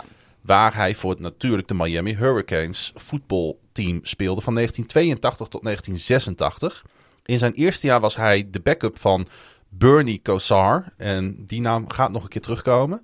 Die acht jaar lang quarterback zou zijn bij de Cleveland Browns. Als backup quarterback won hij in 1993, en heb ik het dus over Kosar, nog een ring met de Dallas Cowboys. Dat vind ik dan wel tof. Dus je ben je acht jaar lang quarterback bij de Cleveland Browns. En dan ga je daar weg en dan win je prompt win je een ring bij de Dallas Cowboys. dan doe je, als je, eh, doe je het ring chasen zeg maar goed. ja. In eh, 1985 werd eh Testaverde de starter en in 1986 won hij de Heisman Trophy. Hij mocht in 1987 de Fiesta Bowl spelen en volgens mij bestaat die nog steeds tot op de dag van vandaag onder Zeker. deze naam. Ja. Eh, tegen Penn State voor de natuurlijk 1986 National Championship. dat de Nittany Lions? De, de Nittany? Lions van Penn State. Ja. Een wedstrijd waarin de Hurricanes zwaar favoriet waren, Miami. Maar Miami verloor met 14-10 nadat onze That Man vijf intercepties gooide in die wedstrijd. Toch is hij nog steeds een van de grote namen die in de jaren 80 en 90 groot eh, werd bij Miami. Zoals bijvoorbeeld ook eh, Jim Kelly. Ook Van de, van de Bills. van de Bills inderdaad. De, eerste, de eerder genoemde Bernie Kosar. En Craig Erickson. Een van de weinige spelers die twee keer gedraft werd. Oh, hoe werkte dat dan? In 1991 door de Eagles en in 1992 door de Buccaneers. En waar heeft hij uiteindelijk voor gekozen? Eh, de Buccaneers. Het kan zijn, spelers mogen, als ze gedraft worden en ze komen niet een contract overeen met het team, dan mogen ze zich het jaar daarna mogen ze zich opnieuw eh, eh, eligible voor de draft Ja. opgeven. Maar het- ze, zijn dus, ze mogen dat, dat, dat jaar dat ze gedraft zijn niet meer spelen. Want ze mogen dus, het is niet dat ze dan free agent worden en dan gewoon zelf maar Nee. bij een ander team kunnen tekenen. Dus wie had hij ook weer afgewezen? Hij had de Eagles afgewezen in 1991. Om bij de, naar Tampa Bay te gaan. Nee, niet, nou ja, om, Oh. Om, om daarna gewoon weer mee te doen aan de draft en te kijken waar die dan zou belanden. zou natuurlijk heel grappig zijn geweest als de Eagles hem dan opnieuw gedraft hadden. dat, was, dat zou echt, echt Eagles hadden natuurlijk zijn. ook gewoon kunnen traden. Ja, eh, nee, nee, ja, niet op het. Ja, dat, nou ja, dat zou. Ja, weet je wat, ja, we, wat, wat, wat, wat de, de Chargers destijds Met, gedaan eh, hebben? Met, eh, met Eli, Manning, en Eli Manning. Met, met Eli Manning en, de, en de Giants. Ja. Ehm, Ja, heb je op zich gelijk in. Denk maar ik. goed, ja, ik, ik was er niet bij. Ik, ik let er niet op toen. Dus, Nee. Testa Verde werd uiteindelijk in 1987 door de Buccaneers gekozen als first pick overall. Want we gaan even terug naar onze Who's That Man. Met name in zijn tweede seizoen had hij het erg lastig met een completion percentage van 47%, 13 touchdowns en 35 intercepties. James Winston, eat your heart out. Ja, dat is... eh, de, wat voor behandeling die met zijn ogen heeft gehad daarna. Dat, eh, Daar kom ik zo op terug. Die 35 intercepties waren de op één na meest gegooide door een quarterback in één seizoen in de geschiedenis van de NFL. Hij werd in die jaren flink gepest met zijn kleurenblindheid. nou, dan heb je het al. In 1988 huurde een radiostation een billboard waarop Testaverde is afgebeeld op een blauwe achtergrond met de tekst Vinnie denkt dat dit oranje is. is hij goed? Ja, best wel. En de voorzitter van de NFL Players Association, moet je even nagaan, zei ooit over Testaverde dat hij zo dom is dat hij nog een elektrisch snoer van een heggenschaar door het zwembad zou laten lopen terwijl hij de heg snoeide. En hij claimde... wat, wat een specifiek Ja. voorbeeld. Nou ja, dat heeft hij gezegd. En deze eh, voorzitter, hij heet Gene Opshaw, eh, zei ook in datzelfde interview dat hij een betere quarterback zou zijn, terwijl hij zelf offensive guard is geweest in de NFL. Dus dat zegt de voorzitter van de NFLPA over deze Who's That Man. Nou ja, die Dat is toch een... Dat is niet echt aardig, hè? Nee, dat is wel een speler die hij vertegenwoordigt op dat moment. Maar goed, Eh, hij had natuurlijk echt een verschrikkelijk seizoen achter de rug met die 35 intercepties. In 1989 nam het aantal intercepties flink af. Maar voerde Testaverde nog steeds de league aan met 22 intercepties. Dus was hij nog altijd een quarterback met de meeste intercepties. In 1993 tekende Testaverde als free agent bij de Cleveland Browns, waar hij een half seizoen de backup was van zijn voormalige Hurricanes teamgenoot Bernie Kosar. Dat is dan, ja, dat is toch leuk. Die na zes maanden werd ontslagen door Browns headcoach Bill Belichick. Testaverde speelde drie jaar in Cleveland en in 1994 leidde hij de Browns naar een overwinning op de New England Patriots in het eh, postseason. Na 1995 verhuisde hij samen met een groot deel van het roster en de coachingstaf naar Baltimore. Als een dief in de nacht. Zeker. Ze hadden het ooit bij ons gedaan, dus deden wij het daar. En speelde hij twee seizoenen bij de toen gloednieuwe Baltimore Ravens. Testaverde scoorde de allereerste touchdown in de geschiedenis van de Ravens met een 9-yard run. Dus de allereerste touchdown ooit gescoord door de Baltimore Ravens is door deze Who's That Man. Magisch. Ja. Heb je, heb je al een poster van hem op je toilet? Nee, ik kende zijn naam al wel daarom, maar ik vind het toch gaaf dat het in dit hele verhaal ook zoiets eh, naar voren komt. Dat je toch van een nou, respectabele franchise ondertussen de eerste eh touchdownmaker bent. Ja, en volgens mij heeft hij wel meer eh, respect bij andere franchises eh, Zeker, afgedwongen. zeker. Want eh, we gaan verder eh, kijken naar zijn carrière. We zijn nog lang niet klaar. Nadat de Ravens traden Je wil voor... zeker naar huis, hè? Nou, dat gaat nog niet gebeuren, hoor. Zeker niet, want nadat de Ravens traden voor Indianapolis Colts quarterback Jim Harbaugh... Niet John, maar Jim Harbaugh. Bij Michigan City. Zeker. De, al, al, al jaren de coach van Michigan. Lieten de Ravens Testaverde in 1998 gaan. Misschien niet zo vervelend, want zo belandde Testaverde in zijn geboortestad New York bij zijn favoriete team, de Jets. J-E-T-S. Jets, Jets, Jets. Met hem on the center wonnen de Jets in 1998, moet je toch even nagaan, voor de eerste keer de AFC East. Ja, maar heb je gezien wie er in de AFC East zitten? Dat zijn allemaal best wel legendarische Ja, franchises. eh, moeten we, we moeten niet doen alsof de Patriots voor het jaar 2000 een legendarische eh, eh, franchise waren. Eh, de Dolphins en de Bills Nou, die wel. hadden toen al in ieder geval twee keer de Super Bowl gehaald eh, Ja. voor, twee, voor die tijd. Dus, eh, Maar we hadden Finney nodig om, om, om Onder die... andere tegen de Bears. ja, en tegen de Packers. Ja. Ze hebben ge- Ja. Maar even, een franchise als de Jets, die in 1998 pas voor het eerst een divisietitel pakken. Ja, de AFC East. Het is, het is niet eerlijk ingepland. Wij zitten gewoon met alle moeilijke teams. Dat is altijd zo En geweest. vind je dat echt? Ja, semi. Maar eh, als je kijkt naar de, de, de historiteit, of hoe je dat ook wil noemen, de historie van grote NFL-clubs, dan denk ik dat je er niet echt omheen kan draaien dat er redelijk wat dynasties in die competitie zijn geweest. En dat de Jets daar helaas niet tussen horen. Nee, dat is waar. Want de Dolphins hebben natuurlijk hun, eh, hun jaren gehad. Mhm. Eh, hetzelfde geldt voor de Bills, eh, die vier keer zonder de Super Bowl te winnen wel in de Super Bowl stonden. Ja. En Met ook- Jim Kelly, die we Met- net ook noemden. Precies, vriend van, eh van Vinny. En ook de, de, de, de Patriots die natuurlijk de afgelopen twintig jaar van ons afgepakt hebben. Ja. Dus nu, vanaf nu is het, eh, is het onze beurt. Dus rijg ze maar aan elkaar vast. Ik, eh, ik geloof wel dat wat, voor wat betreft de Patriots, dat als je kijkt de afgelopen 20 jaar naar hun winstpercentages, dat zij een hoger percentage overwinningen buiten de divisie en zelfs buiten de conference hebben dan binnen de divisie. Dus Dat laat dat zien, hè? dus, dus, dus de, dan teams als de Jets, en maar ook de Dolphins en de Bills, die, die altijd graag van de in ieder geval recente jaren over de Patriots mogen Calimeroen. Die hebben hun teams laten toch voor- vooral liggen tegen de NFC-teams die ze treffen en de teams buiten hun divisie. Dat, dat is waar, zij, eh, waar, ze, waar, waar, ze, waar ze op achterstand komen tegen de Patriots. Oh, ja, ja. Ja, nee, dat- goed. Ik, Eh, ik, ik, het ik, is- ik ken mensen die Patriots-wens zijn. En als ik, als ik dit dan niet zeg, dan, eh, dan krijg ik weer allemaal boze berichtjes dat ik dit niet terecht geweest heb. Dus bij deze, laat me met rust, mensen. Laat me met rust. Gaan we, gaan we gewoon terug naar 1999, want anders eh, gaat dit veel te lang duren. Raakte Testaverde al in week 1 zwaar geblesseerd en speelde niet meer. In 2000 keerde hij terug en speelde hij, jazeker, de Monday Night Miracle Game tegen de Miami Dolphins op 23 oktober. En Pieter en ik, die zijn vanmiddag, toen wij dit aan het voorbereiden waren, zijn we eens in die wedstrijd gedoken.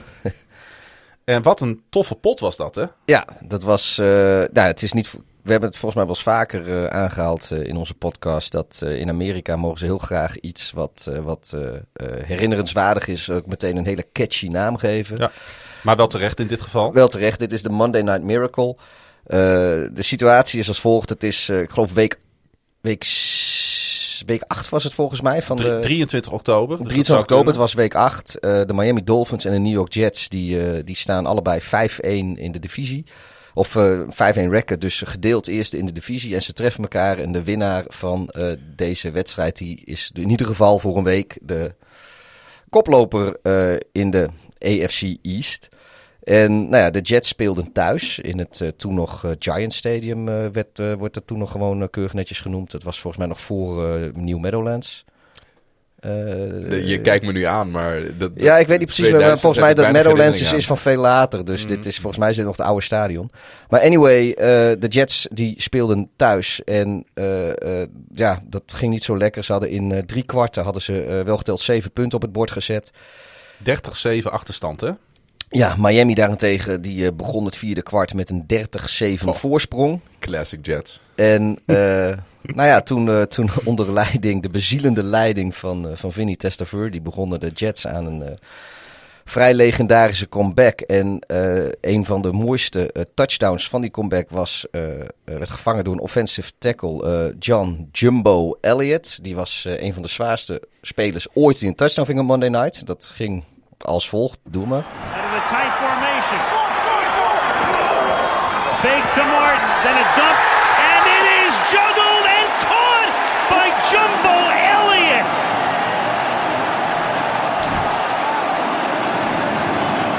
The tackle lines up as an eligible receiver at the end of the line. He's open, he's juggling, he's falling down. Volgens mij horen we hier L. Michaels, hè? Eh, ja, ja, ja. Volgens, eh, volgens mij ook. eh, Ja. ik, anders bedriegen mijn oren me enorm. Mhm. Maar goed, deze, met deze touchdown werd het eh, eh, 30-30 volgens mij. Of zelfs... eh, Nee, de- de- 30-29 waarschijnlijk. eh, nee, eh, Nee. ondertussen hadden de, de Dolphins hadden ook een touchdown gemaakt. Nee, en het precies. werd eh, eh, 36-37. Juist. Nou goed, er moest nog even een PAT gemaakt worden. 37-37. En eh, toen werd het overtime. En, maar tegen de tijd dat de overtime begon, duurde die wedstrijd al zo'n beetje vier uur lang. Het was echt op de een of andere manier een enorm lange wedstrijd. Eh, de commentatoren die... eh, Dan Fouts en Dennis Miller en L. Michaels waren dat inderdaad, zie ik nu. Die, die had, het er ook over dat ze nog, eigenlijk nog nooit mee hadden gemaakt dat een, dat een wedstrijd zo lang duurde. Ja, en Monday Night Football begon in die tijd, want het werd toen nog uitgezonden door ABC. Ja, het was ABC. eh, een- om een uur of half negen. ja, het is het, het sowieso aan de oostkust Ja. is het gewoon half negen. Dus, Dus- als die wedstrijd zo lang duurt, dan, Precies. eh, dan begint, ben je al mooi eh, op de vroege ochtend van de volgende dag zit je daar in het stadion te koekeloeren.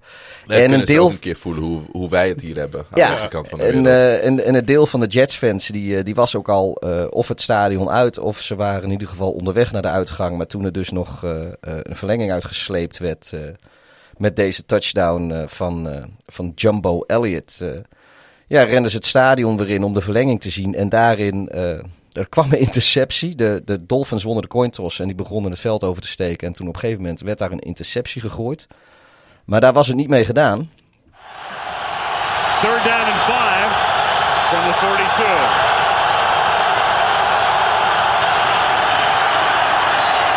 And it's intercepted by Coleman. And then he fumbles. And Miami's going to wind up getting the ball back with a first down. Dat lachje op de achtergrond ook, ja, hè? dat was het commentaar, dat waren niet wij. Nee. Eh, nee, goed, je hebt, eh, je hebt in, de, ja, in, in field goal range eigenlijk een interceptie. En eh, dat was nog met de oude overtime rules. maar zelfs in de nieuwe natuurlijk, als je, als je een, een, een turnover hebt. Maar een field goal had die wedstrijd kunnen beslissen. Maar Coleman, die, Marcus Coleman, die zijn tweede interceptie van die wedstrijd liet noteren. Die, ja, die fumblede dus die interceptie ook meteen weer. En die werd gerecoverd door een speler van de Dolphins. Waardoor de Dolphins gewoon weer een nieuwe first down hadden. Ze hadden wel wat, wat yards verloren. Maar goed, dat is beter dan, eh, dan de wedstrijd.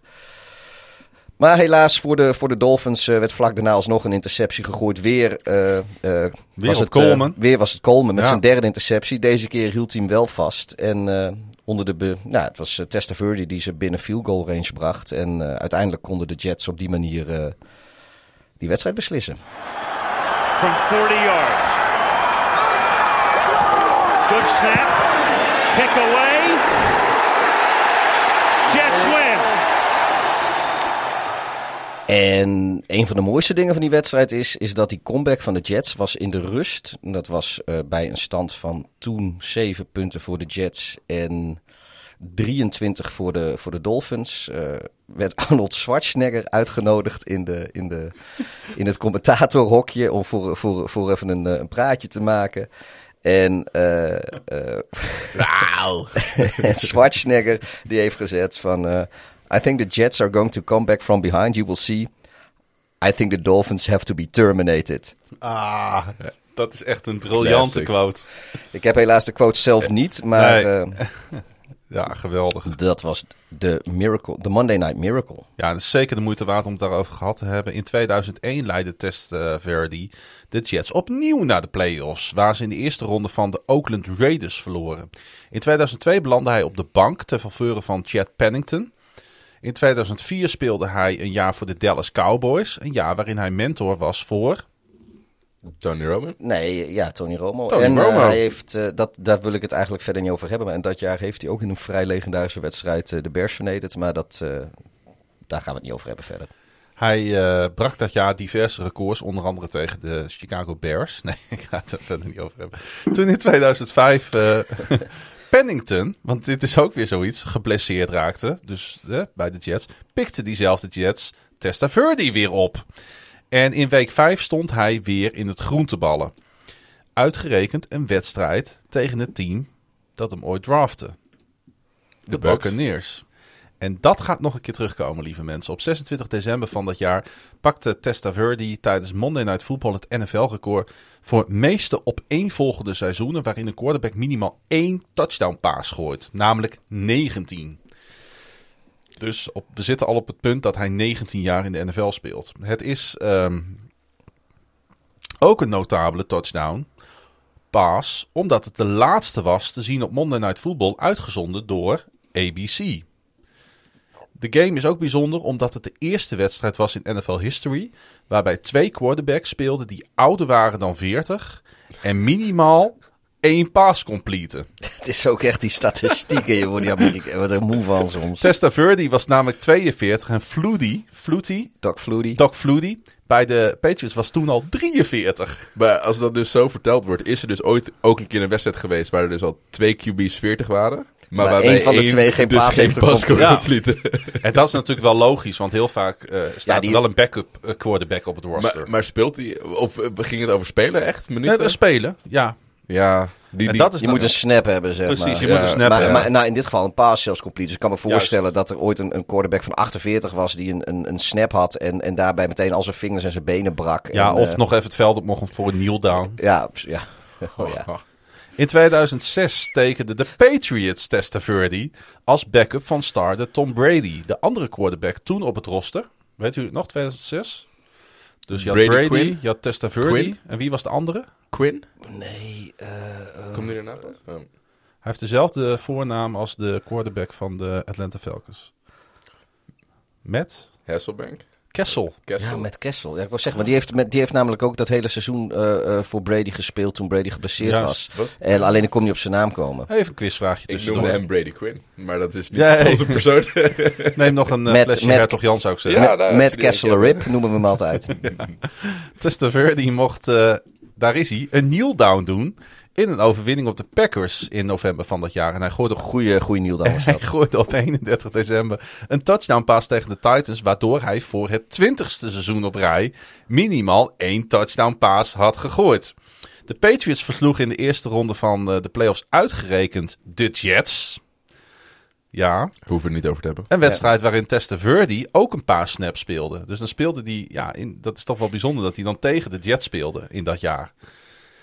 Ja. In 2007, we gaan gewoon lekker door, speelde onze Who's That Man ook nog een jaar voor de Panthers. Omdat Jake Delhomme geblesseerd raakte. Zijn eerste wedstrijd voor Carolina was op eh, 14 oktober tegen de Cardinals. En hij gooide gelijk een 65 jaar touchdown pass op Steve Smith. Was dat de 21ste seizoen dan? Dus daarmee had hij nu 21 seizoenen op rij minimaal één touchdown pass gegooid. In november speelden de Panthers tegen Brett Favre en de Green Bay Packers. Met Tas- Testaverde nu 44 jaar oud en Favre toen al 38. Ja, Waren dat was zij- de Senior Bowl. Ja, waren zij het oudste starting quarterback duo ooit in de NFL, in een NFL-wedstrijd. En die wedstrijd werd omgedoopt tot de Senior Bowl Ja, inderdaad. nou, dat weet ik nog. Ja. Op ehm 2 december 2007 werd Testaverde de op één na oudste startende quarterback in NFL history tegen de 49ers. Een wedstrijd die de Panthers wonnen en waarin Testaverde zijn eigen record voor oudste starter die een NFL-wedstrijd wint brak. Met een ehm, eh, worp van Testaverde op Dante Rosario werden zij het passer-receiver duo met de grootste leeftijdsverschil die connecten voor een touchdown. Er zat 20 jaar en 346 dagen tussen eh, deze twee Ja, het spelers. is gewoon op nog geen drie weken na 21 jaar. Dus eh, daar had de vader in de NFL op, zo, op zijn zoon kunnen gooien. De- ja, ja, ik... Ja. Sprakeloos, hè? ja, nee. Sprakeloos. Maar Ja. dat, dat heb je als, je als je natuurlijk 20 jaar in de, in de NFL rondloopt. Dat je tegen dat soort fratsen aankomt. En eh, er is natuurlijk maar één man die, dat, eh, die daar in de buurt komt wat dat betreft. Maar het gaat niet over Ja, dat klopt. Dat klopt. Eh Test, Testaverde kondigde op 29 december 2007 zijn pensioen aan. Wat zou ingaan na de laatste wedstrijd tegen. De Tampa. Bay Buccaneers. Het is ongelooflijk. het team Tegen dat de- hem drafte. Ja, in Tampa ook nog werd die wedstrijd gespeeld. Cirkeltje rond. Daarmee nam hij afscheid op een leeftijd van 44 en een NFL-loopbaan van 21 jaar in de stad waar hij ooit werd gedraft. Testaverde heeft meer yards en meer touchdowns gegooid dan welke quarterback dan ook, die niet in de Hall of Fame is opgenomen. Ja, dus eigenlijk is sta- statistiek eh, gezien, statistisch gezien is hij de beste niet Hall of Fame quarterback die wel eligible is. Ja, al als je het over 21 jaar gaat bekijken, is een Ja. vrij gemiddelde quarterback hoor. Ja, nee, dat, nee, nee, nee, dat klopt. Maar, maar van, van alle, alle quarterbacks die eligible zijn, dus die Juist. minimaal eh, vijf Ja. jaar geleden eh, geretired Ja. zijn, is hij de beste statistisch gezien. Ja, Want ik, ik zit nu even inderdaad naar die, naar die stats te kijken. En die, dat, die streak van 21 jaar, die, die is wel al een paar keer bijna gebroken. Want hij heeft zie ik hier vier seizoenen gehad met één touchdown. Drie seizoenen gehad met één touchdown. Ja. Waarvan in 2005 één touchdown en zes interceptions. Ja, ik, Ja. daarom heb ik ze ook bewust genoemd een paar keer. Om aan te geven hoe, ja, hoe, hoe close het was ja, dat werd die hij er gewoon even, ja, werd. werd hij er gewoon even ingezet van, joh, gooi jij eens even een touchdown. Weet. Ja. Trouwens ook een, eh, een, eh, een stat die hij op zijn naam heeft staan. Hij is nog altijd de Buccaneer die het vaakst gesackt werd. 197 keer in totaal. Tegenwoordig, eh, en daarmee gaan we afsluiten, is eh Testaverde quarterbackscoach op eh Jesuit High School of Tampa. Waar zijn zoon Vincent ook op school zat. Is dat van, is dat niet een Je Jezuïet? Jezuïet. Eh, Jezu- ja. Zeker. Hij heeft met zijn vrouw Mitzi ook twee dochters. En Vincent, dus de zoon, tekende in 2019 als undrafted agent bij de Buccaneers. Heet zijn zoon Vincent Testaverde? Ja. Hoe groot is de kans dat ze die ook gewoon Vinny noemen? Heel groot. ja, Ja. Vin, gewoon Vinny Testaverde de second. toch? maar elke NFL-speler noemt zijn kind naar zichzelf. Ja. Dat is echt een trend. Vincent redde het niet, speelde nog wel kort. En daarmee sluiten we af voor de Tampa Bay Vipers in de XFL. ja, talk shit, get bit.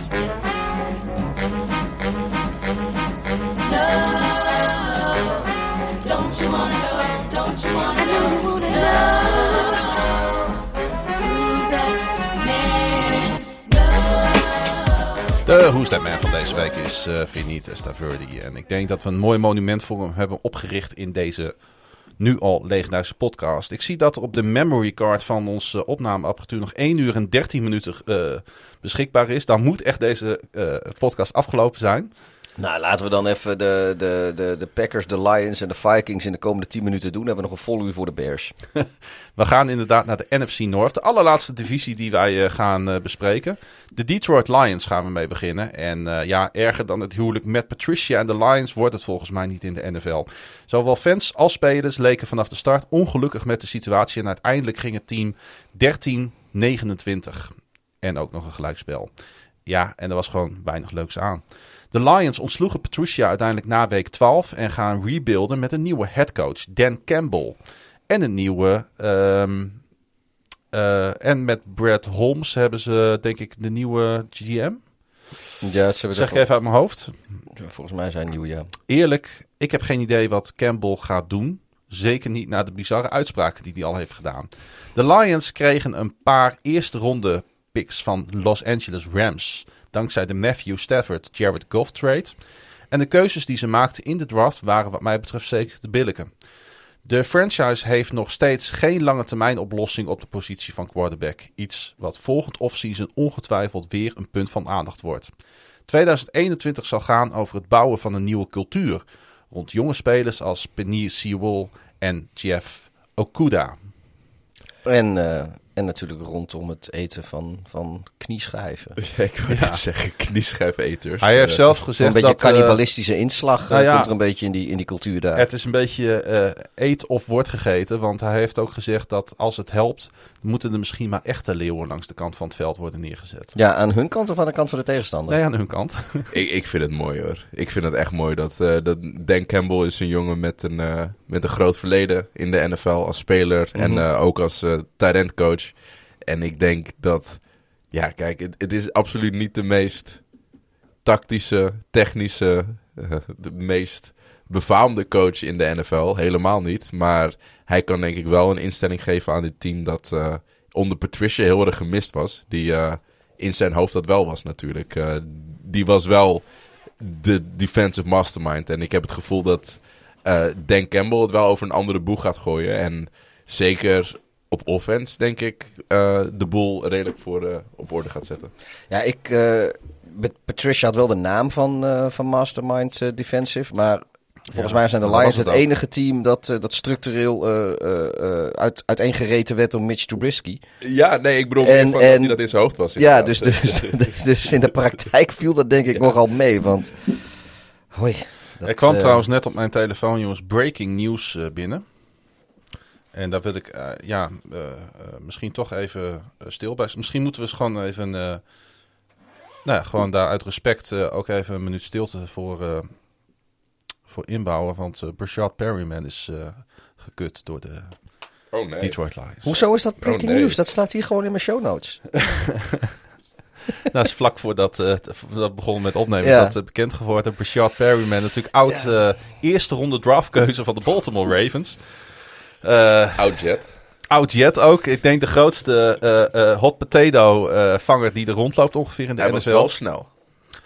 Ja, eh, als er een hete aardappel naar mij wordt gegooid, ga- kan ik ook heel snel rennen even. Ja, maar nu, nou ja, goed, niet dat Perryman was natuurlijk sowieso niet een, een receiver waar je de, de oorlog mee wint. Ik bedoel, Nope. want laten we even eerlijk zijn, hij is gekut door de Lions. En dat betekent dat de voornaamste receivers die er op dit moment eh, in de running zijn bij de Lions, dat is dus Tyrell Williams, En natuurlijk Amon. Quintus eh Cephas, Khalif Raymond en Amon-Ra St. Brown. Ja, dat, die, dat die zijn... gaat absoluut nu de basis halen. Ja, nee, maar goed. Maar dit, dat, dit zijn de vier meest... Want die Amon Rush en Brown noem ik als laatste. Omdat die natuurlijk dit jaar er nieuw bijgekomen is Ja. eh, in de, in de, in de Mhm. draft sowieso. Die hebben we al eh, in onze draft eh, preview en review is die langsgekomen. Zowel sportief als qua naam. Ehm, volgens mij was dat die eh, zoon van die voormalig eh, Mr. Universe... eh, eh, De Duitser. Europeaan is dat, hè? Ja. dat, eh, Ja. Duitsland claimt hem al als, als Duitser. Ondanks dat hij daar volgens mij alleen geboren is. Ehm, Heeft hij ook zo'n Duits vlaggetje achter op zijn helm staan? Volgens mij zou hij die wel mogen. Maar Ja. interesseert het hem zelf niet genoeg om dat erop te dat plakken. Maar dat wordt natuurlijk al door de NFL verkocht als, eh, als Duitser. Dus mocht je nog een, eh, een Europese speler willen supporten... dan is deze Amon Ra denk ik een, eh, een interessante keuze. Die... Hier staat trouwens dat hij, eh, eh, dat hij geboren is in eh, de Anaheim Hills in eh Cali. Oh, ik kan me toch zweren dat... eh, nou, nee, dat, dat zou heel goed kunnen hoor. Want, oh. maar zijn vader was, hij- zijn vader was toch. We hebben het volgens mij over, over hem gehad destijds. Dat hij. eh, of was dat niet zijn vader? Weet ik veel. Maar goed. Ja, ja ik, ik kan me namelijk ook herinneren dat we het over de pa van Oh, wacht even. Ja, eh, Miriam Brown is from Leverkusen, Germany. His father, John Brown, was a bodybuilder. Ja, zie je, dat is... eh, en dan heb je... Ja, nee, klopt. Zijn moeder is Duits, dat is het. Eh, zijn moeder is in Duitsland geboren. We, we staan nu eigenlijk al veel te lang stil bij dit receiving core. Nee, hier. ja, maar goed, ja, nou, ja, het punt Nou wat ja. ik wilde maken is, is dat eh eh eh, nou, Perryman maakt het receivercore al niet veel beter. Maar als jij gekut wordt in een receivercore waar deze vier mensen die ik net noem blijven. Gooi, dat, eh dat wordt. nou ja, weet je, dat, dat Goff die heeft nou niet. Die, ja, waar, gaan- waar, moet, hij, waar, de waar Lions, moet hij naartoe eh, gooien? wij gaan de Lions corona ijs en weten dienende live zien dit jaar in Detroit. Eh, gaan wij de Lions daar een touchdown zien maken? Nou ja, als er iemand een touchdown gaat vangen, dan eh, gaat het richting eh, want daar hebben ze wel een hele goede staan. En dat is namelijk TJ Hawkinson. Hawkinson, ja. ja. Ik denk een fantasy asset. eh, Hmm. Staat ook op mijn roster in, eh, in, de, in de, in de is de wens hier een beetje de vader van de gedachte? Of eh, denk je serieus dat... nou ja, we, hadden het net over de receiving core. Noem jij maar iemand die daar ballen gaat vangen. Dus wat dat betreft denk ik dat, dat het helemaal niet zo'n hele slechte gedachte Nou is. ja, weet je, Jared Goff gaat daar die ballen gooien. En Goff, die, die is nog nooit in zo'n slechte situatie geweest. Want. Ja, weet je dat de- hij, gaat van een gespreid bedje. Komt hij in een team in rebuild waar het eigenlijk allemaal nog chaos is. En, en eh, we, we- Maar denk je niet dat het ergens misschien ook goed is voor Jared Goff? Nee. Dat, nou ja, Jared Goff is pick nummer 1 overal geweest. En heeft de makkelijkste college carrière waarin hij helemaal genurtured werd door, door, Ja, door Carl en- Berkeley. ja, en nu heeft hij eindelijk een en hij heeft, hij heeft in, in de, bij de Rams is hij ook genurtured door... eh, ja, maar door- daarom. Daarom denk ik dat dit best een interessant moment... Kijk, ik ga niet zeggen dat... Ik ga hier niet zitten en zeggen dat Jared Goff een, een Dit was een liberation. Dat- Eindelijk kan hij de ketenen eh, van zich afwerpen. Precies, dat, dat hoor je me niet zeggen. Maar als hij nou de receivers van vorig jaar had gehad, Kenny Golladay, Marvin Jones en Danny Amendola, was makkelijker geweest. dat was het wel makkelijker voor hem geweest. Maar is, is dit nou... Ik, dit is voor het eerst volgens mij in een lange tijd dat Jared Goff het gevoel heeft dat mensen aan hem twijfelen.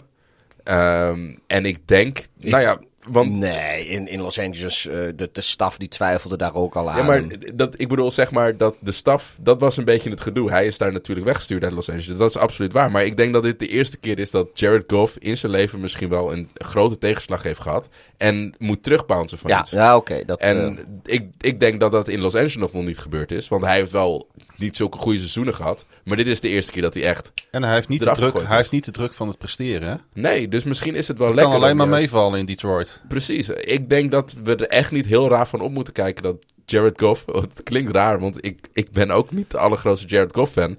Maar ik, ik zie hem misschien wel een, een, een change maken. En als het niet het geval is, dan kies je als eerste overal en dan kies je alsnog een maar hij heeft echt wel een probleem. En dan gaan we ook ophouden over de wide receiver course. Maar Ja, inderdaad, we de hebben het wide er receiver over. 1 is Tyrell Williams. Die door een eh, voetblessure afgelopen jaar in Las Vegas geen enkele snap speelde.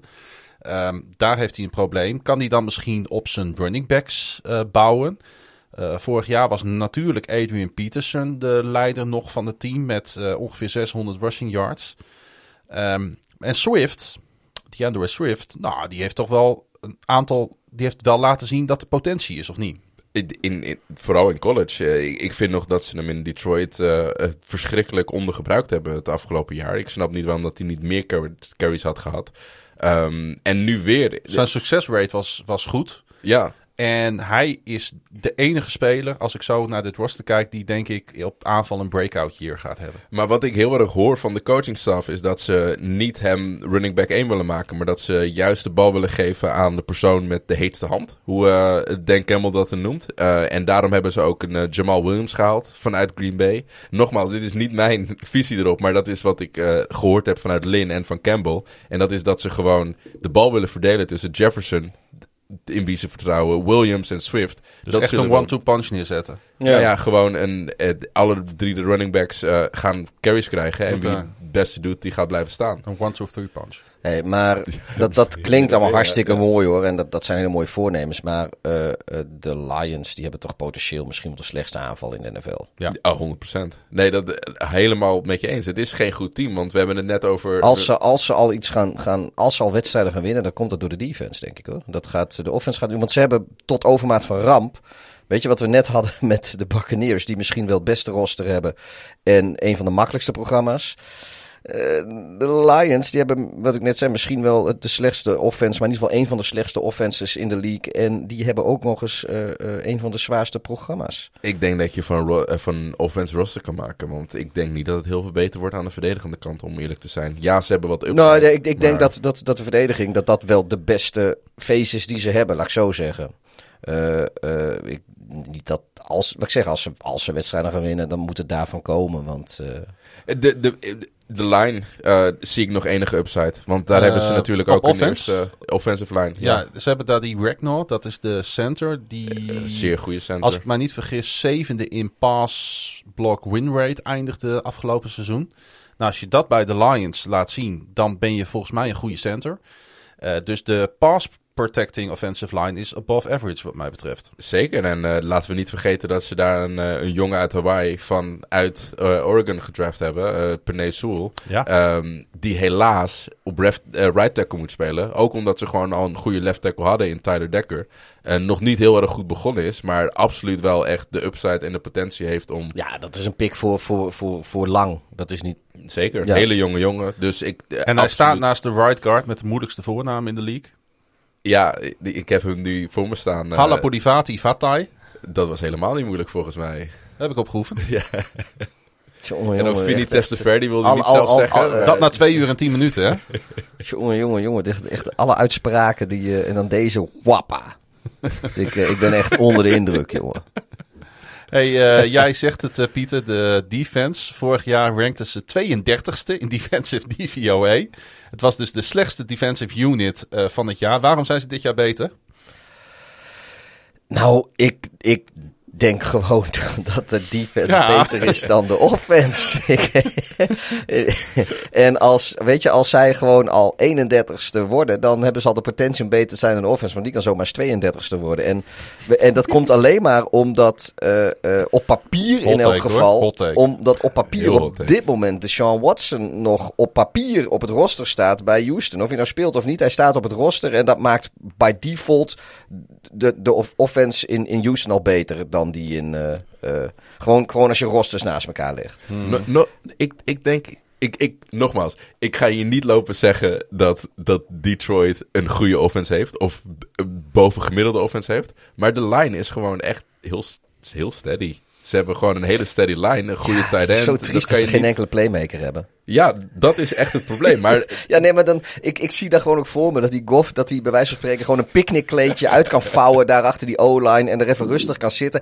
En dan maakt hij alsnog een boneheaded beslissing, omdat de defense aan de andere kant, die gaf hem een look waar hij even niet van wist wat hij ermee moest. En er is niemand in zijn oor om hem om te vertellen wat hij moet doen. Maar ik vind op, op, op de defense vind ik, het, eh, vind ik het eigenlijk nog een veel groter vraagteken. Jij zegt dat ze beter zijn. Ik denk dat ze Nou, meer nee, ik zeg on-route nee, ik zijn heb om niet gewoon de gezegd dat ze 32e beter defense zijn. te kunnen worden hoor. Ik heb gezegd dat, ze, dat, ze, dat, dat, dat de defense waarschijnlijk beter is dan de offense. Maar dat wil niet zeggen Nou, dat de defense beter is. Dat ben ik echt niet met je eens. Ik denk, niet dat, ik denk echt dat hun offense beter is namelijk. Nou, ik, ze hebben geen playmakers.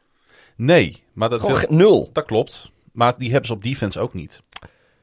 Ze hebben, eh, Michael, ze hebben Michael Brockers gehaald van de Rams, waar altijd een, een zweem van eh, wantrouwen omheen hangt.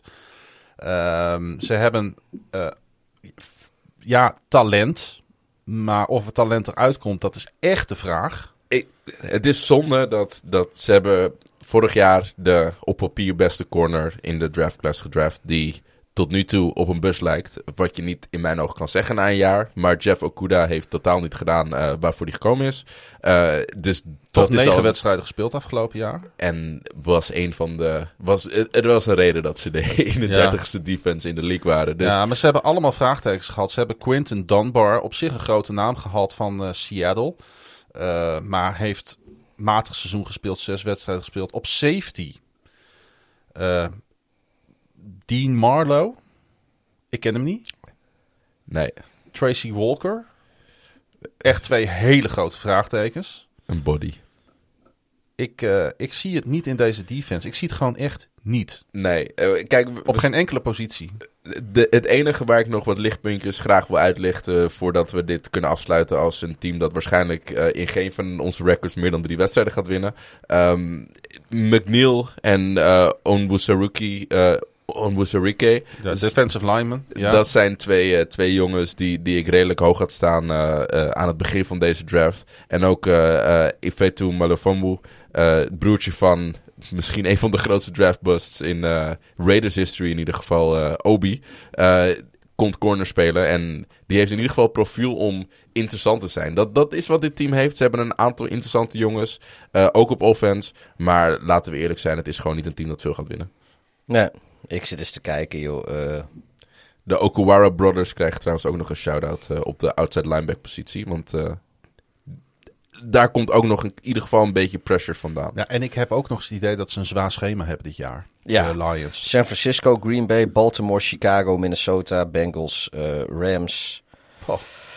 Dan de Eagles, Pittsburgh, Cleveland, Chicago, Minnesota, Denver, Arizona, Atlanta, Seattle, Green Bay. Ja, dat is echt heel... Ja. Dat, daar, daar zitten echt maximaal twee wins in. Nou, dan zijn we eigenlijk al aan het voorspellen begonnen. Jij zegt twee. Ja. Welke? eh, eh, ik zou zeggen zelf, want ik zit ook te nekken aan Nou, twee. mis- Ik- misschien ik, ik, denk misschien kunnen ze Atlanta winnen en misschien kunnen ze de Bengals winnen. Ja, Cincy zie ik ze winnen. Eh, ja, ik, ik, En als ze ergens winnen is het uit, hè? Want thuis kunnen ze al helemaal niet winnen. ik zie Al hun ze- wins zijn, zijn on the road, altijd.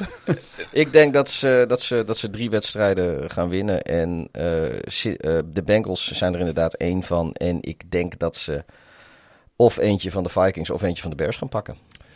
Ja, ik, ik vind het eigenlijk echt Ze hebben de Packers ook wel eens verrast de afgelopen jaren. zeker. Ja, en, ik, de, maar- derde, de derde zou ik niet zeggen, maar ik, eh, dat weet ik Maar, niet. Maar, maar la- laten we eerlijk, ik vind het heel lastig om zeker nu al de teams te bepalen tegen wie ze niet gaan winnen dan. Want er kan nog zoveel Mhm. gebeuren. Dus het is echt een beetje koffiedik kijken wat mij betreft. Maar ik, ik zie dit team niet heel veel meer winnen dan drie wedstrijden. Nee, absoluut niet. Dus jij eh, zegt 2-15 en wij zeggen allebei 3-14. Ja, dat, eh, dat, dat lijkt me een goeie. Gaan we overschakelen naar de Minnesota Vikings. De Vikings. Ik vind het een lastig team. Ergens heb je het gevoel dat ze best met iets duurzaams bezig zijn. Tijdens zeven jaar Mike Zimmer noteerden de Vikings nooit minder dan zeven overwinningen. En ze zakken nooit echt door een ondergrens. In 2017 kwamen de Vikings het dichtst bij een Super Bowl toen ze verloren in de NFC Championship game. Drie seizoenen Kirk Cousins leverde een 25-22-1 record op in het reguliere seizoen en één keer het behalen van playoffs en één playoff win. Afgelopen jaar was een wat vreemd jaar. Aanvallend zag het er niet geweldig uit, maar statistisch was het nou, allemaal nog niet zo matig. Offensive coordinator Gary Kubiak ging, met off, eh, ging dit offseason met pensioen en zijn zoon Clint volgt hem op. De Vikings sleutelden vooral aan hun secondary en trokken daar een paar jonge spelers aan. Defensive end Daniel Hunter miste het seizoen door een nekblessure en nose tackle Michael Pierce koos voor een opt-out. Beide keren terug, tezamen met de nieuwe defensive tackle Delvin Tomlinson, vorig jaar nog Giants, en veteran cornerback Patrick Peterson. Safety Harrison Smith tekende een vet contract voor de komende vier jaar ter waarde van 64 miljoen dollar en is een van de best betaalde spelers op zijn positie. Op papier is Minnesota een high floor, low ceiling team, maar is er ook een kans dat ze kunnen verrassen en contender kunnen zijn in de NFC? Of is het logischer te veronderstellen dat ze weer rond 8-9-9-8 gaan eindigen? Edu Brook van NFL Netherlands. Ik, ik zie het team een stap omhoog maken. Ehm, simpelweg omdat ze de ingrediënten in mijn ogen hebben. Ehm, iets waar ze vorig jaar heel erg tekort kwamen en wat ze normaal gesproken eigenlijk nooit doen is op, op defense. Eh, ik denk dat in ieder geval in de afgelopen paar jaar de Vikings over het algemeen altijd een van de meer solid defenses in de league hadden. Zijn een beetje de afgelopen twee jaar met een soft rebuild bezig geweest. Ja, ja dat, dat klopt inderdaad. En dan zeker op die defensive unit. En ik denk dat ze vorig jaar ook gewoon heel veel last hadden gehad van inderdaad dat moment hebben van dat je wat oude jongens eh uitzwaait. Maar ook dat er gewoon hele vervelende opt-outs waren. Want jij noemde Michael Pierce al even. Maar Michael Pierce is gewoon nou ja, top 5 nose tackle i- in de league. En ook een heel belangrijk piece voor deze, deze offense. Pierce Peace. Een hele belangrijke piece voor het stuk, ding, onderdeel Ja, van deze, deze, deze offense. Beetje Eh, flauw dit, sorry. Ja, nee, dat is geen probleem hoor. Dat- dat- Als, als er wat meer duidelijkheid in moet komen, dan moet ik het vooral zeggen. Maar eh, ik, ik denk dat ze op zich opnieuw kunnen bouwen. Eh, cornerback is de enige positie waar ik wat vraagtekens heb. Maar het is duidelijk. eh, ren de bal op offense, geef de bal aan Delvin Cook. En eh, zorg ervoor dat de tegenstander niet veel punten kan scoren. Ze zijn wel een beetje daar, nou laat ik het zo zeggen, in de zeven jaar dat Zimmer nu headcoach is bij de Minnesota Vikings, hebben ze zes keer een verschillende offensive coordinator eh, gehad. Dus dat betekent wel dat ze daar steeds niet tevreden genoeg over zijn. Klopt, Ja. maar ik heb ook niet het gevoel dat ze iets heel anders zijn gaan doen. Het plan is nog Nee, steeds dat klopt. een soort van hetzelfde. Ja. Eh, als je kijkt naar, ja, we hebben het net over de Detroit Lions gehad, en je kijkt naar eh, de depth chart van de eh, Vikings op offense, Ja, dan word je er wel gelijk een stuk vrolijker en blijer van. Hè? Ja, ja, ja. Als voetballiefhebber. Sowieso Justin Jefferson, daar word je natuurlijk... eh, eh, ja, weet je, dat, eh, daar word je vrolijk van. Eh, Zeker als oud. Ik, ik heb zelf als receiver gespeeld. Dus eh, ik, ik vind het altijd mooi om naar, Ja. de, naar de receivers te kijken. En, en Jefferson is gewoon zo well-rounded. Want Ja. hij, hij is niet alleen ongelooflijk atletisch. Maar de route running en de smarts. En hoe goed hij het spelletje snapt. En hoe hij ook zo snel op één lijn is gekomen met Kirk Cousins. Dat is echt iets waar, eh, waar je dikke Ja. complimenten aan kan Nou ja, goed, Adam Thielen is natuurlijk ook geen, geen, geen eh knaker receiver. Ja, nee, die, die, dat, hele, dat hele roster... eh eh Chad qua- Beebe, Ja, die- ja, de zoon van de legendarische, van zijn vader, die een legendarische speler was eh, daar. Nou, ik denk dat, eh, dat ze, ze, ze, hebben een, ze hebben een heel goed roster. Ik denk, ik denk Ja. dat de problemen van de Vikings, eh, eh, het grootste probleem dat ze hebben, zijn denk ik weer de Vikings zelf. Dat is op de een of andere manier eh, de laatste jaren, en dat neem ik misschien toch Simmer wel een beetje kwalijk, eh, halen ze er niet uit wat erin zit, vind ik.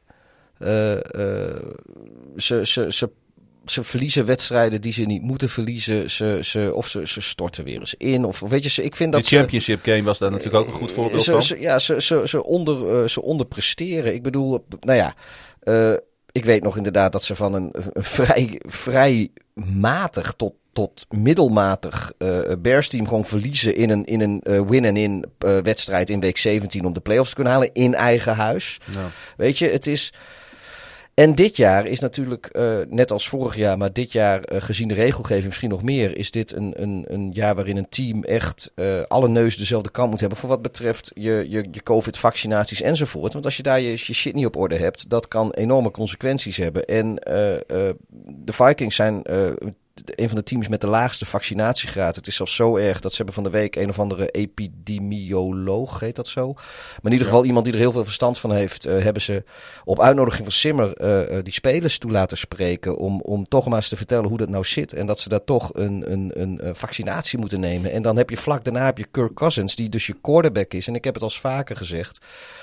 Dat is je uithangbord. Dat is de leider in ieder geval van de offense. En als die dan stompzinnige verhalen zitten houden over plexiglas afscheidingen om interviews te kunnen geven zodat hij geen masker hoeft te dragen en zich niet hoeft te vaccineren. Ja, weet je, die, vroeg of laat kom je met iemand in aanraking. Je hebt close, close contact, zit je, zit je quarterback. En volgens mij is Adam Thielen is bijvoorbeeld ook niet gevaccineerd als ik het goed heb. Weet je, het zijn toch een paar bepalende spelers. En voor je het weet zijn die er weer twee weken uit op, op, op basis van dat, dat COVID-protocol. Ik merk het iedere keer weer dat het ook wat met jouw eh, zeg maar, emoties doet. Ja, nou ja weet je, ik, vind- ik, ik vind het gewoon van, van, van, van een, een, een, een niet te beschrijven stupiditeit, eh, dat soort opmerkingen. Kijk, als je je niet wil laten vaccineren, nou goed, weet je, ik, ik vind dat nog steeds, eh, zeker als je in de, in, de, in de NFL speelt, vind ik dom. Want laten we niet doen alsof die spelers enig idee hebben wat er in de pijnstillers zitten. En, in, in die, en als er één league is waar gedoopt wordt, is dat ook de NFL wel. En dan komen ze met argumenten als, ja, je weet niet wat in dat vaccin zit.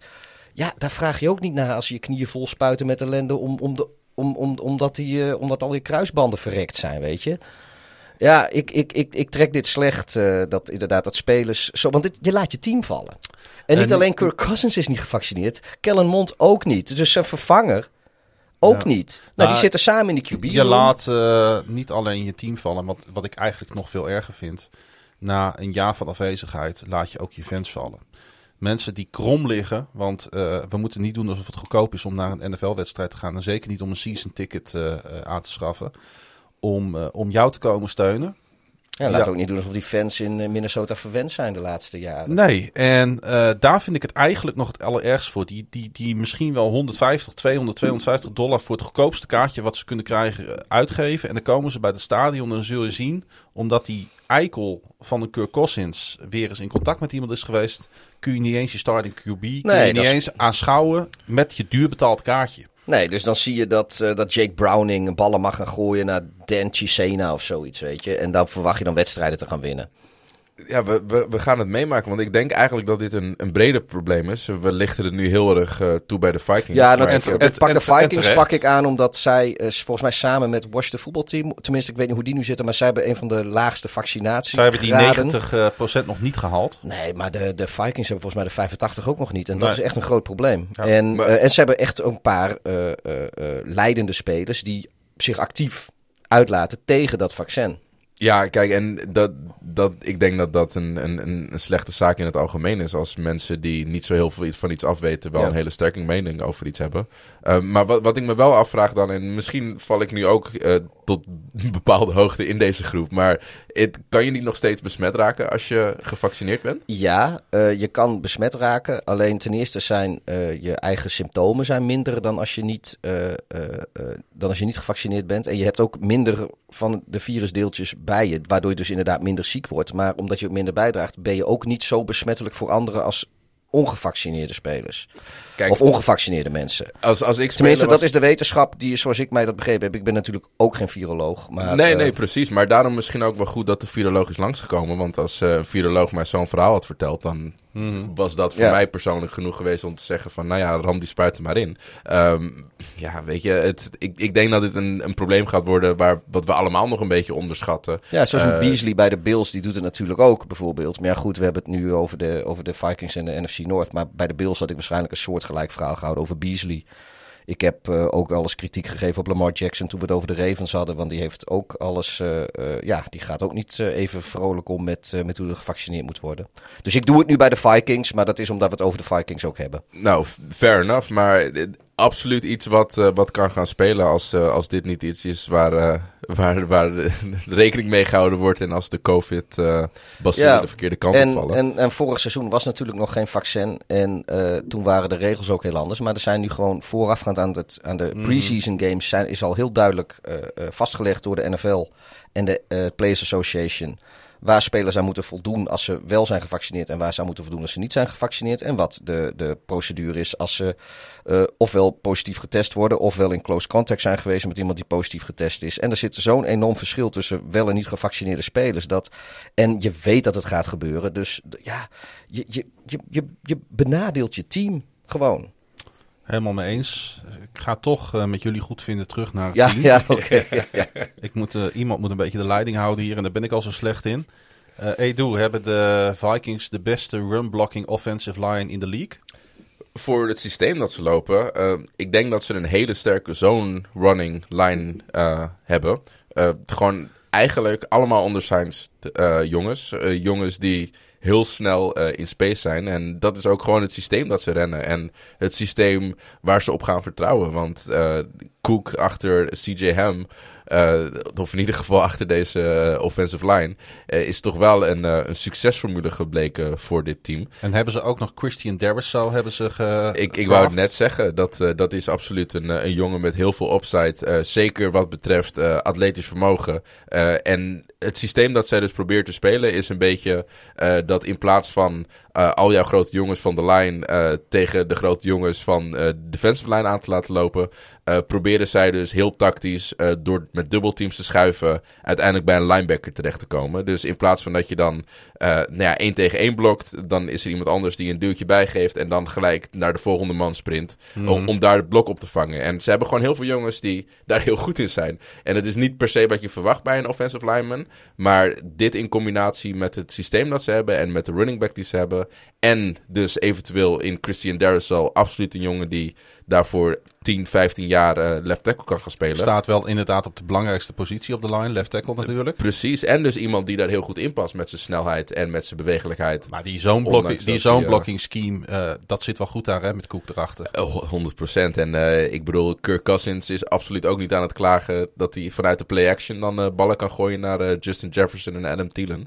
Dus ik denk dat ze wel gewoon in Minnesota weer een, eh, een hele gevaarlijke offense hebben staan die voor veel punten gaat zorgen. Eh, gaan we naar de defense. Ehm, Viel toch een beetje tegen vorig jaar, hè? Ik zeg niet dat ze slecht waren, maar de- de- als je de kijkt veel naar... jongens weg ook. ik vond tegen de run dat het af en toe ongelooflijk matig was. Maar de pass defense vond ik echt nog wel op, eh, op bovengemiddeld niveau. Ja, want ze, ze ze hebben natuurlijk eh, eh, op zich best, best behoorlijke eh, linebackers. De D-line is, eh, de, de lijn zelf is eh, niet zo sterk, ja. Dan, Nu, ik, ik denk nu wel met de jongens die fit zijn. Ja, nogmaals, als je... Met Tomlinson die is gekomen, met Pierce Ja. die terugkomt, met, eh, met een fitte Anthony Barr. ja, ja, ja, nee, maar goed, vorig Met- jaar vielen ja. ze tegen. Dat bedoel ik. Vorig jaar Ja. was het gewoon niet, niet best. Ja, ze lieten te veel yards eh, door. Daar kwam het eigenlijk Ja. op neer. Ik vond het door de lucht vond ik het allemaal nog wel redelijk, maar ik weet, ik, ik, ik heb het niet voor me. Maar die hebben veel te veel eh, eh, eh, yards weggegeven over de grond. Ik kan me nog een wedstrijd op eh, kerstmis herinneren. Ja, Waar de Camara zes touchdowns, wat was het? Zes rushing precies. Ik zat even na te denken Met welke met wedstrijd met rood-groene weer was. schoentjes. Ja, Ja. ja. Ja. ja dat, dat, dat, dat, nou, dat was, dat was eh uberschandalig. Maar ik denk dat, eh, dat we dat niet vaak gaan zien van dit team. En dat de Vikings gewoon echt wel een heel solide seizoen aangaan eigenlijk. Ik weet dat we Chicago voor het eind bewaren. Maar ik denk, ik denk dat de, de Vikings een, een aardige kans maken om het niet heel veel slechter te doen dan Chicago. Weet je wie, het, eh, wie de Vikings vorig jaar eh, aanvoerde in seks? Eh, Over het hele seizoen? Dat is sowieso een strikvraag. Hunter? Ja, dat is inderdaad een strikvraag. Was Hunter? Nee. Sheldon Richardson. Het was, eh, Nee, ik weet niet. het was Ngakwe. Oeh, ja, die staat niet meer op mijn schermpje. En dan zul je misschien denken, hè? Nou, die is, eh, is, is die niet naar jullie die toegefietst? werd eh, eh, tijdens het midden, heeft hij niet het ene paars voor het andere paars verruild? Juist, die heeft mid-season heeft hij de, eh, de overstap van Minnesota naar Baltimore gemaakt. En ondanks dat voerde hij het team in seks aan. Nou, ik denk dat dat wel wat zegt Maar over de staat die, van de die- defense. Ja, maar die, die defensive line eh, vorig jaar was, was gewoon... Ja, er was niet zo heel veel van over. Ik weet dat het, dit, dit kan een beetje overkomen altijd als cherrypicking om op deze manier eh, met stats om te gaan. Maar soms moet je iets duiden. En eh, ik Nee, denk dat, dat- dit ik- een goed voorbeeld is. Ik denk dat dat ook een hele goede stat is. En ik denk dat dat dit seizoen... Want hoeveel seks zou een Gakwe hebben gehad? Dat zou er dan niet heel veel hij meer had er zes. geweest. Hij had Ja. er zes. Bij Baltimore had hij er acht uit mijn hoofd. Dus, Maar dus niemand anders bij Minnesota heeft meer dan zes gehaald. Nee, Maar als je, als je ziet wie er nu terug gaat komen, dan kan Ja, ik, ja. durf ik je Zeker. eigenlijk Ja, wel eh, ja. te garanderen dat dat, eh, dat dat wel gebroken Ja. gaat worden dit jaar. ja. ja, ik zie gewoon... Nou, ik, ben ook, ik ben fan van die full safety, Xavier Woods. Ja. Snap ik. Harrison, Harrison Smith heeft een eh, dik contractverlenging nog gekregen. eh, Ja, niet inderdaad. te lang geleden. Ja, hij zei de, de op één na best betaalde Strong safety. Ja. 17 in de league. Dat, dat vind ik eh, een interessante Op zijn keuze, maar 32e. wel, wel Op- een leider in dit, Ja. eh, in dit team. Zeg het maar jongens, eh, de Minnesota Vikings. Ik denk een van de lastigere teams om te voorspellen. Toch, ondanks eh, alles wat we nu benoemd hebben. Ja, ik, eh, ik, ik wil eh, mijn eh, voorspelling graag eh, vooraf laten gaan. Ik heb de hele... eh, want we we hebben volgens mij, is dit het 29ste team of het 30ste team dat ik, eh, dat ik Ja. ga voorspellen. Klopt. Ik heb altijd gezegd, ik ga uit van eh, blessurevrije seizoenen, dat ze gewoon met hun projected roster spelen. Ehm, maar ik denk dat dat, eh, ja, weet je, als dat zo is, dan, dan pakken de Vikings zo tien overwinningen, denk ik. Als, als, als dat gebeurt, dan is tien overwinningen helemaal niet, niet te veel gevraagd. Nee, dat, dat- veel meer zal het ook niet worden, want ze hebben wel een heel zwaar eh, schema en zo goed zijn ze ook weer niet. Maar als ze dus inderdaad eh, qua vaccinatie, COVID-technisch, omdat zij zulke belangrijke spelers daar zeg maar in het grijze gebied hebben, die zomaar weg kunnen vallen voor een aantal weken. Ja, dan kan het ook zo in één keer naar, naar, naar weet ik veel, een, een Acht, overwinningje negen. of zes eh, vallen, weet je. Ja. En dat is, eh, dus, dus ja, ik zou zeggen eigenlijk 10. Dus ik, ik zet, ik zet 8, 9 dan gewoon. Ik ga er gewoon tussenin zitten. 8 Ik doe. 9. Ik zet ze op eh 9-8. Ehm, ik zet ze. Ik denk dat, dat, ze, dat dit een goed team is eigenlijk. Ik, ik, misschien een hot take, maar het zal me helemaal niet zo heel erg verbazen als de Vikings eh, deze divisie winnen. Ehm, dus ik heb ze redelijk hoog zitten.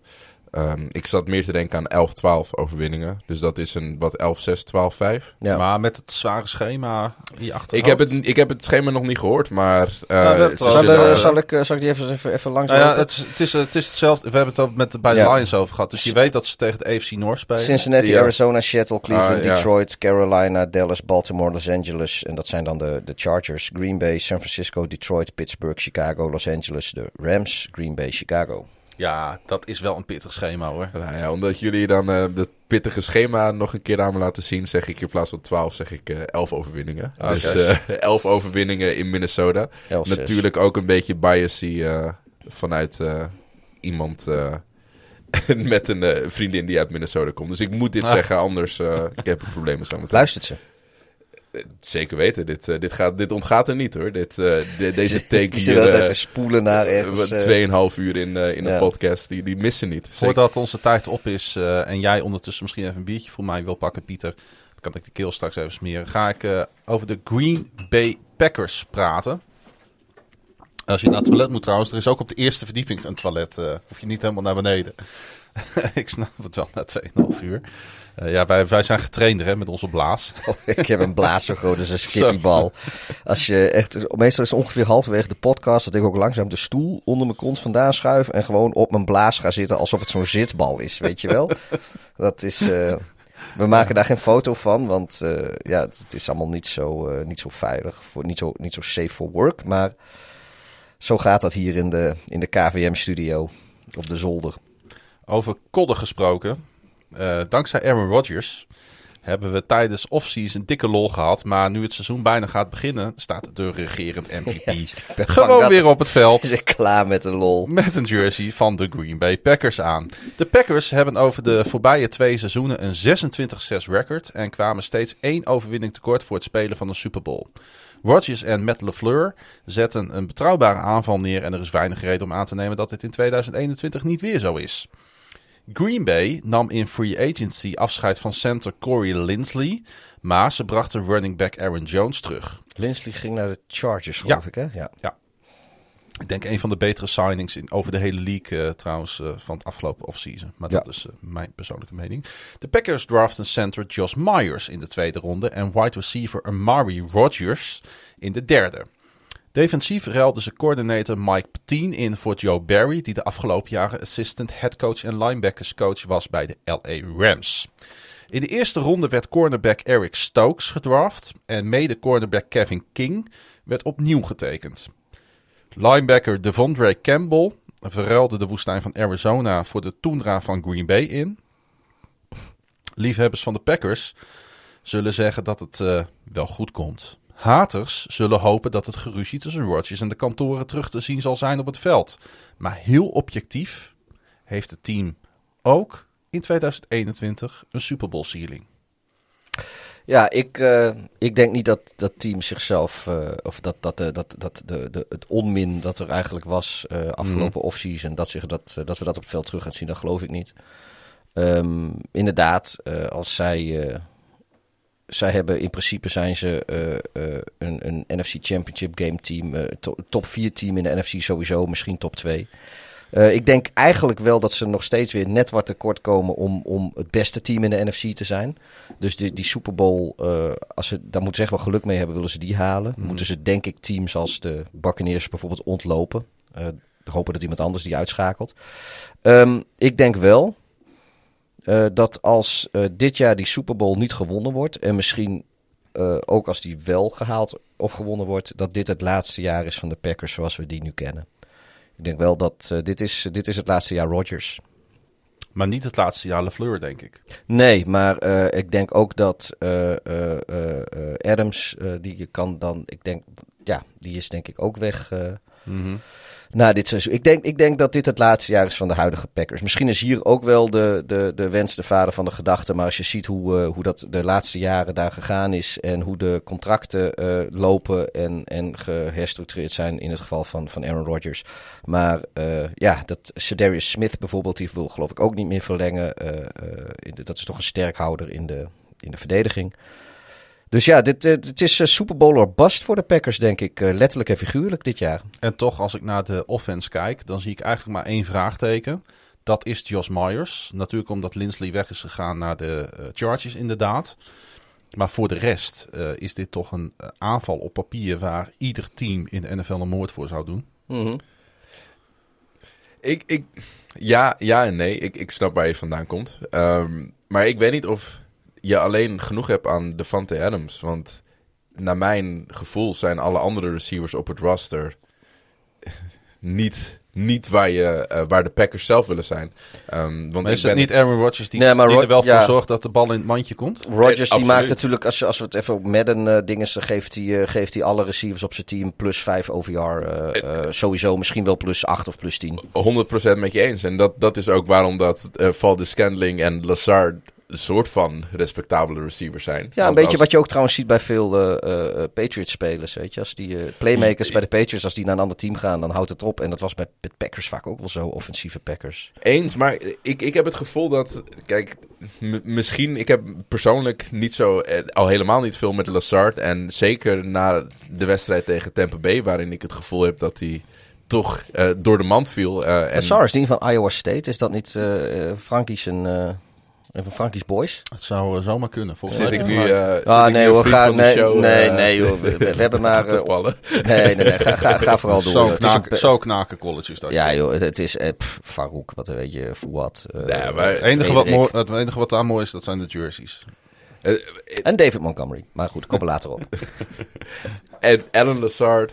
Ja, eh, matige speler. Ik denk me nu ik je denk- spierbal laten zien dat, eh, dat ik me een beetje... Ja, vind je hem echt matig? Ik vind Lazar helemaal niks. Ik vind, ik vind het echt geen goede, goede receiver. Kijk, en nogmaals, dat, dat klinkt dit trouwens wel een fijne take, want ik had deze nooit zien aankomen. Dat, dat- klinkt lullig. Dat meen ik echt. Omdat, om, kijk, tuurlijk, NFL-spelers hebben een bepaald level. Maar als we mensen gaan beoordelen bij dat level, denk ik dat Lazar door de mand valt. Ehm, Ik vind Velder Scantlin nog een slechtere receiver. ja, Is, eh, Het- ja, zou Amari Rodgers niet hoger in de pickorde moeten staan daar? maar die, ja, gaat niet, niet, niet, dat hij daar de oorlog mee wint, maar... die gaat niet buiten de slot komen.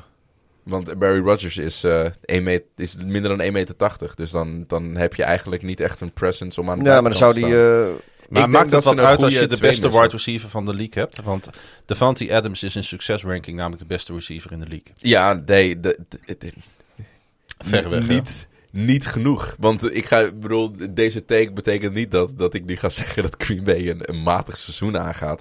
Ehm, ik ben alleen bang dat ze de spelers missen eh, die ze echt door de moeilijke, moeilijke wedstrijden halen. Eh, dit is absoluut een roster waarmee je deze competitie in ieder geval mee gaat doen voor de titel. Misschien wel gaat winnen.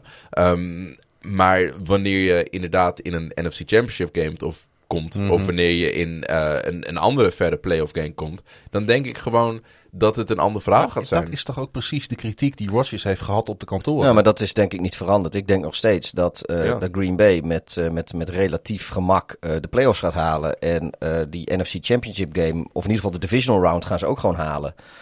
Eh, die NFC Championship game, nou ja, weet je, dat hangt een beetje af van wie ze in de divisional round treffen. En eh, ja, weet je, op het moment dat... Maar, maar ben jij het ook niet met me eens dat dit gewoon een beetje een, een dynasty à la Patriots had kunnen worden als er misschien andere keuzes waren gemaakt eh, op uh, nou, Ja, front is een van de levels. stokpaardjes. Ik, dat, nou, ja, dat eh, kan, kan Klaas-Jan bevestigen. Ik vind dat, zeker gezien het, het, het unieke talent wat, wat Aaron Rodgers is, die is, is gewoon qua talent denk ik beter dan Tom Brady. Ik, qua, qua puur als quarterback, als atleet is hij misschien wel de beste ooit. Of in ieder geval van de, van de, van de moderne tijd, de afgelopen 20, 30 jaar sowieso. En eh, ik vind het best wel schandalig dat, eh, dat Green Bay daar maar eh, één Super Bowl mee heeft gehaald en heeft gewonnen. En als je het nog langer gaat trekken, dan hebben ze geloof ik straks, wat is het, 26, 27 jaar Hall of Fame quarterback plays. En ze hebben er twee Super Bowls mee gewonnen. Ja. Nu weet ik wel dat wat de Patriots hebben gedaan met Brady ook echt abnormaal is. Dat, dat, dat, dat is niet de maat der dingen.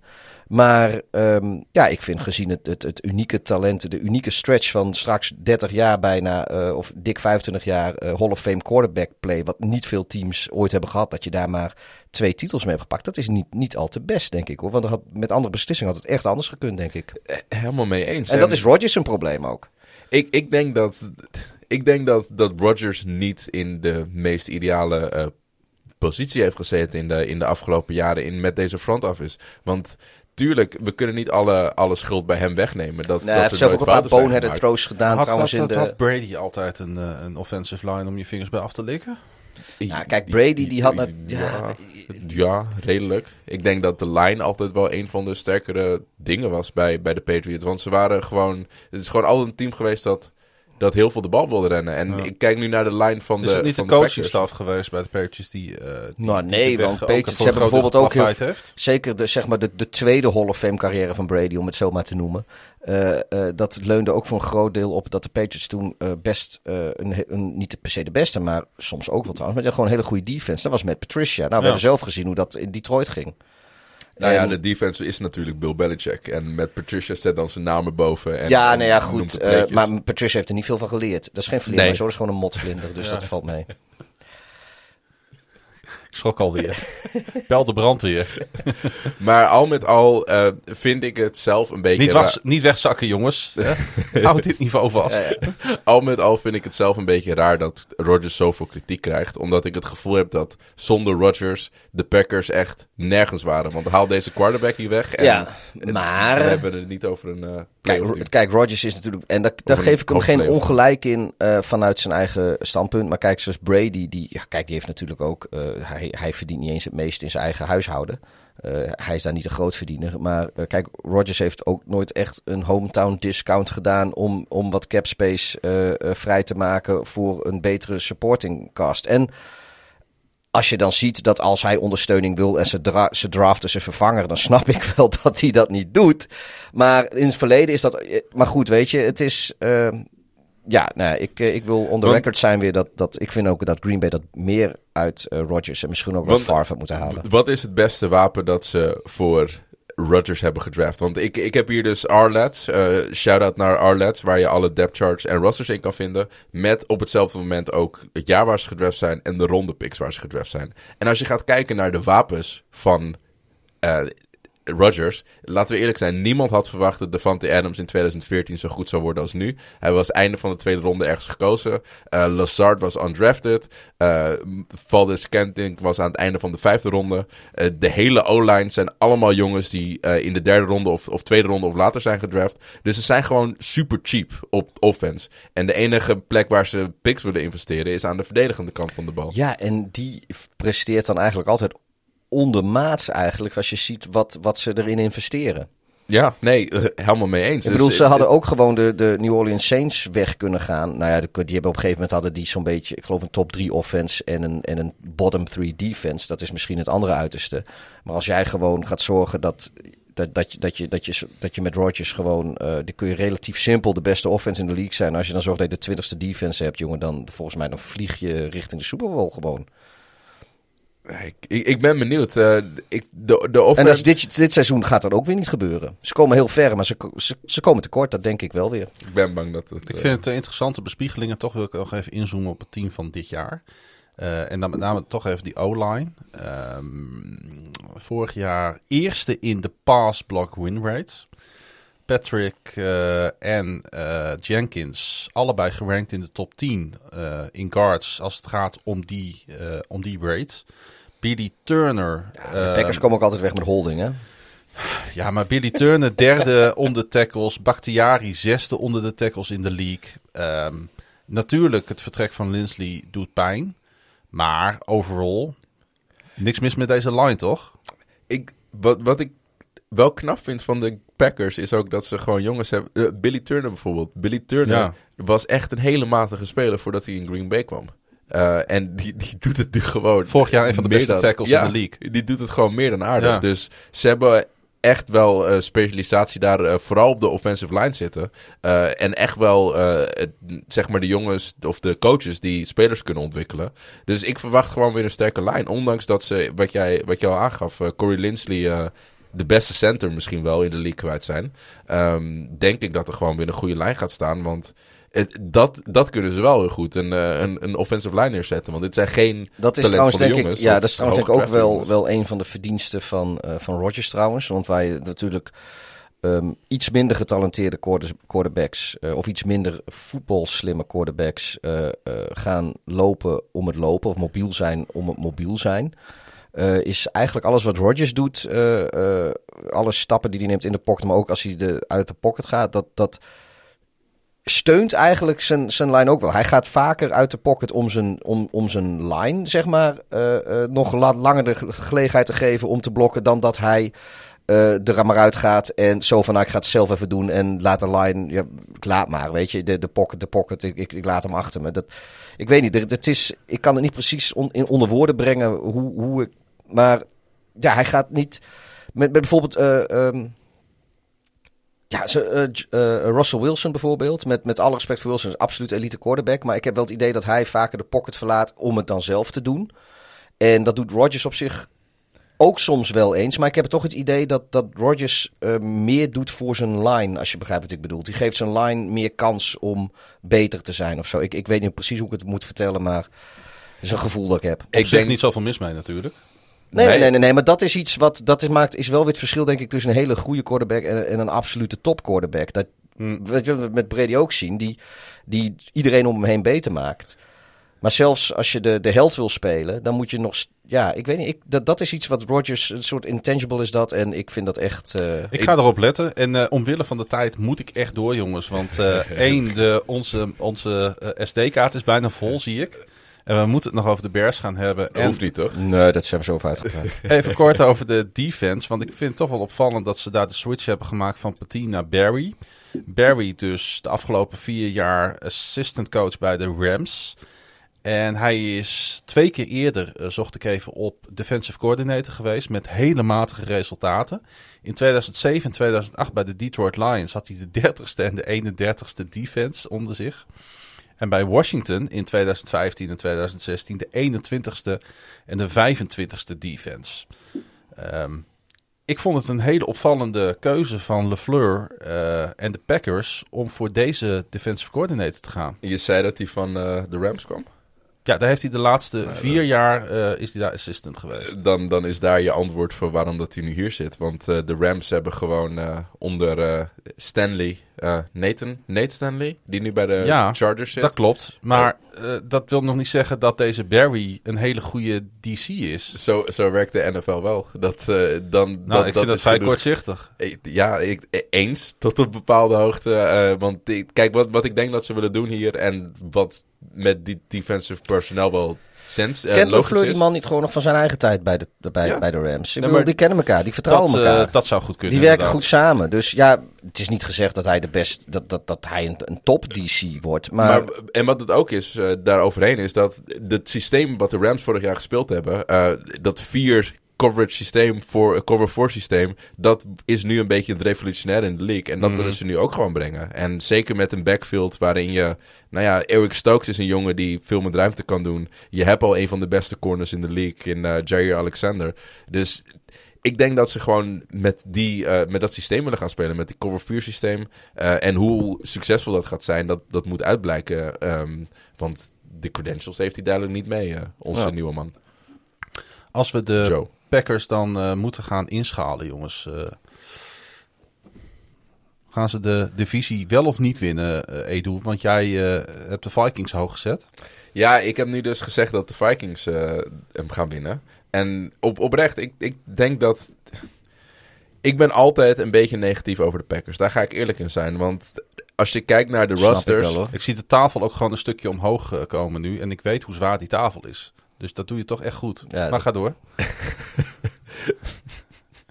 Dus ik, eh, nee, ik, ik denk dat het een, eh, een, een 10 en 11 en ik zeg gelijk met de, met de Vikings. Maar eh, op onderling resultaat eh, komt Minnesota er bovendrijven. Dus dat is een 11 en 6 dan volgens mij voor mij.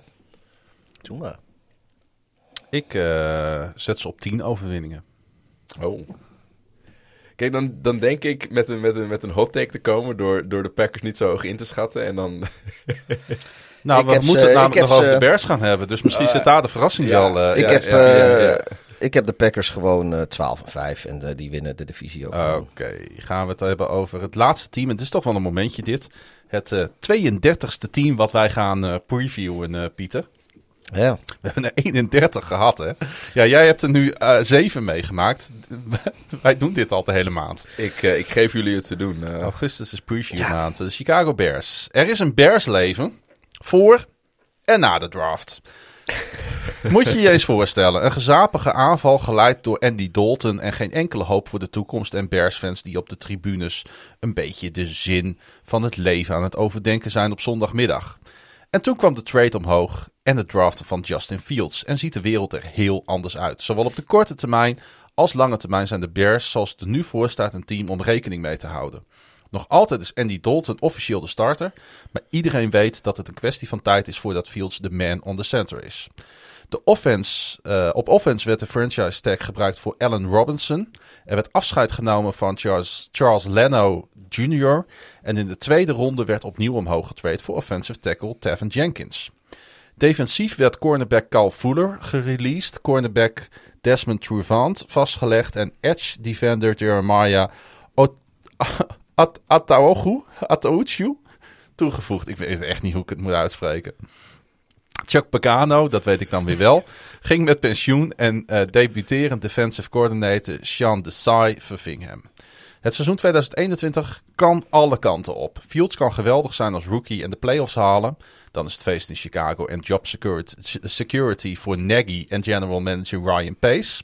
Aan de andere kant is het mogelijk dat er te lang vastgehouden wordt aan Dalton of Fields gewoon tegen groeikrampjes aanloopt. Als het een meh seizoen wordt, zal het mij niet verbazen dat er dan organisatorisch ingegrepen wordt. De Chicago Bears, Pieter. Ja, ik. eh, ja, je, je neemt al een, een, een, voorsprong eh, of een, een, een, Voorschot. Een, een voorschot op, eh, op het feit dat Dalton al dan niet vervangen gaat worden door Fields in de loop van dit seizoen. En dat is denk ik ook de grote vraag. Niet of, maar wanneer.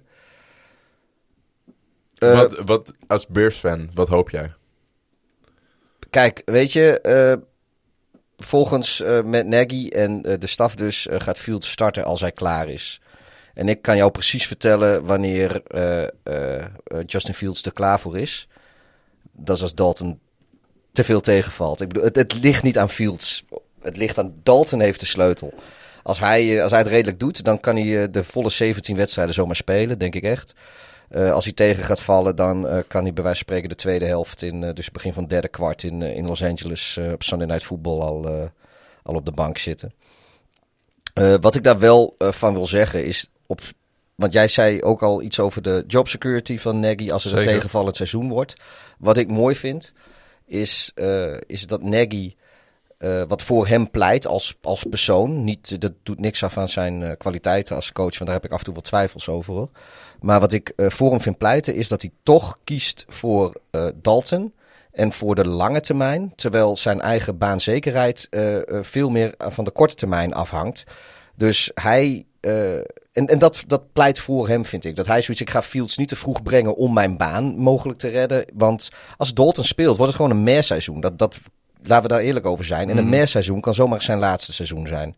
Want hij is ooit binnengebracht als offensive eh goeroe. En Ja, hij, zou de uit de mond. eh. hij zou de hele shit daar wel even... eh, jongen, wat- we zouden dingen zien die we in Chicago nog nooit gezien hadden. Nou ja, Mhm. wat we hebben gezien de laatste jaren was gewoon een hele goede defense en een knaken offense. En dat is wat we altijd zien in Chicago.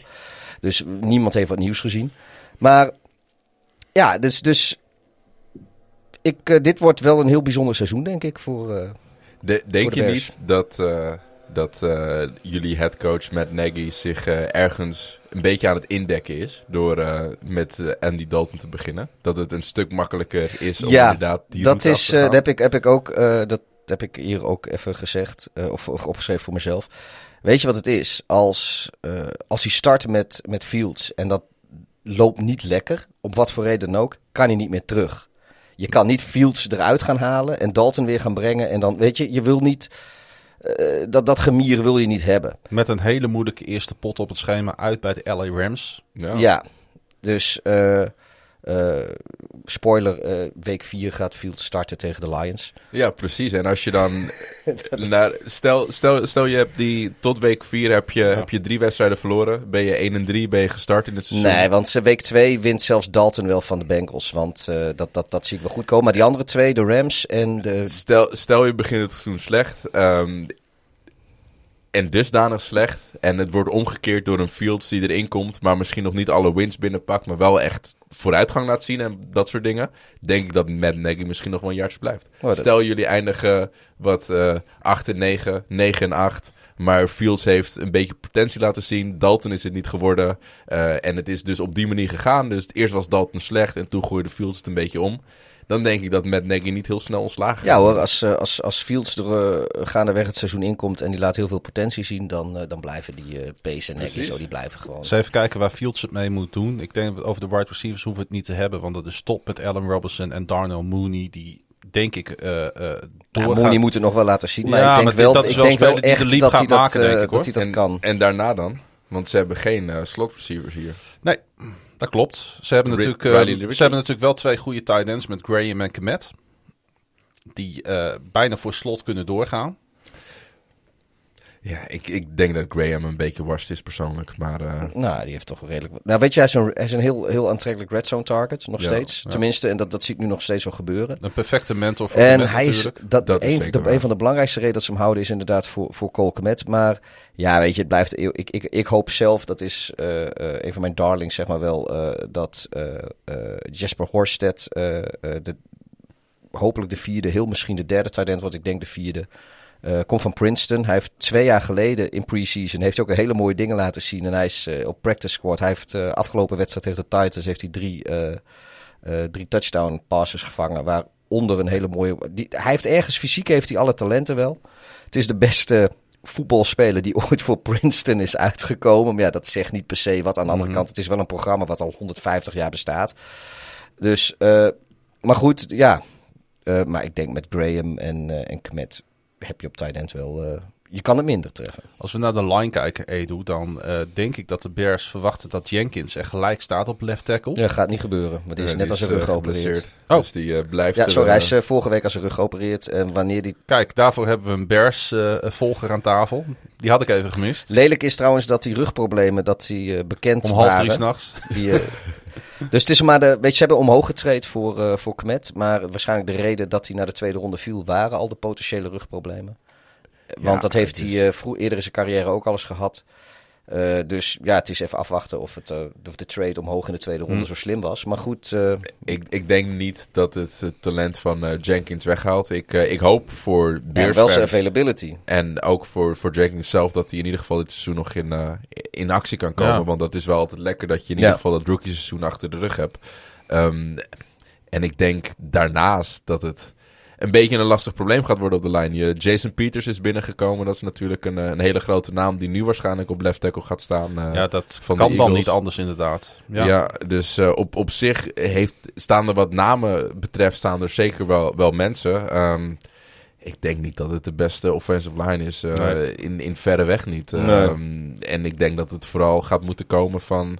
De skill positions zien er een stuk beter uit dan de line. Absoluut, absoluut. Eh, een underrated speler in mijn ogen is, eh, is Khalil Herbert.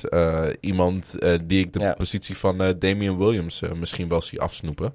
En eh, ook een beetje in de, in de workload van David Montgomery snijden. Die volgens Nou, ik denk dat, Nagy eh, veel de bal gaat krijgen. Het zou, het zou me heel goed kunnen dat, eh, dat Khalil Herbert zich in de eerste weken van het seizoen gaat opwerpen tot inderdaad de tweede running back. Want Terry Cohen die staat op de puplist, dus die zien we sowieso pas op zijn vroegste week 7 terug, geloof ik. Want volgens mij mag je die pas na week 6 mag je pupspelers weer, weer Ja. op je active roster hebben. Eh, ja, Damien Willis. Ja, ik denk dat inderdaad ook uh, Khalil Herbert, die, eh, die kan tegen die tijd best goed al RB2 zijn geworden. En ik, ik meende ergens te horen dat Matt Nagy ook had aangegeven de bal meer te willen rennen dan vorig jaar. Ja, Ehm, roept hij wel ieder jaar, dus gaan we even afwachten. Classic. Ja, ja nee, dat, dit- dit- dat wordt interessant. Maar er zijn wapens op offense. Ik denk niet dat dit de beste offense... Ik denk wel dat, dat, dat, dat als je met, met het moment dat, dat Fields gaat spelen, dat de running game. eh, kijk, dat zag je zelfs vorig jaar al met het verschil tussen Foles en Trubisky. Dat als Trubisky speelde, was de running game veel beter dan als Foles speelde. Dat had te maken met dat Trubisky wat mobieler was. Eh, nou ja, nu is, is, is eh, ehm, Dalton mobieler dan Foles. Maar laten we even niet doen alsof Fields Mhm. niet een van de. Dat is de, veel mobieler natuurlijk. En dat, dat brengt zoveel dreiging met zich mee dat, dat, dat, dat zou een running game inderdaad wel heel erg ten goede komen. Kijk, Ah. en eh, de- sorry omdat ik de podcast vorige week gehoord, eh, gehoord had met, eh, met onze Jalen Hurts truder. Ehm, ik, ik kan je nu alvast vertellen dat als Justin Field nu gaat starten, dat het, dat het al een stuk beter gaat worden dan tenminste Jalen Hurts. Dat is in ieder geval de Ja, ondergrens. maar iedereen in Chicago hoopt natuurlijk op een nieuwe versie van Justin Herbert. Ja, de- ik, ik weet niet of het dezelfde soort spelers ik denk zijn. dat ik, ik, ik Nou de, ja, het plafond, prestatie-wise het- dan. wat, wat, wat zeg Ja, maar voor, in, in mijn beleving het plafond, dus de, de absolute top eh, is die, eh, die ik, waar ik durf te hopen met, met Justin Fields, is een soort eh, Russell Wilson, maar dan groter. Qua fysiek. Kyler Murray, maar dan groter qua fysiek. Ja, dus, kan eh, ook, ik denk ja. dat we in hetzelfde hoekje zitten. Maar nee, Fields is, is absoluut een, eh, een enorme stiel ten eerste. Eh, en ten tweede ook qua potentie een, een, een, een hele goede speler. Ehm, en ik was aardig van hem over de indruk, op de indruk, of Onder. onder de indruk. Oh, Alle voorzetsels hebben we gebruikt hiervoor. In het afgelopen preseason. Dus ik, ik hoop dat hij snel de kans krijgt. Een, van de, een, van de mooiste, een van de mooiste dingen die hij deed, vond ik. En dat is, ik, nou ja, bijvoorbeeld Trubisky had natuurlijk ook mobiel. Je ziet heel veel quarterbacks die een stukje gaan lopen.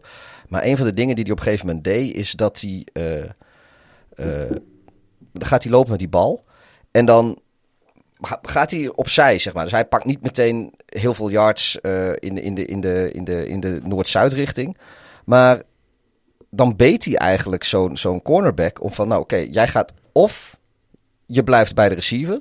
Dat is prima, maar dan ga ik die voor, lopen voor die first down. Want ik, we staan hier één op één. Want die cornerback die wordt gedwongen om te kiezen tussen een receiver en de quarterback op dat moment. En op het moment dat hij een stap naar voren doet om naar Fields te gaan, dan op een hele lelijk lopje eroverheen naar die receiver. Die dan, op, nou, bal, stap uit de lijn en first down. Weet je, dat is iets. Dat, dat gochme, dat zie je eh, eh, nou, bij rookies nog niet eens, of, of tenminste niet, niet vaak. En, En en, de- de- en dus ook gewoon een dosis voetbalintelligentie. Het is, het is niet alleen dat hij de fysieke traits heeft. Hij zit gewoon in zijn hoofd is hij een stuk verder dan... eh, Maar goed, genoeg denk ik over Fields, want anders houden we het Nou nergens voordat, tijd over. voordat we gaan, eh, gaan afsluiten, toch nog even kijken naar de defense. En dan moet ik toch één ding eh, even bij jouw bordje leggen. Want ik heb, ja, ik vond de pass rush van de Bears zeer teleurstellend vorig jaar. Ja, dat, je dat? ja, dat klopt. Want Quinn die, die viel verschrikkelijk tegen.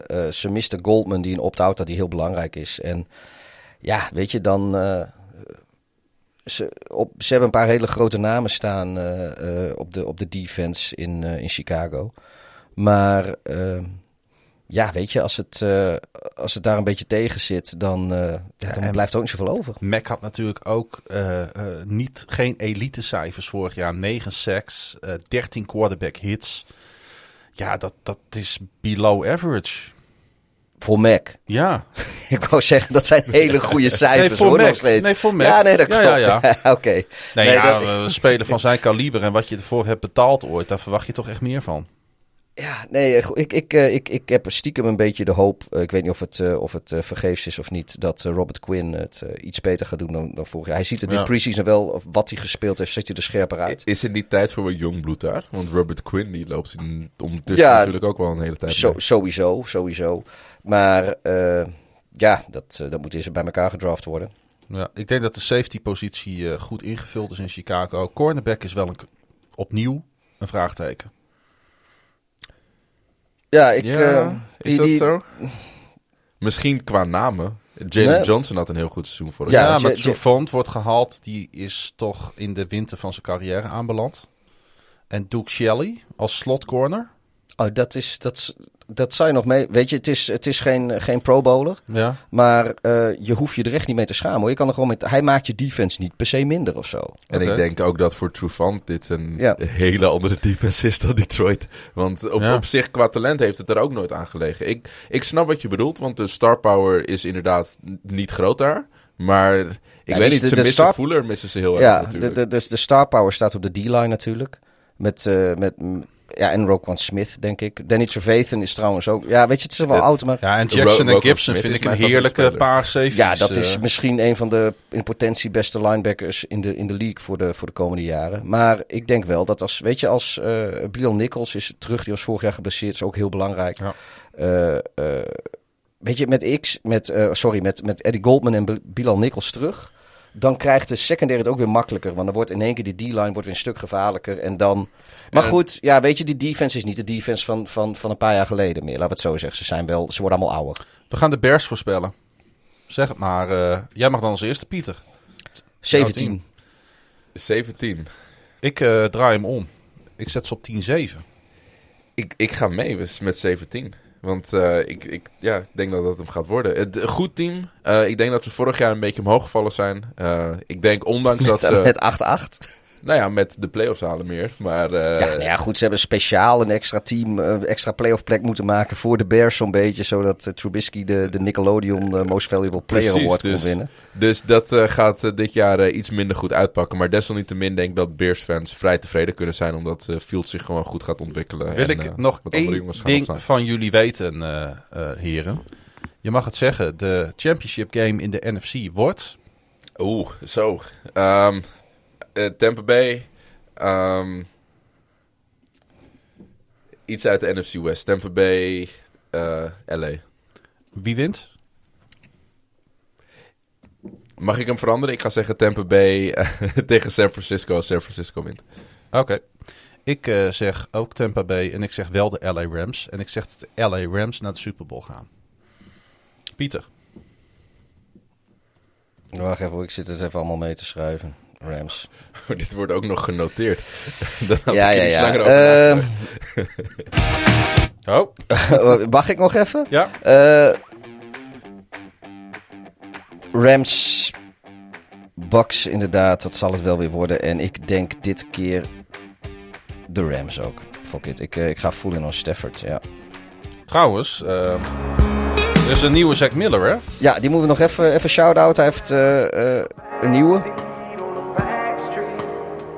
Met een hele, hele corny tekst, maar daar houden we van.